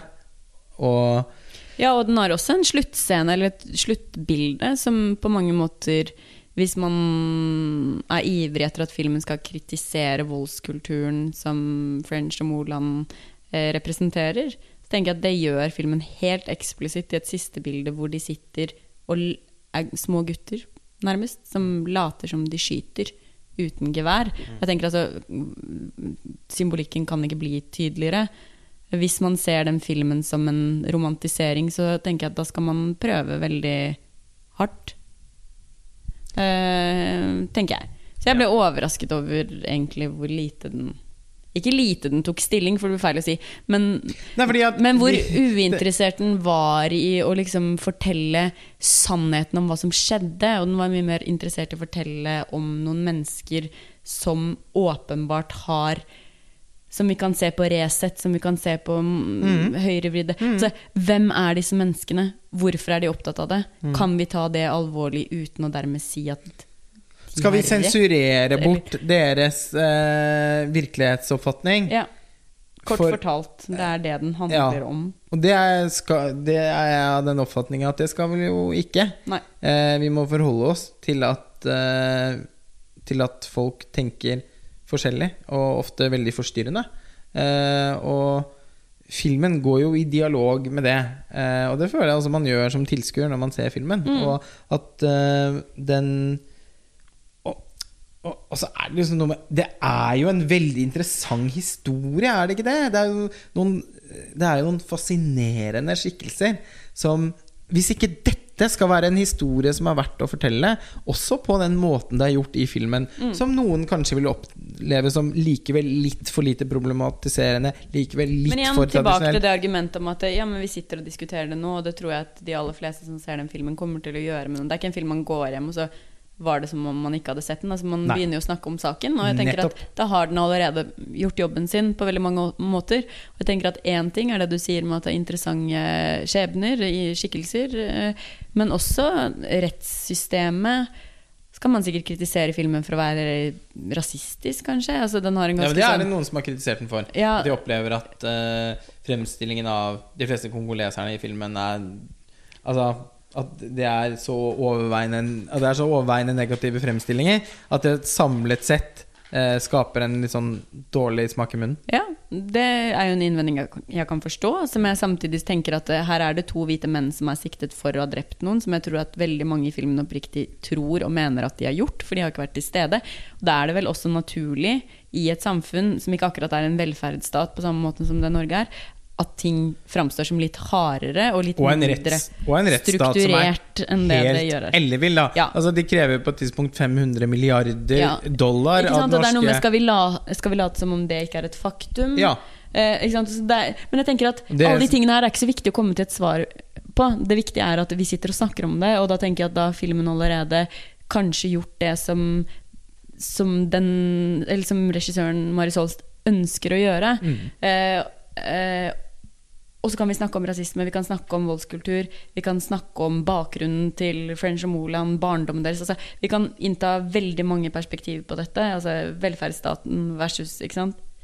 Men, men den setter i gang så mange samtaler. Eh, og jeg, ja, jeg tenker at det er en film som eh, hadde fortjent litt sånn grundigere analyser og litt liksom mer skjerpa lesninger enn det den har fått. da Jeg syns det er veldig Jeg gikk tilbake og leste noen av anmeldelsene etter at jeg hadde sett den. Så den jo, vi så den jo begge først i går. Ja.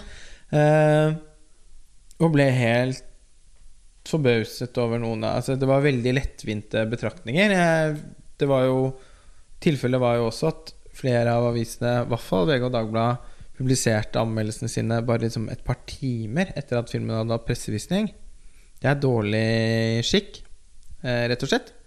Og en film som det er lagt ned såpass mye ressurser i, eh, fortjener jo eh, bedre, rett og slett. Og hvis vi skal bevege oss over på eh, filmens kunstneriske kvaliteter Veldig, veldig godt spilt, først og fremst. Ja, enormt bra spilt, vil jeg si. Ja, veldig Altså, ja. Altså Jeg blir helt Altså, Aksel Hennie åpenbart en av de beste skuespillerne vi har i Norge. Det er lett å tulle med han. Eh, som mediepersonlighet og sånn. Mm. Men han har virkelig en karisma. Ja. Og han er en ekte Altså, han er en, han er en stjerne. Han er en Det er, filmstjerne. han, og det er veldig spennende å se han i en rolle hvor han Man skulle tro at dette var sånn Aksel Hennie spiller tøff mann, som man jo har sett han i i ekstremt mange andre roller. Det er interessant at i den kanskje liksom aller mest maskuline egentlige rollen han spiller, så spiller han egentlig ganske som veik og unnvikende. For det er Mm. eh, Kjostov Moland eller Tobias Santelmann eh, som er eh, lederen eller alfahannen i, Ja, dette- i dette paret. Mm. Og jeg syns det var veldig befriende å se Aksel Hennie spille en litt sånn ydmyk og ydmyket eh, skikkelse. Og jeg syns han gjør det like troverdig som han gjør han tøffe fyren. Og jeg fikk veldig respekt for han. Så. Nesten enda mer. Altså, Jeg syns stort sett alltid han er bra, men her syns jeg virkelig at han evnet å uttrykke eh, hvordan tankene hos Joshua French har krøllet seg i, i den situasjonen. Altså, han eh, Ingenting er klartekst for Joshua French, og det evner Aksel Hennie å uttrykke Eh, Igjen så er det jo et bra manus, da. Eh, men eh, hans liksom mimikk og måten han legger tonen i stemmen sin på, det er bare virkelig, virkelig bra. Og eh, Altså og, og den relasjonen mellom han og, og Santelmann eh, sin karakter er jo også Og han er jo minst like god, bare så det er sagt. Altså han, Ja, han det, er- det er jo han som på en måte virkelig tar reisen sånn inn i mørkets hjerte. Mm. Eh, og blir mer og, går mer og mer inn i seg selv eh, i løpet av tiden hvor fortellingen utspiller seg. Og han Altså Wow, så bra! Altså, jeg, jeg, jeg kan nesten ikke forstå at ikke flere har snakket mer om hvor bra begge de to spiller. Nei, jeg vet eh, han Tobias Santelmann fikk jo veldig mye oppmerksomhet fra en sånn eh, Grenseland, eller en eller annen sånn krimserie i hvert fall. Så Mm. han er jo en sånn ny stjerne, og vel fortjent. Og utrolig god skuespiller. Men så tenker jeg også sånn, Når vi snakker om de kunstneriske sidene ved filmen, så tenker jeg også at Ja, nei, jeg vil ikke si det er liksom sånn Det er ikke et mesterverk av film. Den er ganske eh, Hvis vi snakker om særpreg og fortellerstemme og sånn, så tenker jeg at det er mange som kunne lagd denne filmen. Den er konvensjonell. ikke, ja, den er ikke distinkt, den har ikke noe sånn Nei da. formspråk som gjør at den Men det er blir bra. Sånn, wow. Men den er gjennomført, det er solid, Ja. det er godt håndverk, det er godt spilt, Det det er- er, godt skrevet. Det er ordentlig, bra foto. ordentlig bra fotografert. Ja. Den er kjempebra klippet.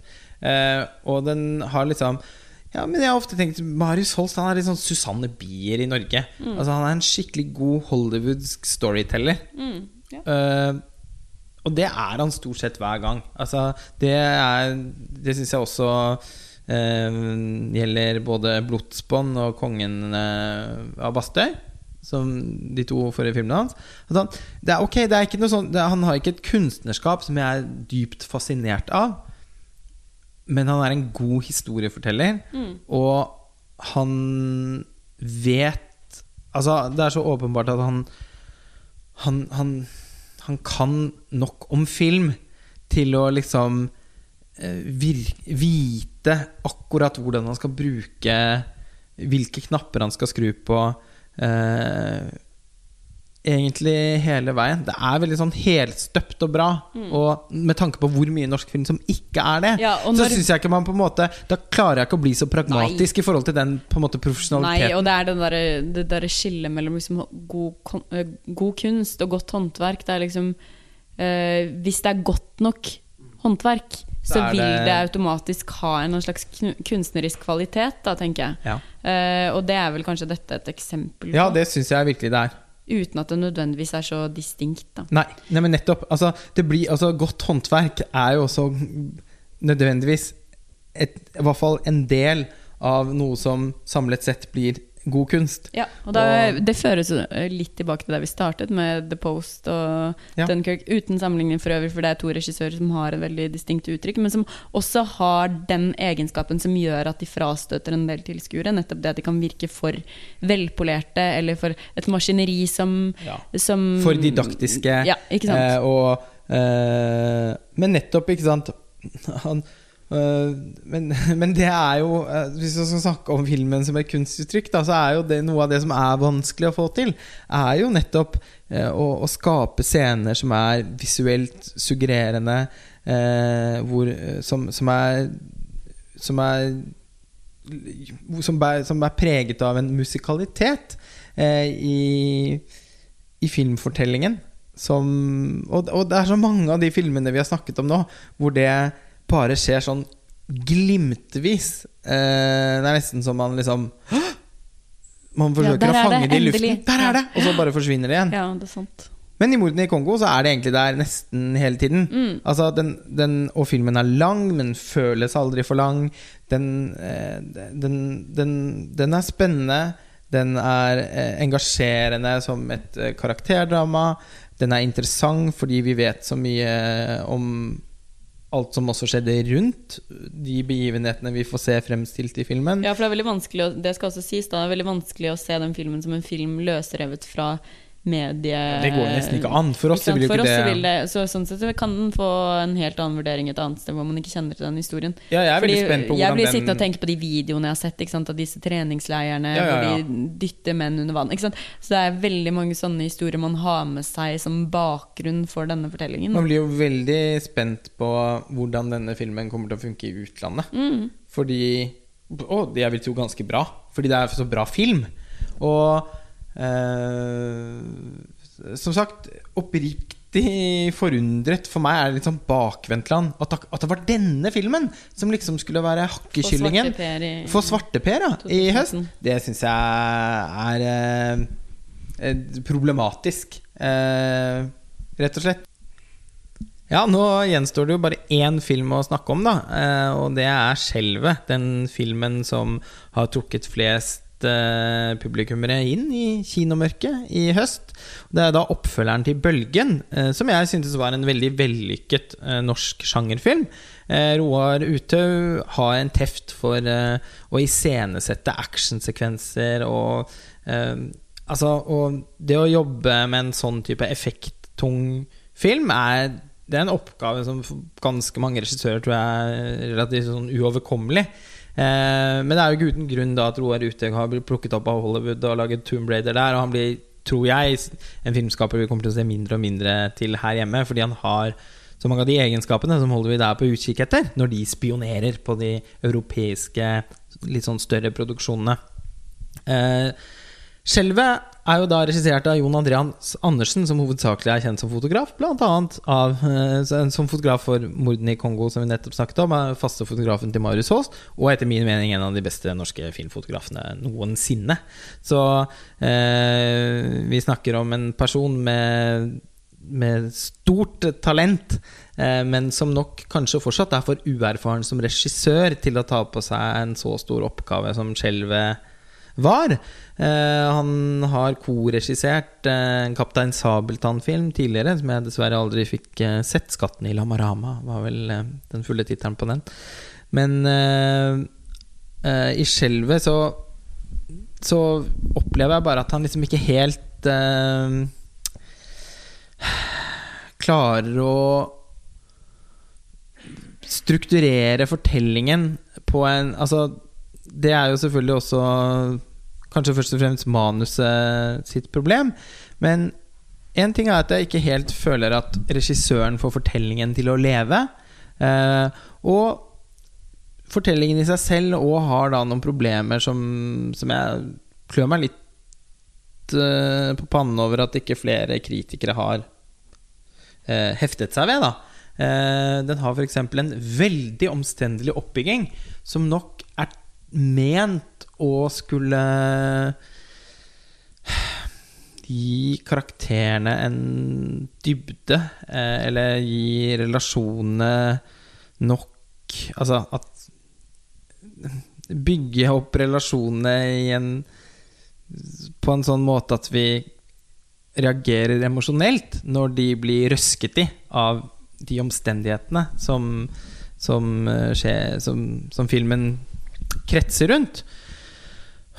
Og Men og, og, og sikkert og er, Det er nok også tenkt at vi skal kjenne at det er en sånn langsom, men i sum effektiv spenningsoppbygging her. Dessverre syns jeg det mislykkes, da. Jeg opplevde å sitte og vente veldig lenge på at skjelvet liksom skulle inntreffe. Og eh, når det først skjer, så er det jo i og for seg eh, både liksom, underholdende og relativt spektakulært. Men jeg, savn, jeg syns at filmen preges av at regissøren ikke har fått nok ut av eh, konseptet sitt potensial. Altså eh, jo, Man kunne gjort ganske mye morsomt med det her. For det første så er jo skjelvet en dy, sånn dypt alvorlig film. Eh, som i og for seg er litt unaturlig i denne slags katastrofefilmsjangeren. Eh, jeg mener ikke at man må være helt sånn Will Smith i Independence Day, men det kunne kanskje vært rom for å tulle litt når man først skulle knuse hovedstaden vår. Ja, det er mange ting jeg hadde sett for meg at man kunne gjøre. Altså Man kunne køddet med det her eh, Lambda Munch-museet. som eh, Ja, hvor mange tusen timer med møtevirksomhet og hvor mange millioner har de gått med bare på å bli enige om hvordan det bygget skulle være? Det brukerstyrte biblioteket i Bjør Bjørvika. Ja, tenk så gøy det hadde vært, sett, vært å se de bygningene gå i tusen knas. Eh, jeg har sett for meg f.eks. at eh, det var masse noen ungdommer samlet på popkonsert i Oslo Spektrum, hvor det kommer en sånn Justin Bieber-aktig artist og skal ha et sånn sedvanlig kjempespektakulært åpningsnummer, men som plutselig blir litt for spektakulært for lille Ylva på sju idet en sånn stein detter ned gjennom taket og knuser scenen, og alt står i brann. Eh, det er jo ganske mye man kunne gjort her som Uh, ja, som bare ville gjort skjelvet til en mer underholdende og sjenerøs filmopplevelse. Jeg føler at Man blir for opphengt i situasjonen rundt Oslo Plaza. Som er, eh, altså, jeg er vilt imponert over spesialeffektene og mye av liksom, håndverket her. Eh, og akkurat inni Oslo Plaza så er det også en del sånne Uh, ja, noen, noen iscenesettelser og, og, noen spenningssituasjoner som oppstår, som er ganske bra regissert. Men jeg føler liksom generelt at bare filmen blir for opptatt av at uh, Oslo Plaza står der som en sånn Du vet når barn skal spise pinup, og så rekker ikke foreldrene å si 'Du må ikke bite på siden!' Du må begynne øverst. For hvis du biter på siden, så liksom faller hele isen sammen. Og uh, det skjer basically med Oslo Plaza. At jordskjelvet forsyner seg av en sånn bit på siden, som gjør at hele huset da sakte, men sikkert kommer til å klappe sammen. Eh, I seg selv spennende, men det ville fungert bedre hvis man eh, gjorde noe som er veldig typisk for katastrofefilmen. Nemlig at man eh, har flere parallelle eh, handlingstråder hvor man kunne se at Oslo klappet sammen. Og jeg, I skjelvet så, så, satt jeg liksom og tenkte på hvor er politifolkene, hvor er brannmennene, hvor er eh, de ulike liksom, evakuerings- og krisesituasjonene rundt omkring i byen? Jeg fikk aldri følelsen av at byen brøt sammen. Eh, og der mister man også eh, mye av den Altså Én ting er at, at filmen på den måten bare kunne blitt en, en mer Altså høres jo fælt ut, men at det hadde vært morsommere å se en mer sånn grundig ødeleggelse av Oslo. Og hvor galt det ville ha gått, sannsynligvis, hvis et sånt skjelv skulle inntreffe. Eh, så det er noen sånn potensielle sadistiske gleder da som går tapt. Men det er også noe av troverdigheten som glipper. Altså, Jeg føler ikke lenger at det er sant. Jeg, jeg klarer ikke å kjenne at det er sånn byen ville reagert. Eh, det er også en sånn forsøksvis parallell historie med sønnen til Kristoffer Joner i hovedrollen, som er på en, høy, høy, en, en sånn høyskole i Oslo med kjæresten sin, som, som, som fordi at han tidligere har erfart bølgen, eh, og, og har en far som jobber med disse tingene, begynner å Det er noe som skjer! Alle må ut! alle må ut, alle må ut men så, men så, skjer det liksom ikke noe mer. Og hva som skjer med dem til slutt, får vi aldri helt vite. Filmen kommer liksom ikke sammen, og jeg syns den er for lang. Og den går egentlig i veldig mange av de fellene som Bølgen ikke gjorde. Og Derfor er jeg forbauset over at den har fått vel så gode kritikker. Det var jo også mange kritikere som skrev at den overgikk Bølgen, eh, og at eh, Altså, den, det er jo altså kanskje dypest sett egentlig høstens aller mest kritikerroste norske film. Eh, jeg klarer ikke å eh, ikke leke med tanken på hvilken mottagelse den filmen hadde fått hvis den var amerikansk. Men nå skal vi ikke nå skal vi ikke gå i, tilbake til utgangspunktet vårt og fortsette diskusjonen vår om norsk filmkritikk og hva, hvor, våre oppfatninger om vurderinger av denne norske filmhøsten. Vi får vel rett og slett avslutte Roskva. Vi får det. Det har vært eh, noen fine timer. Ja, det har vært gøy. Ja, veldig. Og kanskje gjør vi det samme når filmvåren kommer. Mm, gjerne. Vi snakkes snart. Det gjør vi. Takk for at dere lytter på Filmfrelst. Ha det bra.